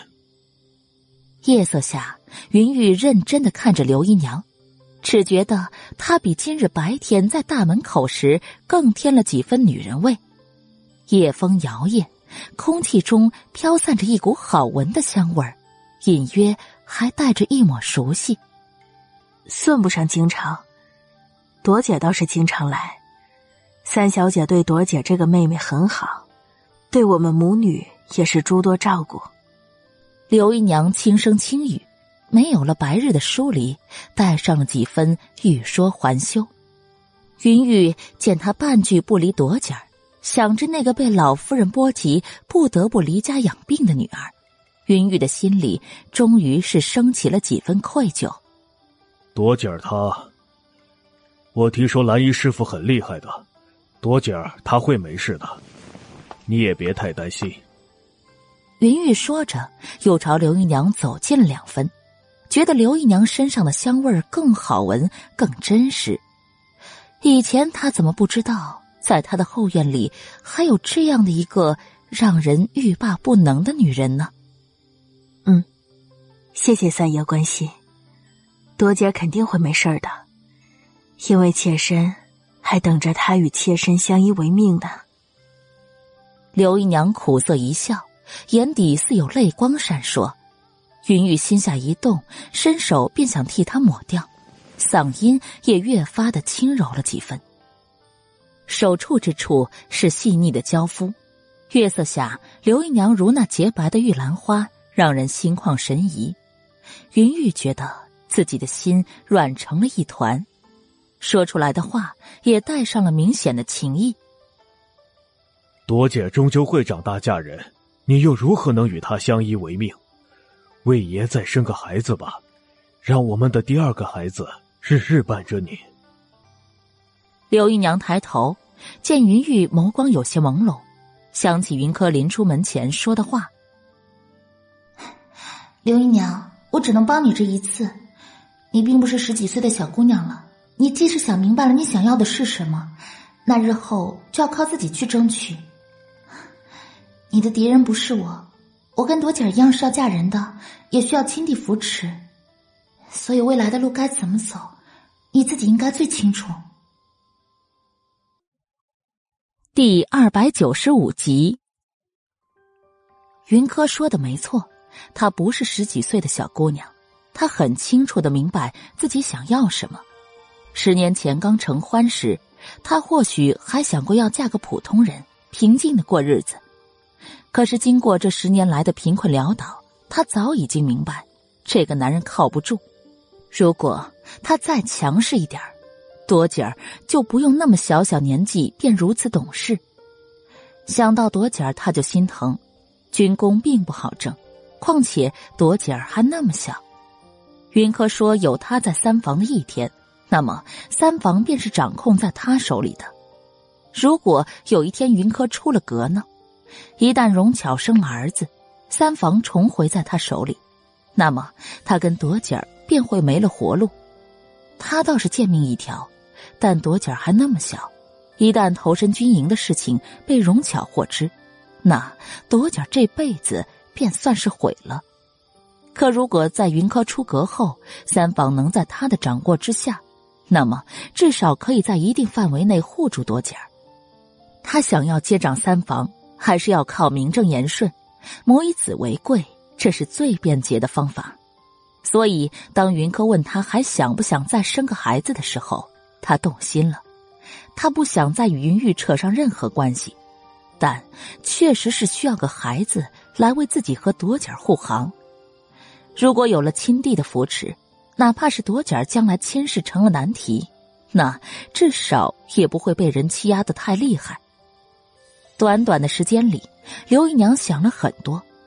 云玉见她迟迟没说话，便凑过来想亲她的嘴。刘姨娘猛然回神，避开他的亲昵。云玉有些不满意，刘姨娘便索性主动挽过她的手。妾身以为，三爷早就忘了妾身的存在了。月色很美，美人垂泪更美。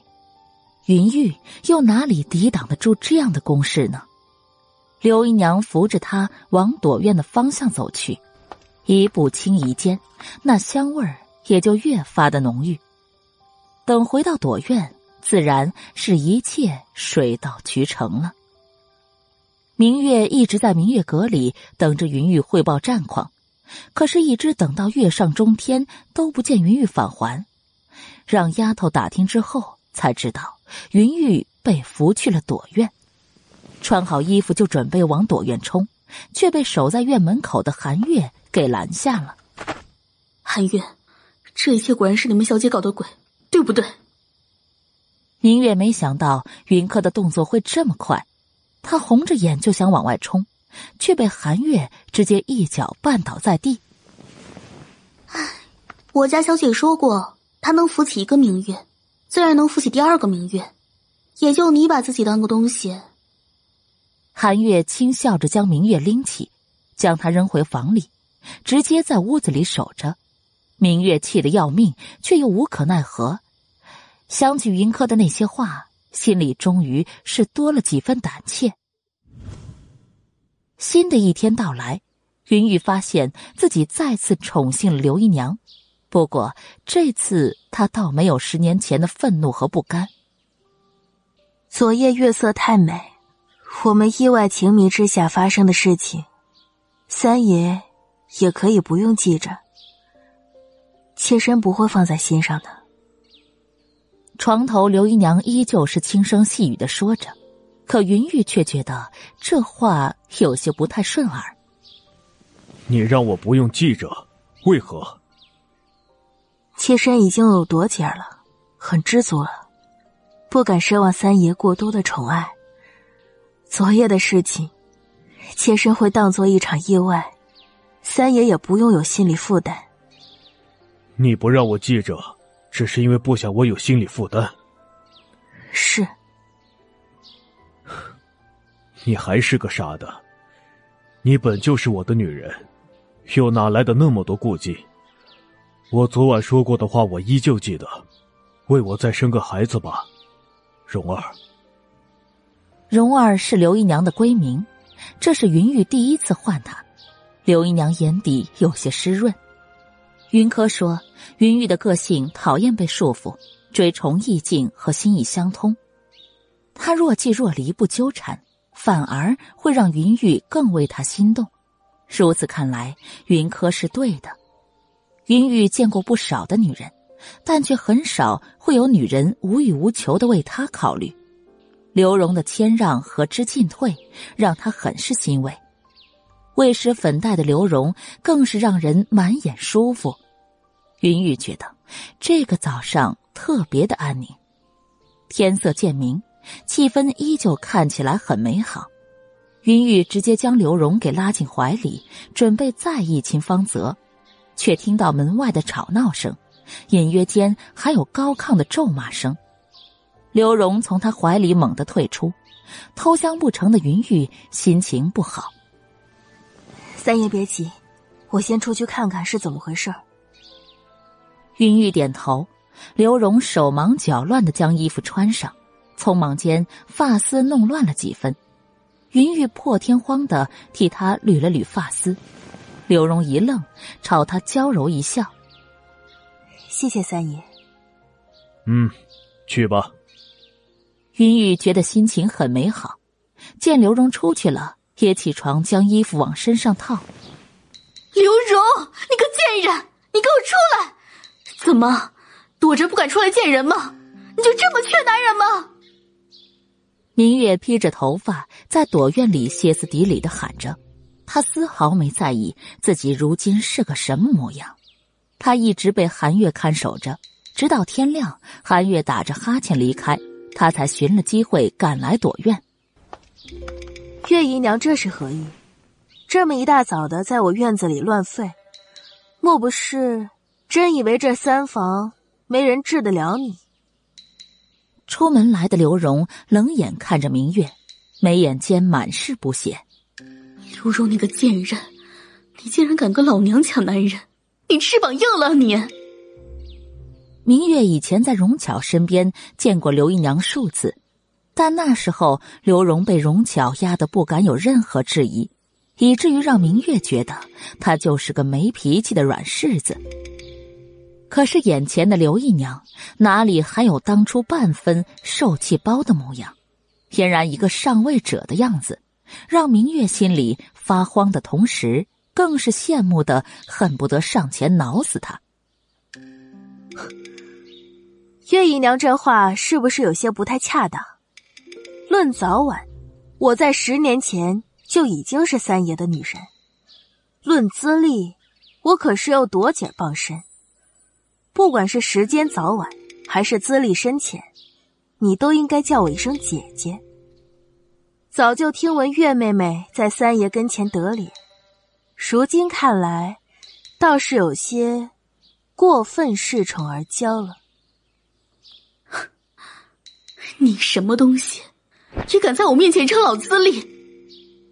明月很是不屑的唾了一声，丝毫不将刘荣看在眼里。刚跨过房门的云玉，就恰好听到了这么一句，当即便黑下脸，走到明月的面前。蓉儿说的没错。无论如何，你都要叫她一声姐姐。她比你先进门，又育有多姐儿，但你一声姐姐，丝毫不委屈你。见到云玉出现，明月当即便委屈的想扑进他的怀里求安慰，但云玉却是直接避过了他。昨日因为听他诉说了委屈，怒上心头，倒也没在意起他脸上的红肿。此时经过一夜没上药，那些红肿都已经发青发紫，让明月看起来极为的骇人。此时，云雨哪里还能忍受这一大早就双眼被污呢？明月不服气，更多的是不想在刘荣面前低这个头，再次朝云玉怀里扑去。避无可避的云玉直接就是一脚踹向了明月。三爷，你……明月怎么也没有想到，明明前天晚上还与他耳鬓厮磨的男人。此刻会冷漠绝情至此，他满腔的委屈却又无人倾诉，眼泪流过那些撕裂的伤口，让他痛得直嘶出声。刘荣默默的看着，心里痛快的很，但他还是转身朝云雨屈膝说道：“月妹妹似乎伤得不轻，要不还是让府医给她看看吧。虽说她得罪了三小姐。”但这样长久下去，也还是有碍观言的。监制：君言讲故事，第二百九十六集。刘荣，你不用假惺惺的，谁不知道你和云柯是一边的？你昨晚能得三爷宠幸，也是云柯帮了大忙的吧？明夜扯着嗓门大声的叫喊着。他知道云玉讨厌云柯，他就不相信，如果云玉知道昨晚他会留宿躲院是云柯一手策划的事情后，还能安心的继续宠刘荣。如明月所料，云玉转头问刘荣：“他说的可是事实？昨晚是你们一手策划的？”刘荣不紧不慢，先是淡淡的扫了明月一眼，才回答云玉的话。昨夜妾身去锦院的原因，已经在昨晚便告诉三爷了。三小姐三番两次的救朵姐的命，妾身感激于她，也心疼她年纪小小便没了娘亲的庇护。至于明月妹妹说的三小姐帮了大忙，妾身只想说，三爷不妨想想，三小姐才十二岁，又如何懂得这些大人们的事情？见云玉似乎还有些不太相信，柳荣苦笑着继续说道：“三爷，赶紧扶明月妹妹回去吧。昨晚的事情，以后都不要再提及。妾身只当昨晚月色太美，所以做了场梦而已，不会纠缠三爷的。”说着，便转身往房里走去。躲院里的下人则是自发走到云玉的面前。对他做了个请的姿势，那意思很明显，就是逐客的信号。云玉眉头一皱，目光跟随着刘荣进了房门，在心里已经信了刘荣。三爷，我们回去吧，玉儿还有好多的话想跟三爷说呢。自认为胜了刘荣一筹的明月，故意嗲着嗓子朝云玉又爬了过来。云玉低头扫了他一眼。却是冷哼一声，大步从他身边越过，直接朝躲院外走去。被撂下的明月沉下脸来，见躲院下人面露讥讽，狠狠的跺了跺脚，也跟着离开了。屋子里，刘荣透过纱窗看着他们一前一后的离开，吩咐身边的丫头阿布道：“就说我不舒服，需要休息，除了三小姐身边的人。”其他人一律不见。阿布点点头，表示知道了。刘荣又唤来白竹，交代道：“白竹，你去锦院告诉三小姐一声，昨日所谋之事已成功，就说我刘荣纪念着三小姐的好，定不会负于她，请她放心。”锦院里，云柯听到白竹的话，满意的点了点头。果然，刘姨娘是个厉害的。这厉害不但表现在将云玉拿下这方面上，更重要的是秒杀明月这一点。让人很意外，也很惊喜。回去告诉你们姨娘，云雨再来时记得挡他几回。如白嬷嬷所说，男人都是逆骨动物，太过容易得到的人总是不会轻易珍惜。刘姨娘不是小姑娘家，他的价值不在于满足云玉的肉欲之欢，他应该学会让云玉将他嵌进心坎里，那样宠爱才会长久。白竹似懂非懂的回朵院。将云柯的原话转述，刘荣很快参透，还真就将云玉挡在朵院外好几回，让刚尝到甜头和韵味的云玉心痒难耐，又求而不得。这样别样的心思下，明月的勾引便显得更加的廉价无趣。云柯乐得见明月吃瘪，更是乐得给明月添堵。在明月数次因心情不好砸坏屋子里的珍奇异宝时，云柯便索性让人收了他屋子里的各种摆设。明月找云玉告状，云玉只有不耐烦的斥责。明月强忍着怒气求到锦院来，云柯却避而不见。如此几个回合下来，明月已经彻底的恨上了云柯，倒也不再来锦院嚣张挑衅，在明月阁里安静了下来。两日后的一个清晨。云柯收到玉无双让人送来的口信，说是让他调查的事情有了回应，让云柯去德芳斋里等他汇报。云柯带着韩秋、韩月准备出门，却见韩冬也跟在身边。啊，寒冬，我带寒月、寒秋去就可以了。可是晚有令，小姐出门时，寒冬必须要跟着，特别是出门见见异性的情况下，寒冬必须要跟着。寒冬向来轴，原本是想将三王爷的原话转述的，但又觉得“野男人”一词太过不雅，这才想了个折中的办法。云柯嘴角抽抽，丝毫不怀疑寒冬话里的真实性，因为这就是那个小气男人会做的事情。韩秋、韩月倒是习以为常，一旁的白嬷嬷却是有些惊讶的扫了韩冬一眼。走到云客的身边，轻声询问道：“这丫头是三王爷送来的？”云柯有些头疼的点点头，便见白嬷嬷更加的惊讶：“那他送个丫头是何意呀？是监视小姐你，还是……”白嬷嬷，我的厨艺很好，王爷让我过来是想把小姐养得白白胖胖的，并没有监视的意思。担心白嬷嬷的话会让小姐对她产生不好的看法，从而直接导致她的失业。韩冬赶紧自己出来解释。于是白嬷嬷更加震惊。云柯朝他点了点头，算是确认。嬷嬷放心好了，她并无坏心，不过是见我爱吃刘姨娘做的家常饭菜，她便记挂上了，非嚷嚷着要由她亲自养胖我呢。云柯说的比较含蓄，但白嬷嬷可是经营后宅多年的人，自是明白了云柯话里的那别样意思。如此看来，这三王爷倒是个有心的，不过这醋性也不是一般的大，可不是嘛？云柯轻笑着嗔了一句，眉眼间的笑意却是怎么也遮掩不住。白嬷嬷心里的担忧总算是放下了几分，随之而来的是更加语重心长的交代。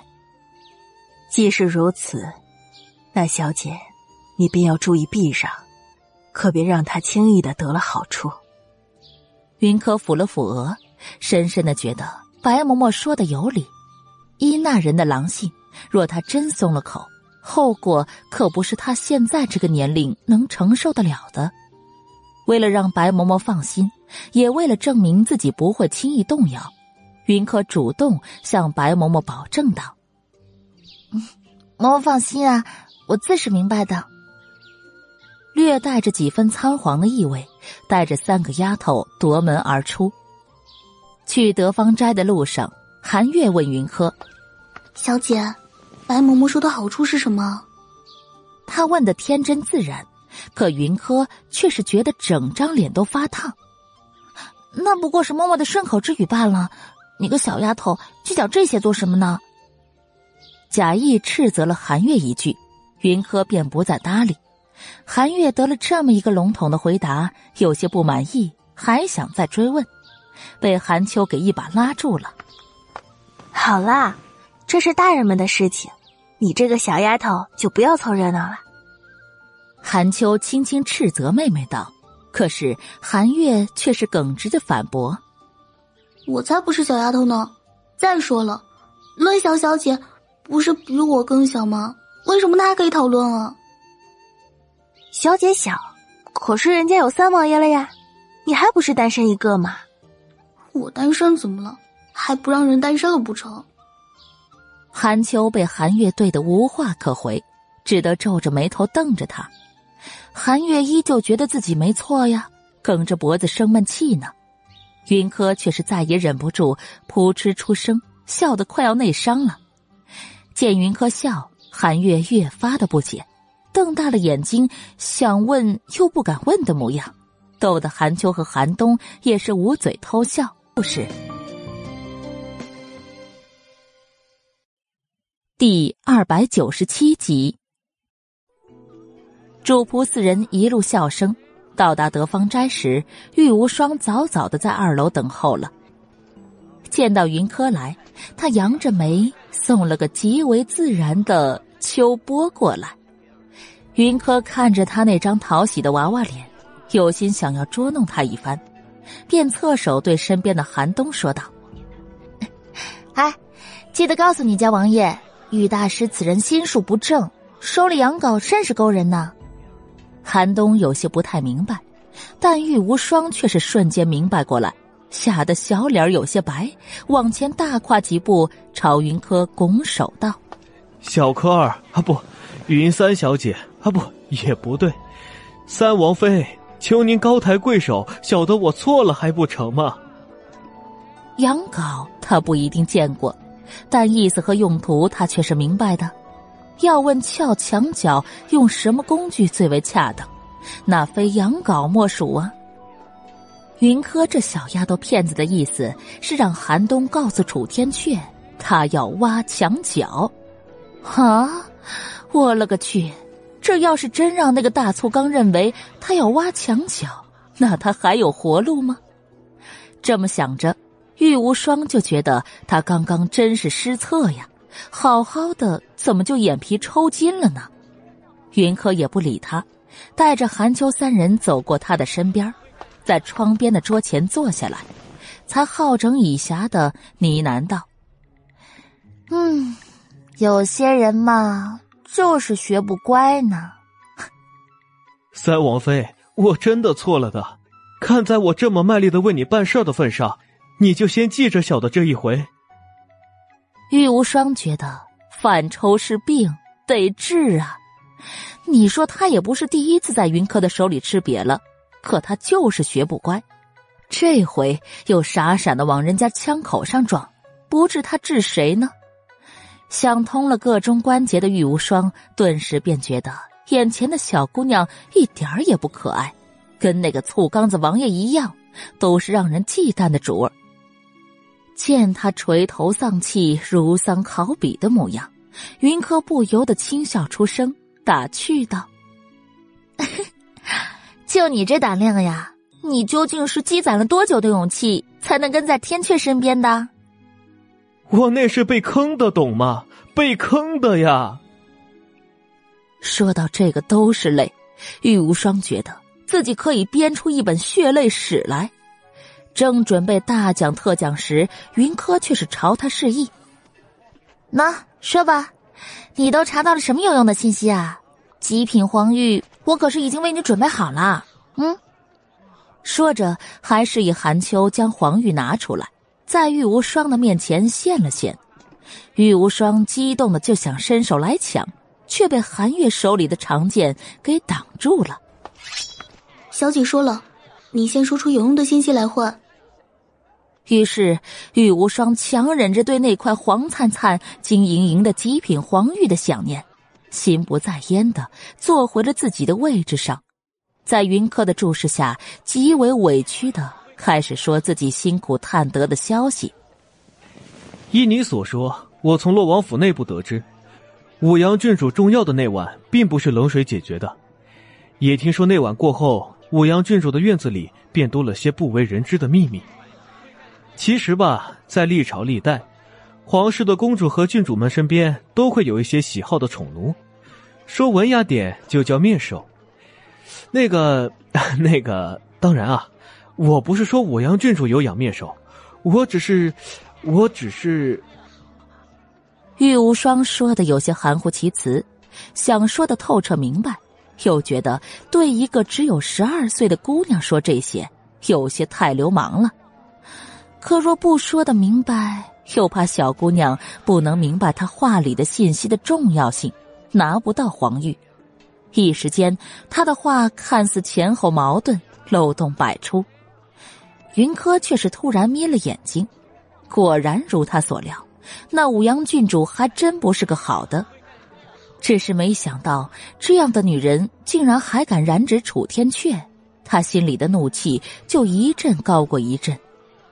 玉无双见云柯脸上越来越冷，有些不确定小姑娘有没有听明白他话里的意思呢？那那个，洛王府向来是阳盛阴衰，洛王对这个孙女是极为宠爱的。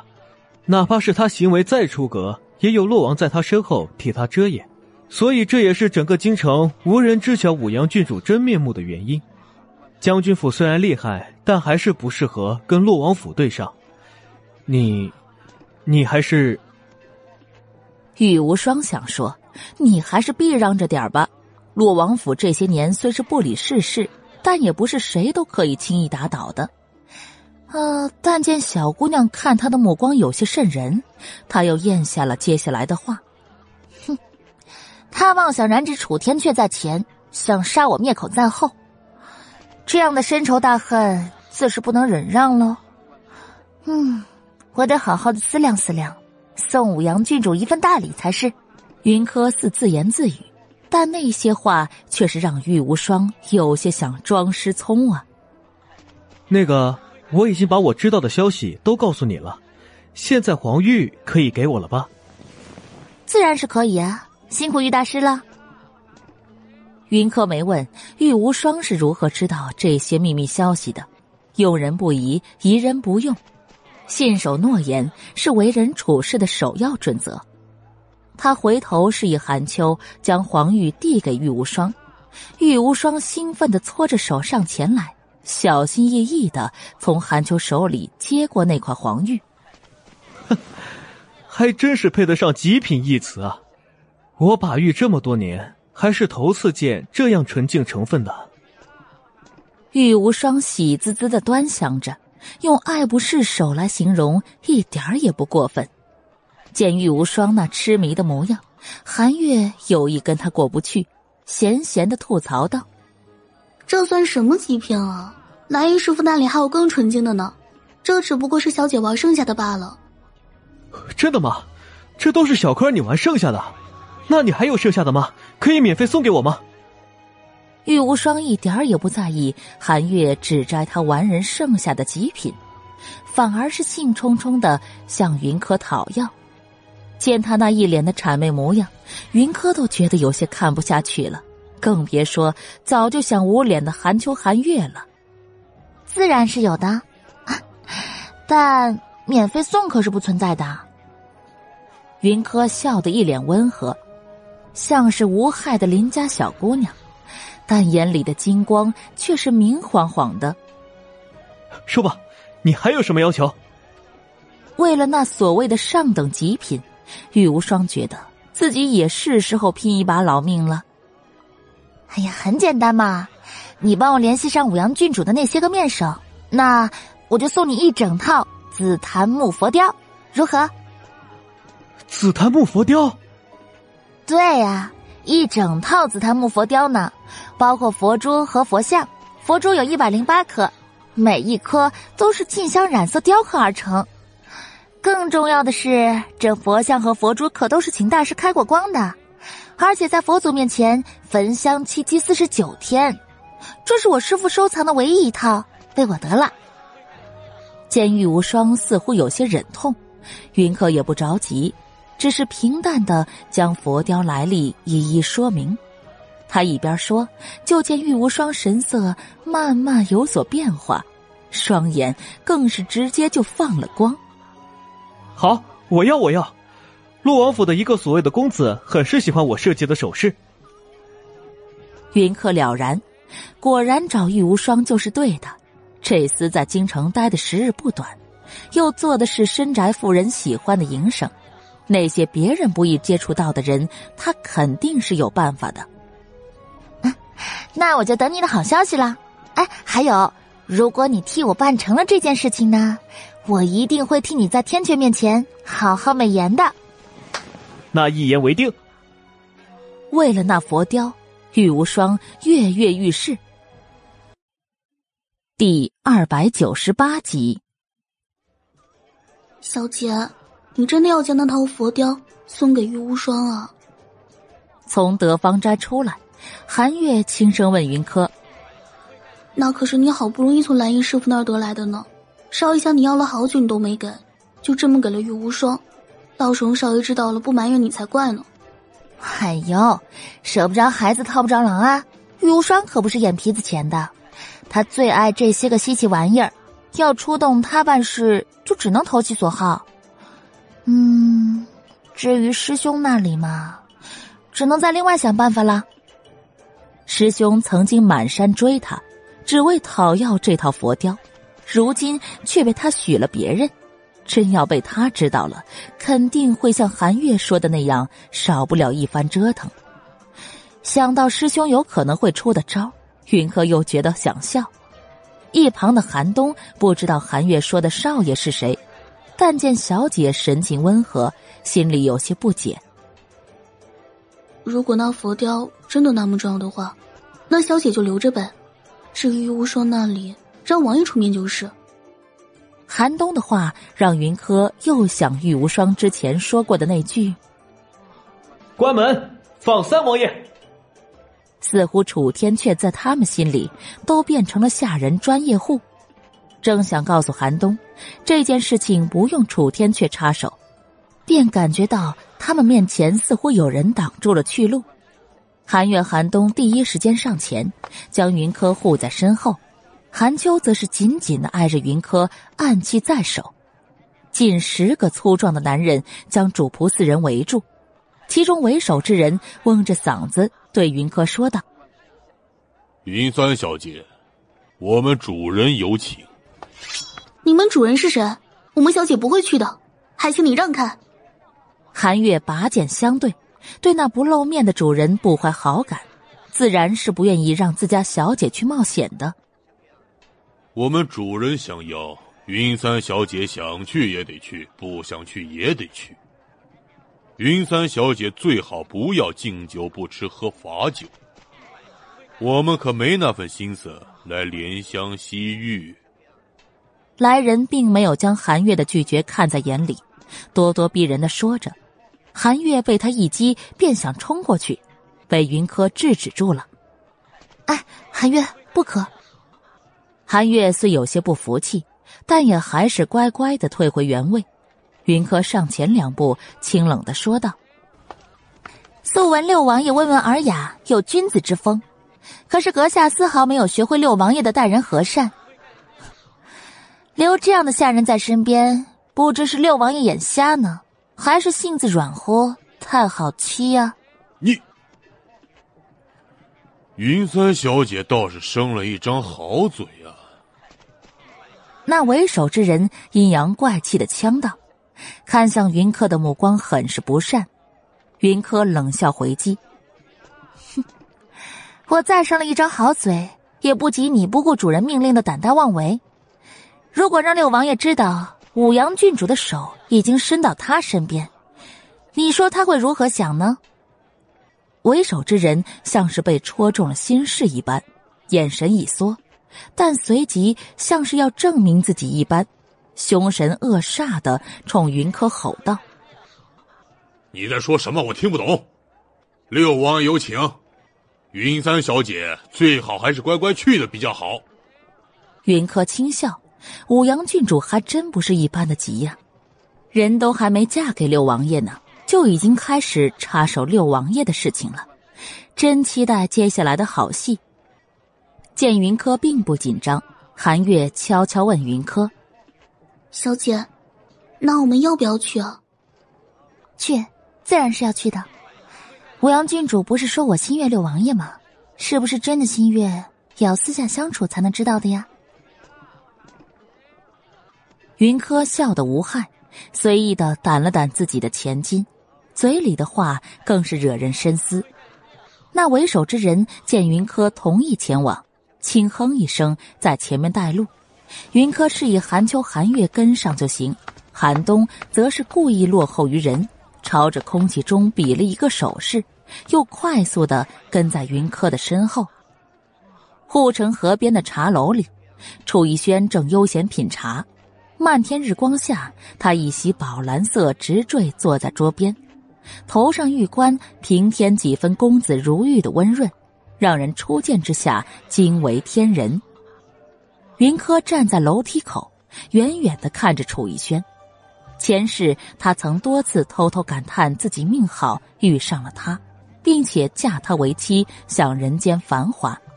两人温存时，他也曾问过。他为什么会偏偏看中失户的他？他当时只说因为他是云柯。情深时，他以为这便是最好的情话。可后来将军府被灭，自己被砍头时，他才明白这话里的含义。只因他是云柯，有着将军府血脉，让将军府众人都无法割舍的云柯，他的身份注定了他的利用价值。也注定了他要成为他楚逸轩的目标。楚逸轩早早的便发现了云柯的到来，见少女站在远处一直看着他，眼都不眨一下。楚逸轩心里有些得意，心里记起武阳郡主在德芳斋里说的那些话。他说：“云柯心悦于他。”楚逸轩需要将军府的支持，也需要云柯的心愿。可偏偏前几次他的设计都没能成功，如今正妃之位被武阳所占，云柯如果愿意，也只有侧妃之位了。如果能一口气将洛王府、丞相府和将军府都掌控在手里，那他何愁大业不成呢？王爷，云三小姐来了。身边小厮在耳边提醒，楚逸轩像是才发现云柯一般。转头看来，未语先笑，带着世家公子特有的温润和高洁，声音更是柔和似水。云三小姐来了。云柯回神，低头冷笑，眼里狠厉一闪而过，再抬头时多了几分娇憨和天真。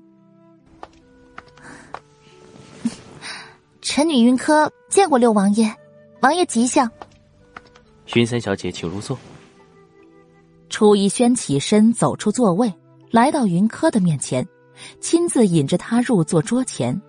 云柯双手交握，看似娇羞不已，但实则只有自己才明白，他此刻压抑了多大的恨意，才没有在第一时间里用匕首去扎他。喉咙里有着自己才能明白的悲鸣，再三压下，才恢复了以往的清冷。多谢王爷。今日天气正好，本王偶得一壶好茶，所以才想着请云三小姐前来品试一番。王爷厚爱，云柯不才，但因师傅爱茶，所以云柯倒也略知皮毛。能陪王爷一同品茶，是云柯的荣幸，云柯先谢过了。知礼而又温婉，云柯轻声细语，既点明了自己对茶叶有所了解。又表明了自己很珍惜这样与他相对而坐的机会。楚逸轩眼底的笑容更深了，这样的女子才是他一直追求的。进能替他冲锋陷阵，退亦能替他安宅守院，简直就是尤物。只是可惜年纪小了两岁，不过养上两年倒也无妨。不知科尔平日里做些什么消遣？从云三小姐到科尔，也只不过一瞬间而已。楚逸轩有意拉拢距离的行为不要太过明显。云柯浅笑，心里的计谋已成。与一般女子无异啊，唯一一个不同的是跟武阳郡主一样，偏爱武装几分。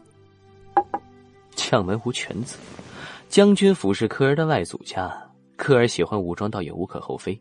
跟武阳比起来，科儿可是更讨喜几分的。楚逸轩的意思很简单，就是云柯比武阳郡主更可爱讨喜。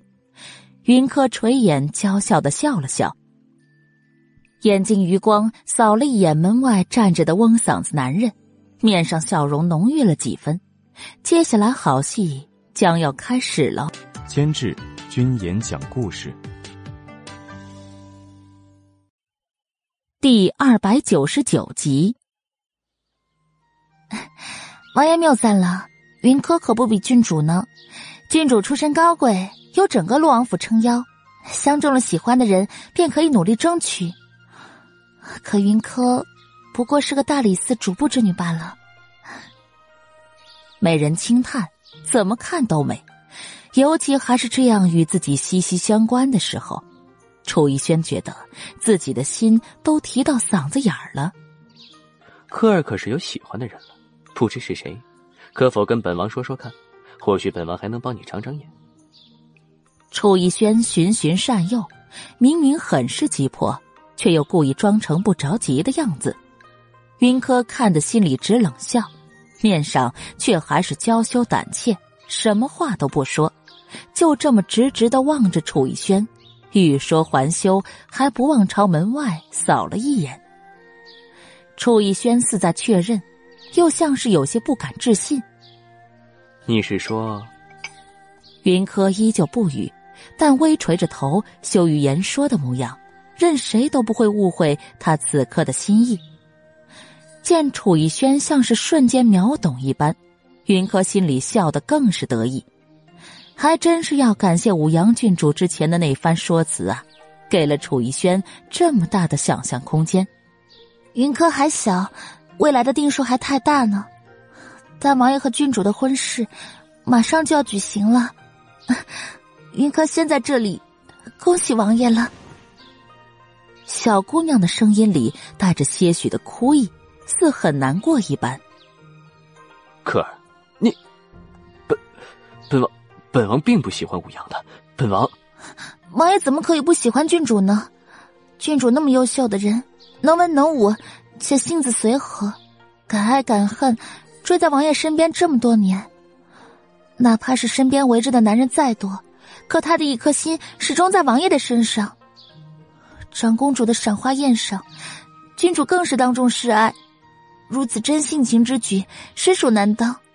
云柯望尘莫及，又岂能与郡主一争长短呢？武阳身边围着的男人很多。云柯的所有话中，楚逸轩的关注点却是在这一句上。云柯像是完全没发现不对之处，很天真的猛点头。当然啊。那可是洛王府几代才出的郡主呢，人缘自然是好的。听说洛王自小就送了不少的美男。话没说完，云柯便猛地捂住自己的嘴：“不是不是，那都是我随便说的。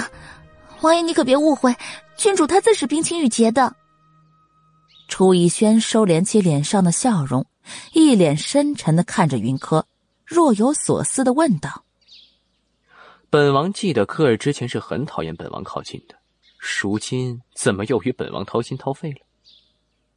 楚逸轩的转变有些突然，云柯熟知他性子，知道他这是对他的话起了疑心。如果不能让他释疑，那么他刚刚的表演可就白费了。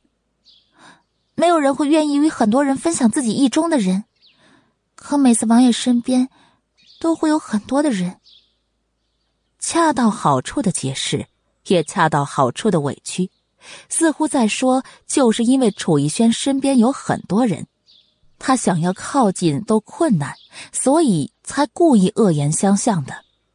云柯眼底有些潮意，楚逸轩恰好看到，他尚未来得及分辨云柯眼里的情意真假，就又听到小姑娘哽着嗓子说道：“乌阳郡主一定很爱王爷吧，所以才会对所有靠近王爷身边的女人都严阵以待，还将自己的人派到王爷身边来。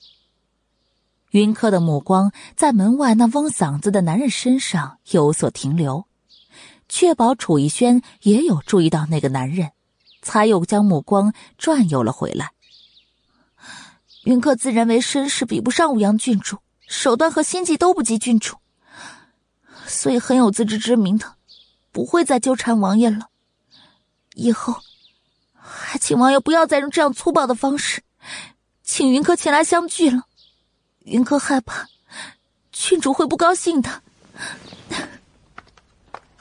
特意在“粗暴”两个字上加重了发音，然后像是想到什么一般，慌乱的起身。朝楚天却俯身一礼，便匆匆离开。看着云客离开的背影，楚逸轩整个人都阴沉的可怕。滚进来！对着门口一声暴吼，那带头去请云客的翁生男子就忙不迭的走了进来。你到底是谁的人？给本王说清楚，本王尚且饶你一条活路，不然本王就直接把你扔进地牢里。你自己想清楚了。楚逸轩可没忘记刚刚云客话里的意思，还有那明显带有指向性的眼神。王爷，那云三小姐刁钻古怪，你跟郡主的婚事在即，还是少见她为好。男子嗓子嗡嗡的，说出来的话让人听着十分的刺耳。哪怕是他没有多言，但楚逸轩也知道。他这是表明自己的身份，他就是武阳的人，而且还是特意安插在自己身边的。堂堂三王爷身边被安插了人，他自己都不知道。想到这里，楚逸轩的怒气瞬间倾泻，拔剑直接逼向男子。男子抽剑相抵，数十招下来，楚逸轩竟然不能在短时间里将他拿下，换来暗卫相助。却也是逼得那男子从窗户里一跃而下，汇入人流，不见了踪影。好一个武阳郡主，你最好是祈祷入宫之后老实待着，不然本王定不会轻饶于你。楚逸轩气得一掌直接劈在桌子上，桌子粉碎成屑，溅落在每个角落里。听着楼上传来的巨响，云柯嘴角的笑容就没消散过。小姐，你刚刚说的那些话都是真的吗？韩东问的小心又纠结，想要云柯马上回答他，又害怕听到云柯真实肯定的回答，那模样很是逗人。哪些话呀？我刚才说的话可是不少呢。你说的是哪句啊？云柯故作不知，笑吟吟的看着韩东。就是，就是。就是你说你心悦六王爷的那些话呀，韩冬很着急，这些话可是至关重要的呀。云柯笑而不语，倒是韩秋转过身来看着韩冬。小姐有说过她心悦于六王爷吗？没有吧？我们可是都站在外面呢，可没听到小姐说过这样的话。可当时小姐那模样，分明就是这么表现出来的呀，而且六王爷肯定也是这么认为的。小姐，你可是才说过相中武门王爷的，你可不能就这么快移情别恋啊！韩东如何能不着急？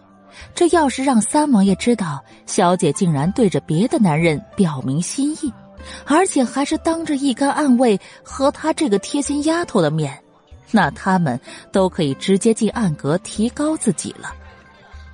韩月被韩东那护犊子的模样逗得哈哈大笑。云柯也有些止不住笑，看着韩冬，认真的说道：“我有没有移情别恋，可以让你家王爷亲自去查证的哟。”啊，这个要让王爷怎么查证啊？韩冬傻乎乎的反问，见云柯已经上了马车，小姐，你等等我啊！那着急的模样逗得韩月和韩秋又是大笑。小姐，你也是越来越坏心眼了。明知道韩冬性子轴，还故意逗他。马车上，韩秋打趣云柯，云柯笑得眉眼弯弯，也不反驳。马车直接回了定国侯府。云柯穿过花园回锦院时，恰好看到云玉正从朵院的方向过来。他假装没看见一般，依旧缓速往前走。云柯，你等等。不是。第三百集，云柯脚步不停，云玉却是大跨步的走过来，挡住他的去路。云柯脸上的笑容收敛，至余下疏离。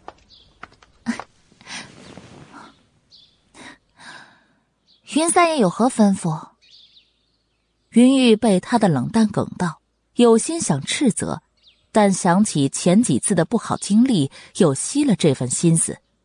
我看朵院里服侍的人太少了，如今三房你掌家，给朵院再拨两个人过去，朵姐的份力也不要落下。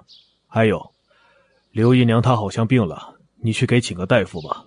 哈，原来云三爷也是会关心人的嘛。云柯挑眉轻笑，分不清是在嘲笑云玉，还是真的赞叹。你哪来的那么多话？照我说的做就是了。云玉被云柯这模样气得不轻，留下这么一句话，便匆匆离开，那模样像是身后有恶鬼驱赶一般。云柯轻嗤一声，大步回到锦院。院子里，韩心匆匆赶来，凑到云柯的耳边低语：“小姐，你快进去看看吧，你的房间里白嬷嬷快要跟人打起来了。”白嬷嬷跟人打起来，而且还是在他的房里。云柯一凛，心头有种不好的预感升起，加快速度回到房间，果然就看到白嬷嬷怒视着悠然躺在他床上的那抹紫色身影，而床上的楚天阙在看见他进来时，便想窜过来抱他。白嬷嬷也就在这瞬间出手，寒光迸射，楚天却窜出的身影略略偏过。白嬷嬷则是在第一时间护在云柯的面前，不让他再进一步。娇娇，过来。不能第一时间抱到人，楚天阙的心情很不好，冷着嗓子朝云柯喊道，话音里带着明显的怒意，隐约还夹杂着几分委屈。云柯莫名的有些想笑，堂堂三王爷像个小媳妇这样的场景。只怕也就在他的锦院里能看到的吧。小姐，女子名声大于天，你跟三王爷名不正言不顺，还是保持些距离的好。云柯尚未来得及说话，就被白嬷嬷抢了先。他伸开双手拦在云柯的面前，稍稍转头对身后的云柯说道：“云柯的笑声还真就没有控制住。”见楚天阙用一种更幽怨的目光朝他看来，云柯轻咳了一声，很是正经的说道：“王爷先回去吧，嬷嬷说的没错啊，你老是这样随意进我屋子，对我名声不太好呢。”见云柯这么说，白嬷嬷很是满意，又转回目光正对着楚天阙：“王爷可是听清楚了？我们小姐说让王爷你回去。”日后也请别再这样轻易的进女儿家的闺房来。娇娇，这就是你要跟本王说的话。在你跟楚逸轩幽会回来后，就忙着跟本王划清界限。阴郁而又寡淡的声音响起，楚天阙脸上满是阴沉。小姑娘为何要赶他走呢？而且还是在他跟楚逸轩见过面之后，这其中到底发生了什么？暗卫传回来的消息是，小姑娘居然当着这么多人的面跟楚逸轩告白。原本以为来了锦院可以听到小姑娘的亲口解释，可事实却是，小姑娘伙同别人赶他走，拒绝他的亲近。啊，王爷可不能瞎说坏我闺女啊！我不过是在街上偶遇了六王爷，与他一道品茶罢了，哪是王爷说的什么幽会啊？云柯不紧不慢的解释着。目光一直没离过楚天阙脸上，见他非但没有被安慰到，似乎还更恼了。云柯有些无奈：“啊，王爷还是先回去吧，有嬷嬷在，往后你都可别轻易的进来了，我们白嬷嬷可厉害着呢。云柯说的很是隐晦，可楚天却似乎并没有听懂，他依旧是冷着脸怒视着白嬷嬷，也瞪着那个没良心的小姑娘。可偏偏不管是白嬷嬷还是小姑娘，都无视他，让他心里的怒气也是越积越浓。本王再问你最后一次，娇娇，你过是不过来？几乎是咬牙切齿，楚天却现在的心情很不好。这阵子在锦院出入自由，让他都险些忘记，在这不久前他是经常被拦的。可那会儿被拦，是因为小姑娘心里没他，不待见他，至少他的心态是平和的。可是今天在明知道小姑娘跟楚逸轩私底下待了不短的时间后，他赶来要解释，却被一个老奴才给拦下了。偏偏小姑娘不但不帮他。反而是认着那老奴才对付他，这让他如何心里能平静？莫不是小姑娘真的被楚逸轩那个渣渣给勾走了？想到这种可能，楚天阙的脸色更难看，看向小姑娘的目光也就更阴沉。三王爷还是请回吧，我们小姐今日出府，现在肯定是累了，需要休息了。感觉到身后的沉默。白嬷嬷担心小姐被三王爷给说服，又一次的抢过话头赶人了。云柯透过白嬷嬷的发丝，静静的看着楚天阙的脸黑了又青，青了又黑的，默默的在心里为白嬷嬷点了个赞。有心想要说些什么来补救，却见楚天阙一甩衣袖，恶狠狠的瞪了他一眼，然后说道：“哼，好。”很好，云柯，你真当本王只稀罕你不成？今日是你赶本王走，本王若是再来，就是小狗。说完便拂袖离开。看着他那气冲冲的模样，韩冬、韩秋等人都害怕的埋头不敢说话了。白嬷嬷有些发愣，回过头来问云柯：“小姐，三王爷他该不会真恼上你吧？”白嬷嬷只是不希望自家小姐在婚前给太多的甜头，让三王爷失了新鲜感，但也没有想阻拦这份亲事的意思。这会儿见楚天却因为他的阻拦而对小姐怒气相向，心里便有些忐忑起来。云柯眼里金光闪过，看向白嬷嬷时却是带上了几分无害。白嬷嬷不用太在意的。男人嘛，得不到的总是最好的。三王爷他也是男人啊。今日虽然没让他留下来，他会恼上，但日子长了也就会慢慢淡忘的。那要是三王爷直接就把小姐你也给淡忘了怎么办啊？小姐你是女儿家，总不能主动去找三王爷啊。可是你不去，王爷他又不会愿意再来，这样下去，不就是相忘于江湖了吗？韩月大着嗓子问。白嬷嬷脸僵了僵，越发不安的看着云柯。小小姐，要不老奴去把三王爷追回来？云柯唇边笑意闪现，又快速的隐去，对白嬷嬷摇了摇头，走向刚刚楚天却躺过的床，合衣躺下，声音略带几分疲惫的说道：“啊。”嬷嬷，你就随他去吧，可不能太惯着他，不然日后还不知道得怎么胡闹呢。嗯，白嬷嬷踌躇不安的点了点头，不再说什么。云柯闭上眼睛假寐，隐约听见院子里老槐树上传来一阵清脆的响声，于是阴暗里的云柯唇边的弧度就更深了。